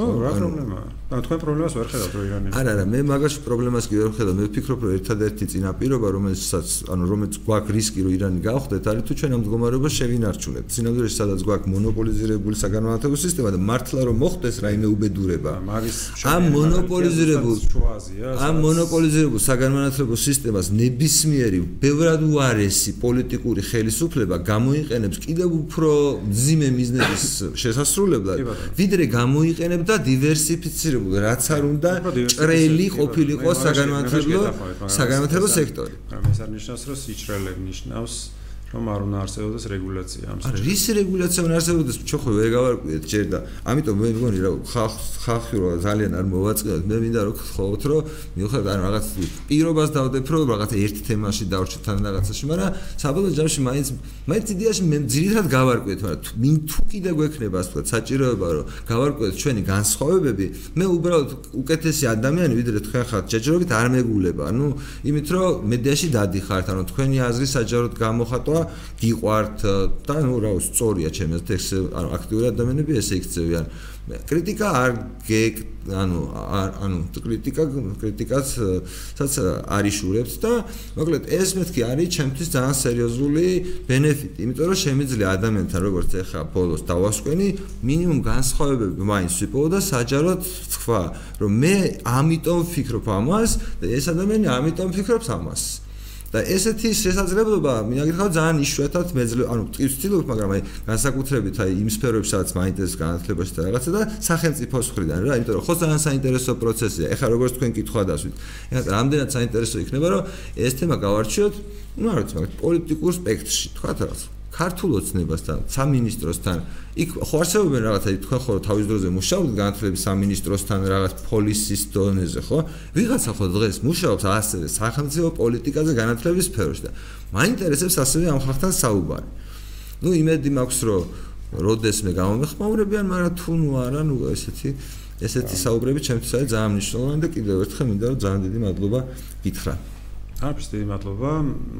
დაახლოებით ესეთი საუბრები არის ხოლმე განათლების სამინისტროს თავშოლებთან წოღონდ იმ შემთხვევაში მე ვარ მრავალფეროვნების მომხრე მაგრამ მრავალფეროვნების არა იმ გაგებით რომ ეს თქვენ ამბობთ არამედ იმ გაგებით რომ საგანმანათლებლო მრავალფეროვნება არსებობს სადაც მე რასნიშნავს საგანმანათლებლო მრავალფეროვნება? რომ მაგალითად ყველაფერს არ ქვია განათლება რასაც დავარქმევთ. არამედ არის რაღაც შეთანხმება რას ვეძახით განათლებას, რას არ ვეძახით განათლებას, რას ვეძახით სკოლას, რას ვეძახით არის მაგალითად პროფილაქტიკას. ხო და ანუ ეს მარტივი არ არის რომ უცებ თქვა რომ ეს სკოლაგი არ არის პროფილაქტიკა და ეს პროფილაქტიკა კი არ არის სკოლა. ხო ანუ სადაც მაგალითად საგამო იქ რა საჭიროება მაგის ანუ მაგაზე რატო წვალობთ? რატო რატო რატო იმაშებით ანუ ანუ პროფილაქტიკას და განათლებას რატო მიჯნავთ ერთმანეთისგან რა პრობლემაა ერთად რატომ გამიჯნავთ? ხო ანუ რა შეგჭირდებათ?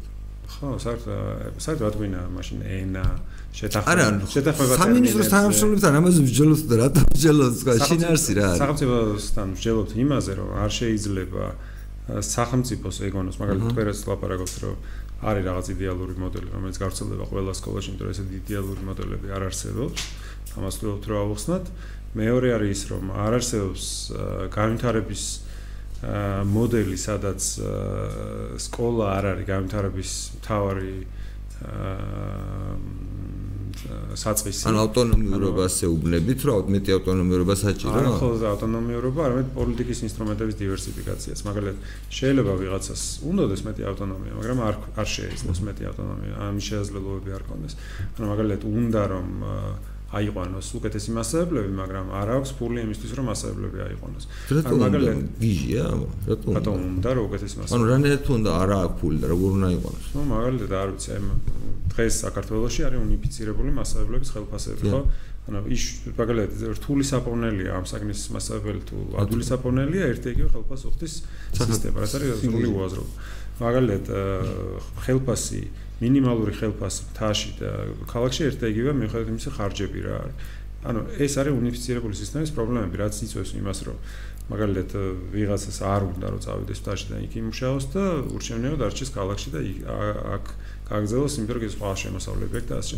ანუ ბევრი ესეთი პრობლემაა და უნიფიცირებული განათლების სისტემა კი არ იწვევს ხოლმე ამას, არამედ ის შეზღუდვა twin-ში რაც არსებობს, რომ როდესაც გადაწყვეტილების მიმღებები ფიქრობენ რომ მე თუ არ მექნება უნიფიცირებული მიდგომა და თან თუ ეს მიდგომა არ იქნება შეზღუდვებზე ორიენტირებული, მაშინ ვიღაც ტიპები, რომლებიც არიციან როგორ მიიღონ რაციონალურად გადაწყვეტილებები და ესეთი უამრავი განათლების სისტემაში დირექტორები და მასწავლებლები და ასე შემდეგ, ისინი დაღუპავენ იმ მოსწავლეებს, რომლებიც იქ არიან.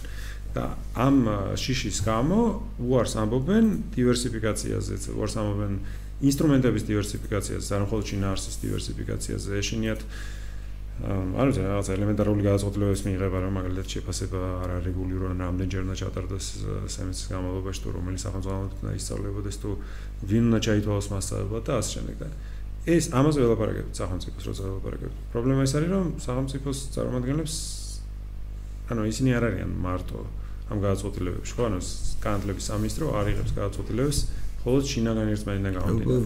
ანუ კიდე არის პოლიტიკური კლასი, პოლიტიკური პარტიები, რომელსაც თავის მიზნები აქვთ და ეს პოლიტიკური პარტიების მიზნები და განათლების მიზნები, როგორც თქვი, ყოველს ერთმანეთს არ ეთანხმება, იმიტომ რომ მაგალითად პოლიტიკური პარტიის მიზანი შეიძლება იყოს მასშტაბების ბედნიერება და არა მოსწავლეების განათლების ხარისხი და სწორედ ასეც იქცევა მართული პარტიების უმეტესობა, რომელიც ყოფილა საქართველოში. როდესაც მასშტაბებს ინარჩუნებს ნებისმიერ შემთხვევაში ასწავლის, ვერასწავლის შეუძლია სკოლაში მოვიდეს თუ არ შეუძლია და ასე შემდეგ. აი ეს პრობლემები გვაქვს დღეს განათლების სისტემაში და არა ის სინამდვილეში მაგალითად არ ვიცი განათლების სისტემა ის იქნება მოწყობილი თუ არა. მოიცა რას მე ანუ აი მაგალითად ეხლა ციკო რას თქვენ თქვით რომ მაშინ მაგალითად პოლიტიკური ინტერესია მართველი პარტიის რომ შეინარჩუნოს ესეთი განათლების სისტემა იმიტომ და ანუ სულად გეთანხმები რომ მასშტაბლებლები არიან მისი არაუბრალო ამომრჩევლები არამედ ფაქტურად საარჩევნო კომისიების რაღაცა მონაწილე რაღაცა თანამშრომლები. ხო? ეს ხო ვიცით და ეს ხო ანუ მაშინ გამოდის რომ არა არა არა უზარმაზარი პრობლემა ანუ რეალურად პოლიტიკური ინტერესია გამოხატული პოლიტიკური ინტერესია. რომ არაფერი თქვა რომ ზოგადად ეს თქვა თვითონ შენობები ეს სკოლის დირექტორები ადამიანები ამ პროცესში ჩაოლებრივად მონაწილეობენ, ხო? ანუ რეალურად ამორალურობასთან და სხვათა შორის აი მართლა გულწრფელები რო ვიყოთ ერთმანეთთან და ესე აი გახსნილად აი ადამიანოთ რო შეგვიძლია ლაპარაკი, უბრალოდ თქვენ ხო არ მიიყვანდით ისეთ ადამიანებთან თქვენ შვილს ახსაზრდელად, რომელიც მსგავს საქმიანობაში ზოგადად არიან შემჩნეულები. ანუ თქვენ ახლა საუკეთესო შეიძლება სკოლაში მუშაობთ. იმას რა ქვია, რჩევებს აძლევთ სამინისტროს, მაგრამ ამავე დროს თქვენ ხო გესმით რომ რჩევებს აძლევთ სამინისტროს, აი ეს საშინელი სისტემა, რომლის ერთადერთი თქვა რაც მოვისმინე არის რომ კიდევ უფრო უარესის ხელში არ მოხდეს მაგის შიში ხო?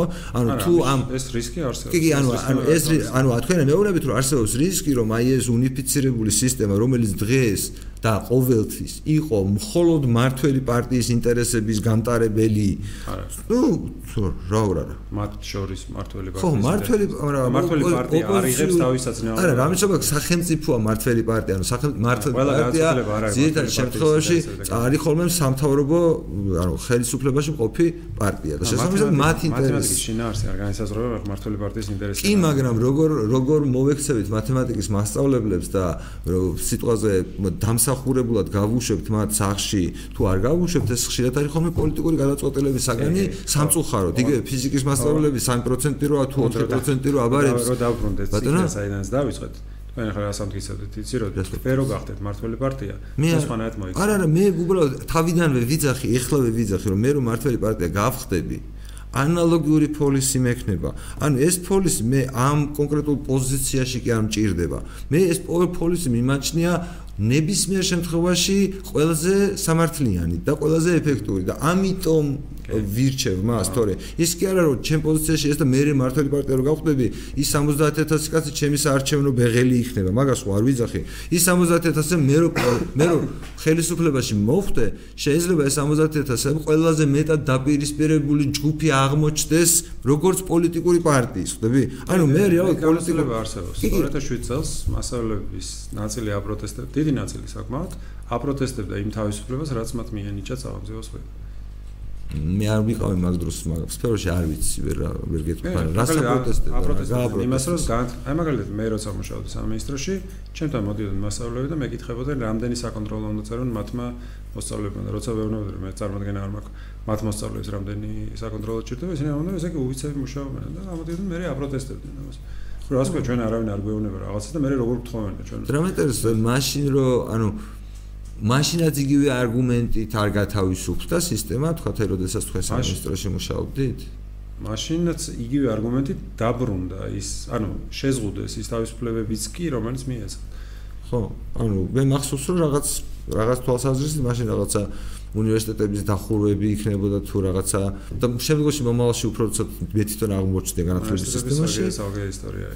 ეგრე კორუფციის საკითხი და საერთოდ სახელმწიფო იარსებდა არის იარსებდა კანკით. ანუ რაღაცნაირად უკვე 2 საათ ნახევარი მართლა სერიოზული რეკორდი გვაქვს და ძალიან აღარ გავიმეორებ მადლობებს, რომელიც უკვე გითხარით. ძალიან საინტერესო იყო ჩემთვის ეს საუბარი, ბევრი მიმართულებით ვიცოდი თქვენი აზრები, რო არ მოვიტყუო და რაღაცა, ანუ რაღაც თვალსაზრისით ვიცოდი და მინდოდა რომ მაქსიმალურად ნათელი ყოფილიყო ჩვენი პოზიციები. არ ვიცი რამდენად ეს გამომივიდა, ანუ სწორად გამომივიდა თუ არ გამომივიდა, მაგრამ რაღაცა ნაწილში მე მგონი გამომივიდა, თუ საჭირო გახდება უფრო მეტი განმარტებება, როცა მაგალითად სკოლის ეხლა რეალურად სკოლაზე ხდება ეგეთი რაღაცა რა, რომ ну სულ რაღაცა ველოდებით კონკრეტულად შენობის დასახელებას რა აი აქ ვეხნება ამდენი ხანი დაგჭირდება თქვა რაღაც რემონტი რაღაც რაღაცა და კონკურსს ვაგრძელებთ ისე რომ იდეაში მართლა კარგად საფიქრელია ან ზოგადად საფიქრელი საფიქრელი კი არა სამსჯელო იმდენი საკითხი წამოიჭრება იმიტომ რომ თვითონ ეს პროცესი საჯარო მინდა იყოს. ან მთლიანად ამ სკოლის შექმნის პროცესი მინდა იყოს საჯარო საერთოდ შეეძლებელია თორე საგამოცხადო პროცესი ისე წარმართვა როგორც ამ სასტუმრონა მოწყოთ ბავშვებს საჩეულები სასტუმრო არ ვიცი მაგრამ არსებობს საინტერესო ციგნი რომელიც იმას რასაც თქვენ ამბობთ ხოლმე დაახლოებით როგორც სუპერმარკეტს აღწერს.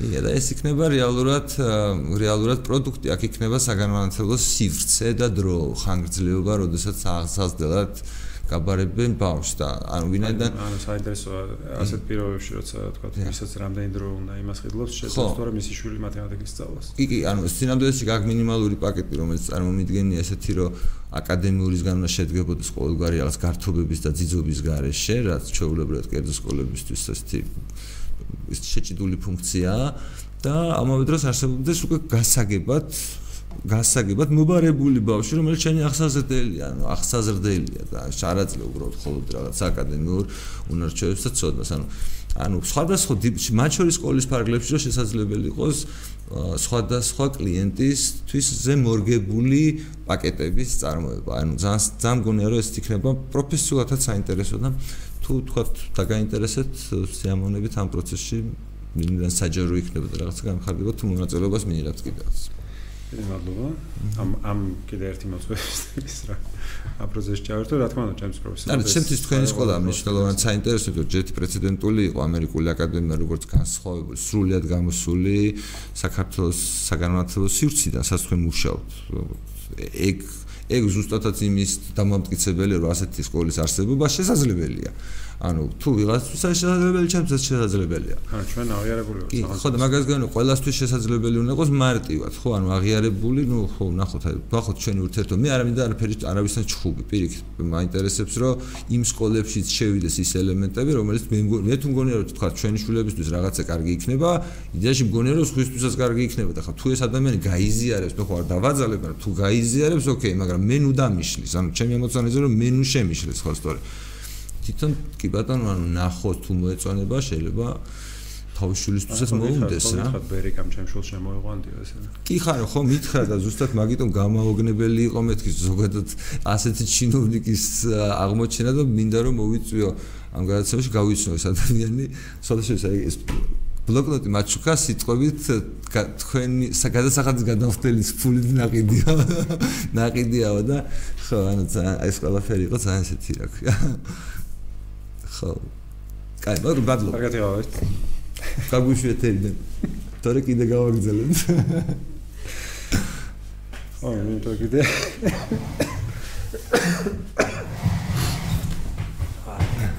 თავარი რა ზუსტად ხართ?